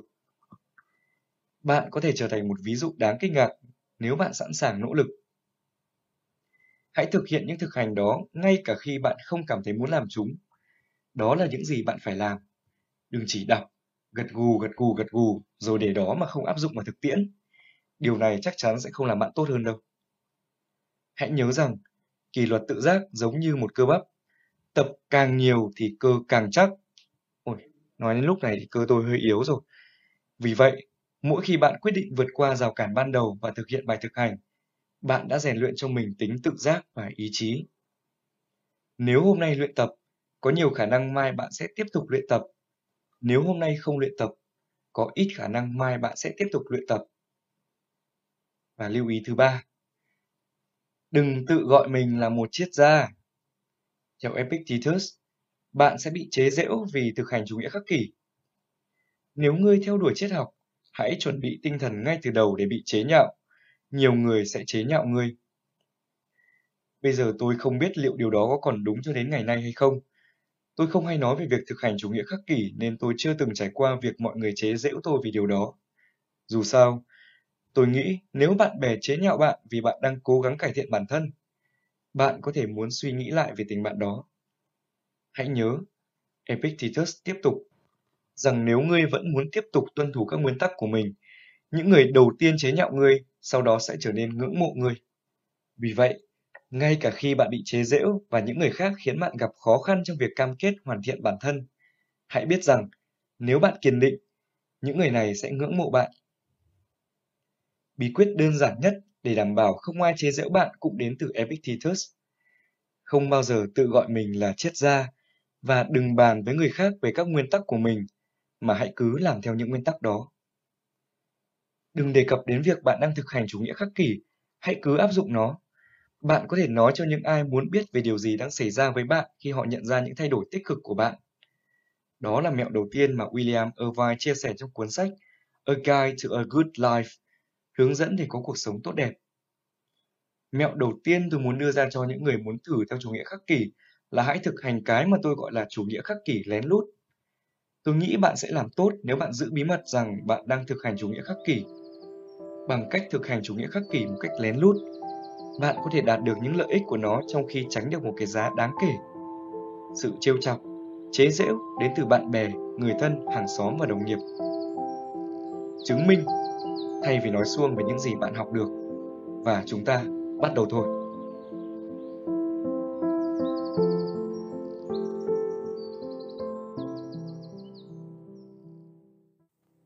Chương 6 chuẩn bị cho các bài thực hành. Chủ nghĩa khắc kỷ rất đòi hỏi. Nó muốn bạn thể hiện phiên bản tốt nhất của bạn mọi lúc. Nó muốn bạn tập trung vào những gì bạn kiểm soát và chấp nhận phần còn lại một cách bình thản. Nó muốn bạn nhận ra sức mạnh của mình để nhìn nhận các sự việc một cách đúng đắn và nó muốn bạn chịu trách nhiệm cho sự phát triển của chính bạn. 21 bài thực hành chuẩn bị sau đây sẽ giúp bạn trở thành người sẵn sàng đối phó với những thách thức trong cuộc sống. Tất cả những bài thực hành này không yêu cầu bất cứ tình huống cụ thể nào. Bạn có thể thực hành chúng với bất cứ lúc nào và hầu như ở bất cứ đâu. Không có lý do gì để không thực hành. Chỉ tốn vài phút và chút kỷ luật tự giác. Bạn sẽ tìm thấy các loại bài thực hành khác nhau sau đây. Thay đổi tư duy, thực hành tưởng tượng, thực hành viết, thực hành ghi nhật ký, thực hành ngoài trời và thay đổi lối sống. Chúng ta đã chuẩn bị đủ lý thuyết rồi đấy. Và bây giờ, bắt đầu thôi.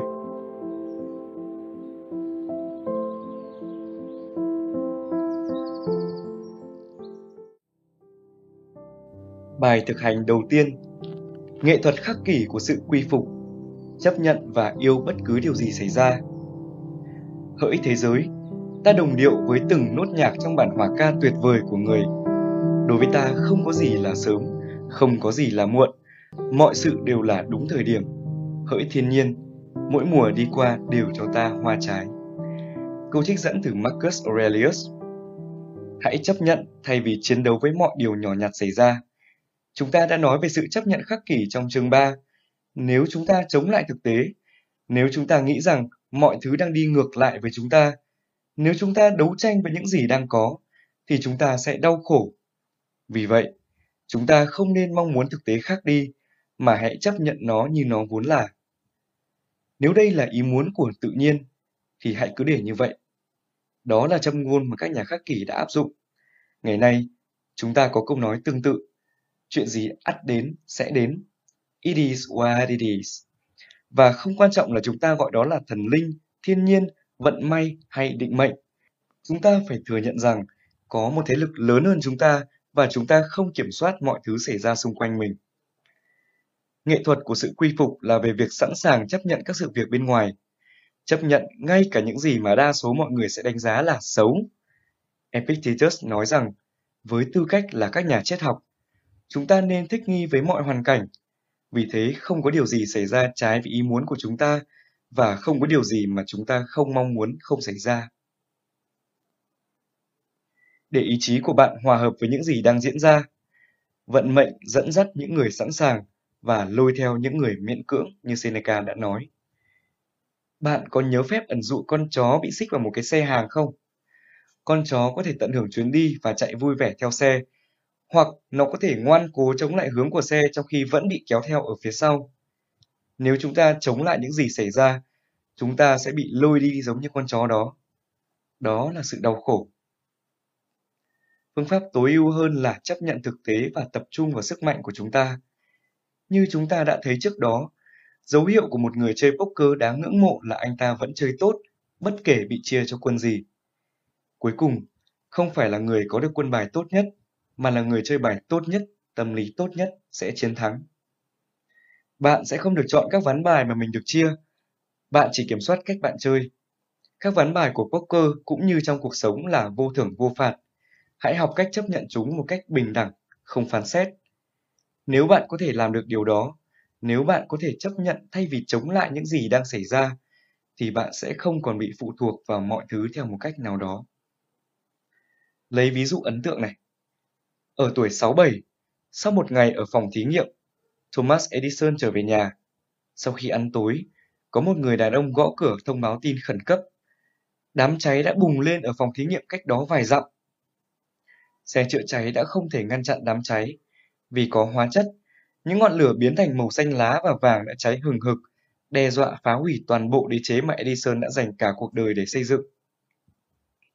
Khi Edison đến hiện trường, ông ngay lập tức nói với con trai mình, hãy đưa mẹ con và tất cả bạn bè của mẹ đi. Họ sẽ không bao giờ thấy một đám cháy như thế này nữa. Một phản ứng phải nói rằng không thể tin được, đúng không? Ông ấy đã đánh mất phần lớn những gì dày công xây dựng suốt cả cuộc đời và thay vì buồn bã hay tức giận, Ông đã chấp nhận nó và cố gắng làm tốt nhất có thể. Ông bắt đầu xây dựng lại những gì ngọn lửa đã phá hủy vào ngày hôm sau. Đây là ví dụ tận dụng những quân bài mình có. Đó là sự không kháng cự. Thêm vào đó, ví dụ này cho thấy sự chấp nhận khắc kỷ không liên quan gì đến việc từ bỏ một cách thụ động. Edison bắt đầu xây dựng lại mọi thứ ngay ngày hôm sau. Ông chấp nhận số phận của mình một cách khoan dung và cố gắng làm tốt nhất có thể. Và đó là điều mà các nhà khắc kỷ khuyên chúng ta nên làm. Đừng chiến đấu với thực tại, nhưng hãy mang ý chí của bạn hòa hợp với nó và tập trung vào nơi sức mạnh của bạn đang nằm ở đâu. Marcus Aurelius có một mẹo nhỏ để đưa ý chí của mình hòa hợp với thực tại. Ông mới so sánh những gì xảy ra với những gì bác sĩ kê đơn cho chúng ta. Giống như bạn phải dùng một số loại thuốc khi bác sĩ yêu cầu, chúng ta nên xem xét các sự việc bên ngoài như vậy, bởi vì chúng giống như loại thuốc ở đó để giúp chúng ta. Những gì sẽ đến với ta là liều thuốc thiên nhiên ban tặng để ta chuyển mình thành phiên bản tốt hơn. Những điều đó xảy ra vì chúng ta, không phải chống lại chúng ta, ngay cả khi nó có vẻ không phải là như vậy. Đây là những gì tôi nghĩ. Thiên nhiên vô cùng phức tạp và không thể phân biệt được điều gì là tốt hay xấu, bởi vì bạn không bao giờ biết được những bất hạnh sẽ đem đến cái gì, và bạn sẽ không bao giờ biết những vận may sẽ đem đến cái gì. Vì vậy, tôi cố gắng chấp nhận mọi thứ như thể mình đã lựa chọn những điều này. Bằng cách đó, tôi chuyển từ một nạn nhân luôn than phiền, luôn than thân trách phận, trở thành một người sáng tạo có trách nhiệm. Tôi thực sự khuyên bạn nên xem video YouTube có 2 phút này. The Story of the Chinese Farmer, câu chuyện của người nông dân Trung Quốc. Đến đây, chúc mừng bạn. Chúng ta đã cùng nhau hoàn thành bài thực hành đầu tiên.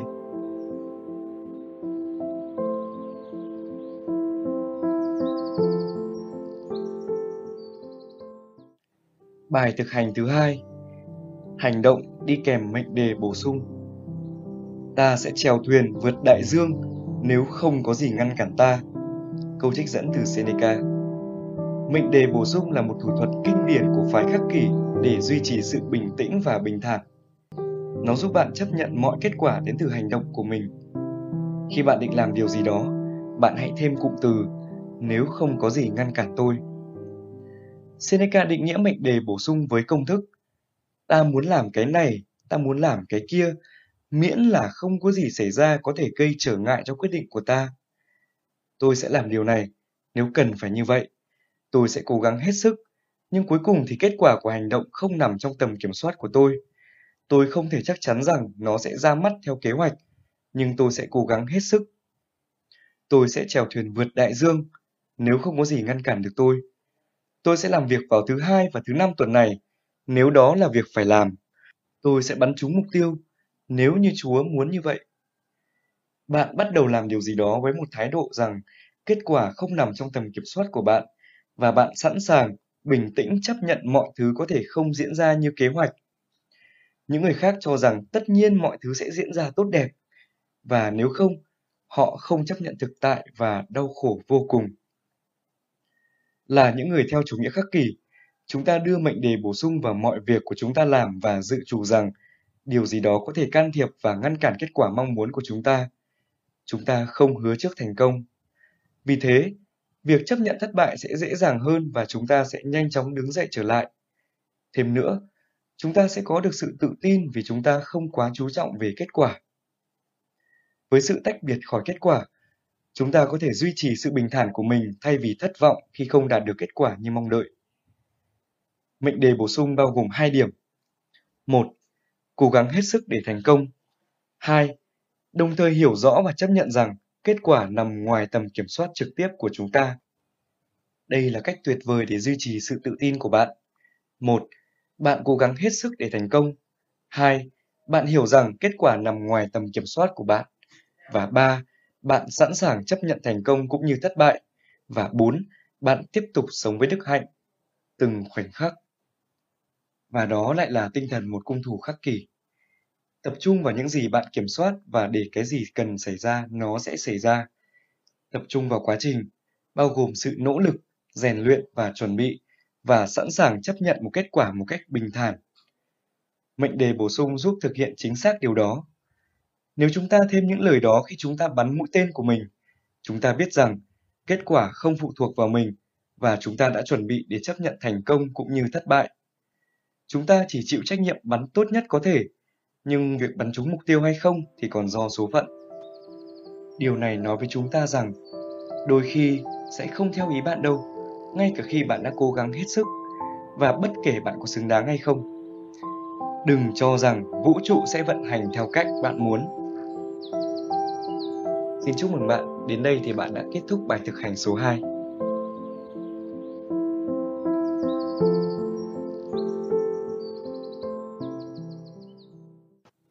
Bài thực hành số 3 Điều gì cản đường sẽ thành con đường Sự cản trở hành động thúc đẩy các hành động Những gì cản đường sẽ trở thành con đường Câu trích dẫn từ Marcus Aurelius Chắc chắn đây là một trong những cách hiệu quả nhất trong lịch sử giúp vượt qua mọi tình huống tiêu cực.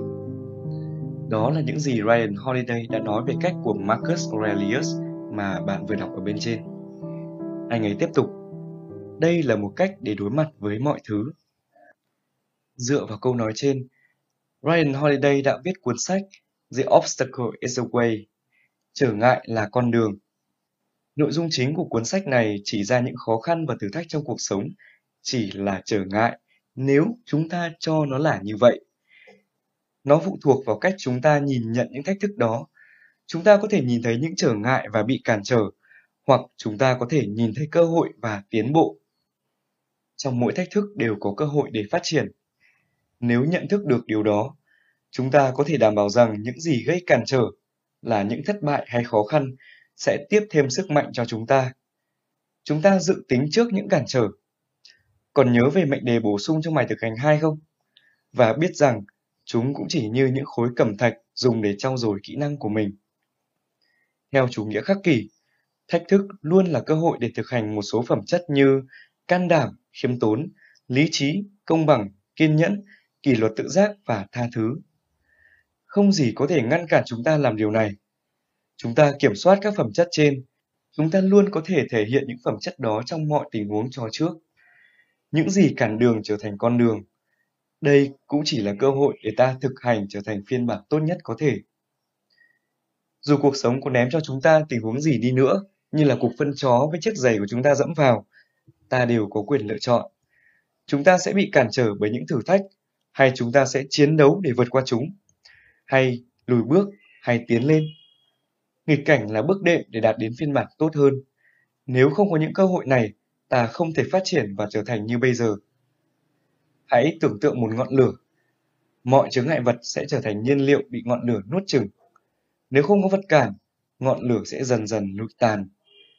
Bạn chính là ngọn lửa đó. Không có gì gọi là trở ngại bởi vì chúng đơn giản là tiếp năng lượng cho bạn và làm cho bạn mạnh mẽ hơn. Marcus Aurelius gọi việc sử dụng các thách thức là nhiên liệu tiếp sức là xoay chuyển tình thế Bất cứ khi nào có điều gì đó cản trở, hãy sử dụng trở ngại đó để thực hiện mục tiêu quan trọng nhất của bạn, để sống đúng với đức hạnh, để thể hiện phiên bản tốt nhất của chính bạn. Không gì có thể ngăn cản bạn làm điều này. Bạn sẽ tiếp tục tiến bộ và sẽ luôn có những trở ngại mới, hay nói cách khác, những cơ hội khác xuất hiện. Bạn có thể sử dụng chúng làm nhiên liệu và thực hành các kỹ năng trong tầm kiểm soát của mình. Tất cả điều này phụ thuộc vào nhận thức của bạn. Thách thức có thể là gông cùm xiềng xích, nhưng cũng có thể là đôi cánh tự do. Cách bạn định nghĩa thách thức là yếu tố quyết định để bạn vượt qua nó thành công hay không. Cuối cùng, trọng tâm không phải là thách thức, mà là cách bạn nhìn nhận thách thức. Nếu ngươi bị tổn thương bởi bất cứ yếu tố ngoại cảnh nào, không phải điều đó khiến ngươi khó chịu, mà là nhận định của ngươi về nó mới khiến ngươi khó chịu. Và là nhà ngươi, chính ngươi đấy, Ngươi nắm trong tay sức mạnh để xóa đi nhận định đó ngay bây giờ. Marcus Aurelius nói rằng cách bạn nhìn nhận sẽ biến thách thức thành chướng ngại hay thành cơ hội. Tùy bạn thôi. Bạn có thể tìm thấy cơ hội phát triển trong mọi sự việc. Bạn luôn có thể cố gắng xoay chuyển tình thế và thể hiện những phẩm chất tốt nhất. Không có nghĩa bạn coi mọi thứ là màu hồng.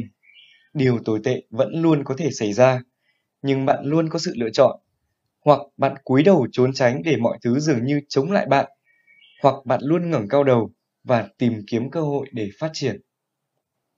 Bạn sẽ trở nên tốt hơn theo thời gian và bạn sẽ đạt đến một cảnh giới với sự bình thản tuyệt đối. mà không có gì có thể lay chuyển bạn. Bạn luôn sẵn sàng và dễ dàng đối phó với bất cứ tình huống gì đời ném cho mình. Đến đây, xin chúc mừng bạn vì bạn đã hoàn thành bài thực hành số 3.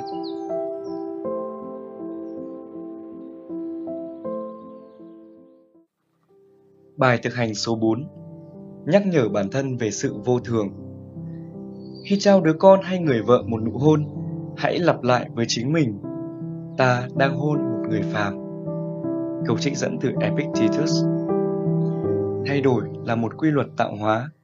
Mọi thứ thay đổi liên tục. Đời là phù du. Những người ta quan tâm có thể bị cướp khỏi ta trong tích tắc mà không báo trước. Đây là lý do tại sao Marcus Aurelius thường nhắc nhở bản thân về phép ẩn dụ thời gian như dòng sông, mọi thứ rồi sẽ trôi đi. Hãy nghĩ về những thứ đang hoặc sắp xảy ra mà đã nhanh chóng trôi ngang đời ta rồi biến mất khỏi tầm mắt. Vì mọi sự như một dòng chảy không ngừng, luôn thay đổi và dao động, hiếm có thứ gì bất biến. Mọi thứ luôn thay đổi rồi nhẹ nhàng đi qua, những điều vừa mới xảy ra đã trôi đi rồi. Vì vậy, chúng ta nên nhắc nhở bản thân rằng những người thân yêu dù có quý giá với ta đến thế nào, rồi cũng có một ngày phải rời đi. Hãy trân trọng những gì đang có, vì nó có thể biến mất vào ngày mai, 5 phút sau. Cuộc sống là vô thường. Hãy nhớ rằng bạn thật may mắn khi có thể tận hưởng những gì bạn có. Sự tận hưởng này có thể kết thúc đột ngột và bạn sẽ không bao giờ có thể tận hưởng những thứ đó nữa. Học cách tận hưởng mọi thứ mà không bám chấp vào đó. Với phép ẩn dụ về dòng sông, bạn không còn quá bám chấp vào những gì bạn yêu thích và giảm bớt nỗi sợ hãi về những thứ bạn không có cảm tình. Bởi vì bạn biết rằng tất cả đều luôn thay đổi, những điều bạn thích cũng như vậy. Nhìn chung, bạn không còn quá coi trọng ngoại cảnh nữa. Hiểu rằng không gì là mãi mãi sẽ khiến bạn bớt đi sự bám chấp và dễ dàng chấp nhận hơn khi mọi thứ thay đổi hoặc khi bạn mất đi những gì mình yêu thích.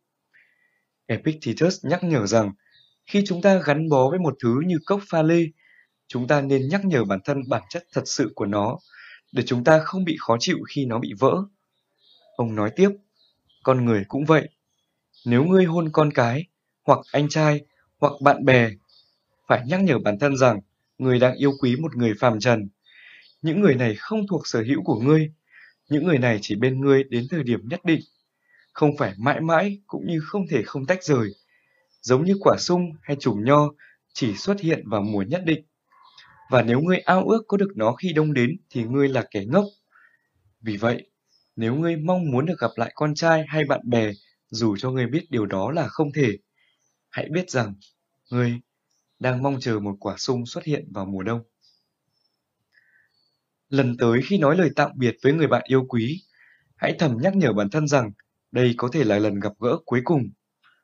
Bạn sẽ ít bám chấp vào họ hơn và nếu có gặp lại, bạn sẽ càng trân trọng điều đó. Rất nhiều thứ xảy ra mà chúng ta không thể thay đổi, nhưng chúng ta có thể dùng tinh thần thép để dũng cảm đương đầu với mọi ẩn số và đưa ý nguyện của chúng ta hòa hợp với thực tại. Khi không có quả sung thì tức là không có quả sung mọi thứ luôn thay đổi. Nhận thức được sự trôi đi của khoảnh khắc này khi bạn đọc cuốn sách. Nó biến mất nhanh chóng. So sánh thời điểm này với một ngày, một tuần, với toàn bộ cuộc đời bạn. Mọi thứ thay đổi. Bạn thay đổi. Hãy tưởng tượng một thế hệ đi trước và tất cả thế hệ trẻ hơn sau khi bạn ra đi. Nhìn về chiều dài toàn bộ lịch sử loài người. Thấy không? Mọi thứ đến rồi đi không có gì là mãi mãi. Đến đây, xin chúc mừng bạn vì bạn đã hoàn thành bài thực hành số 4.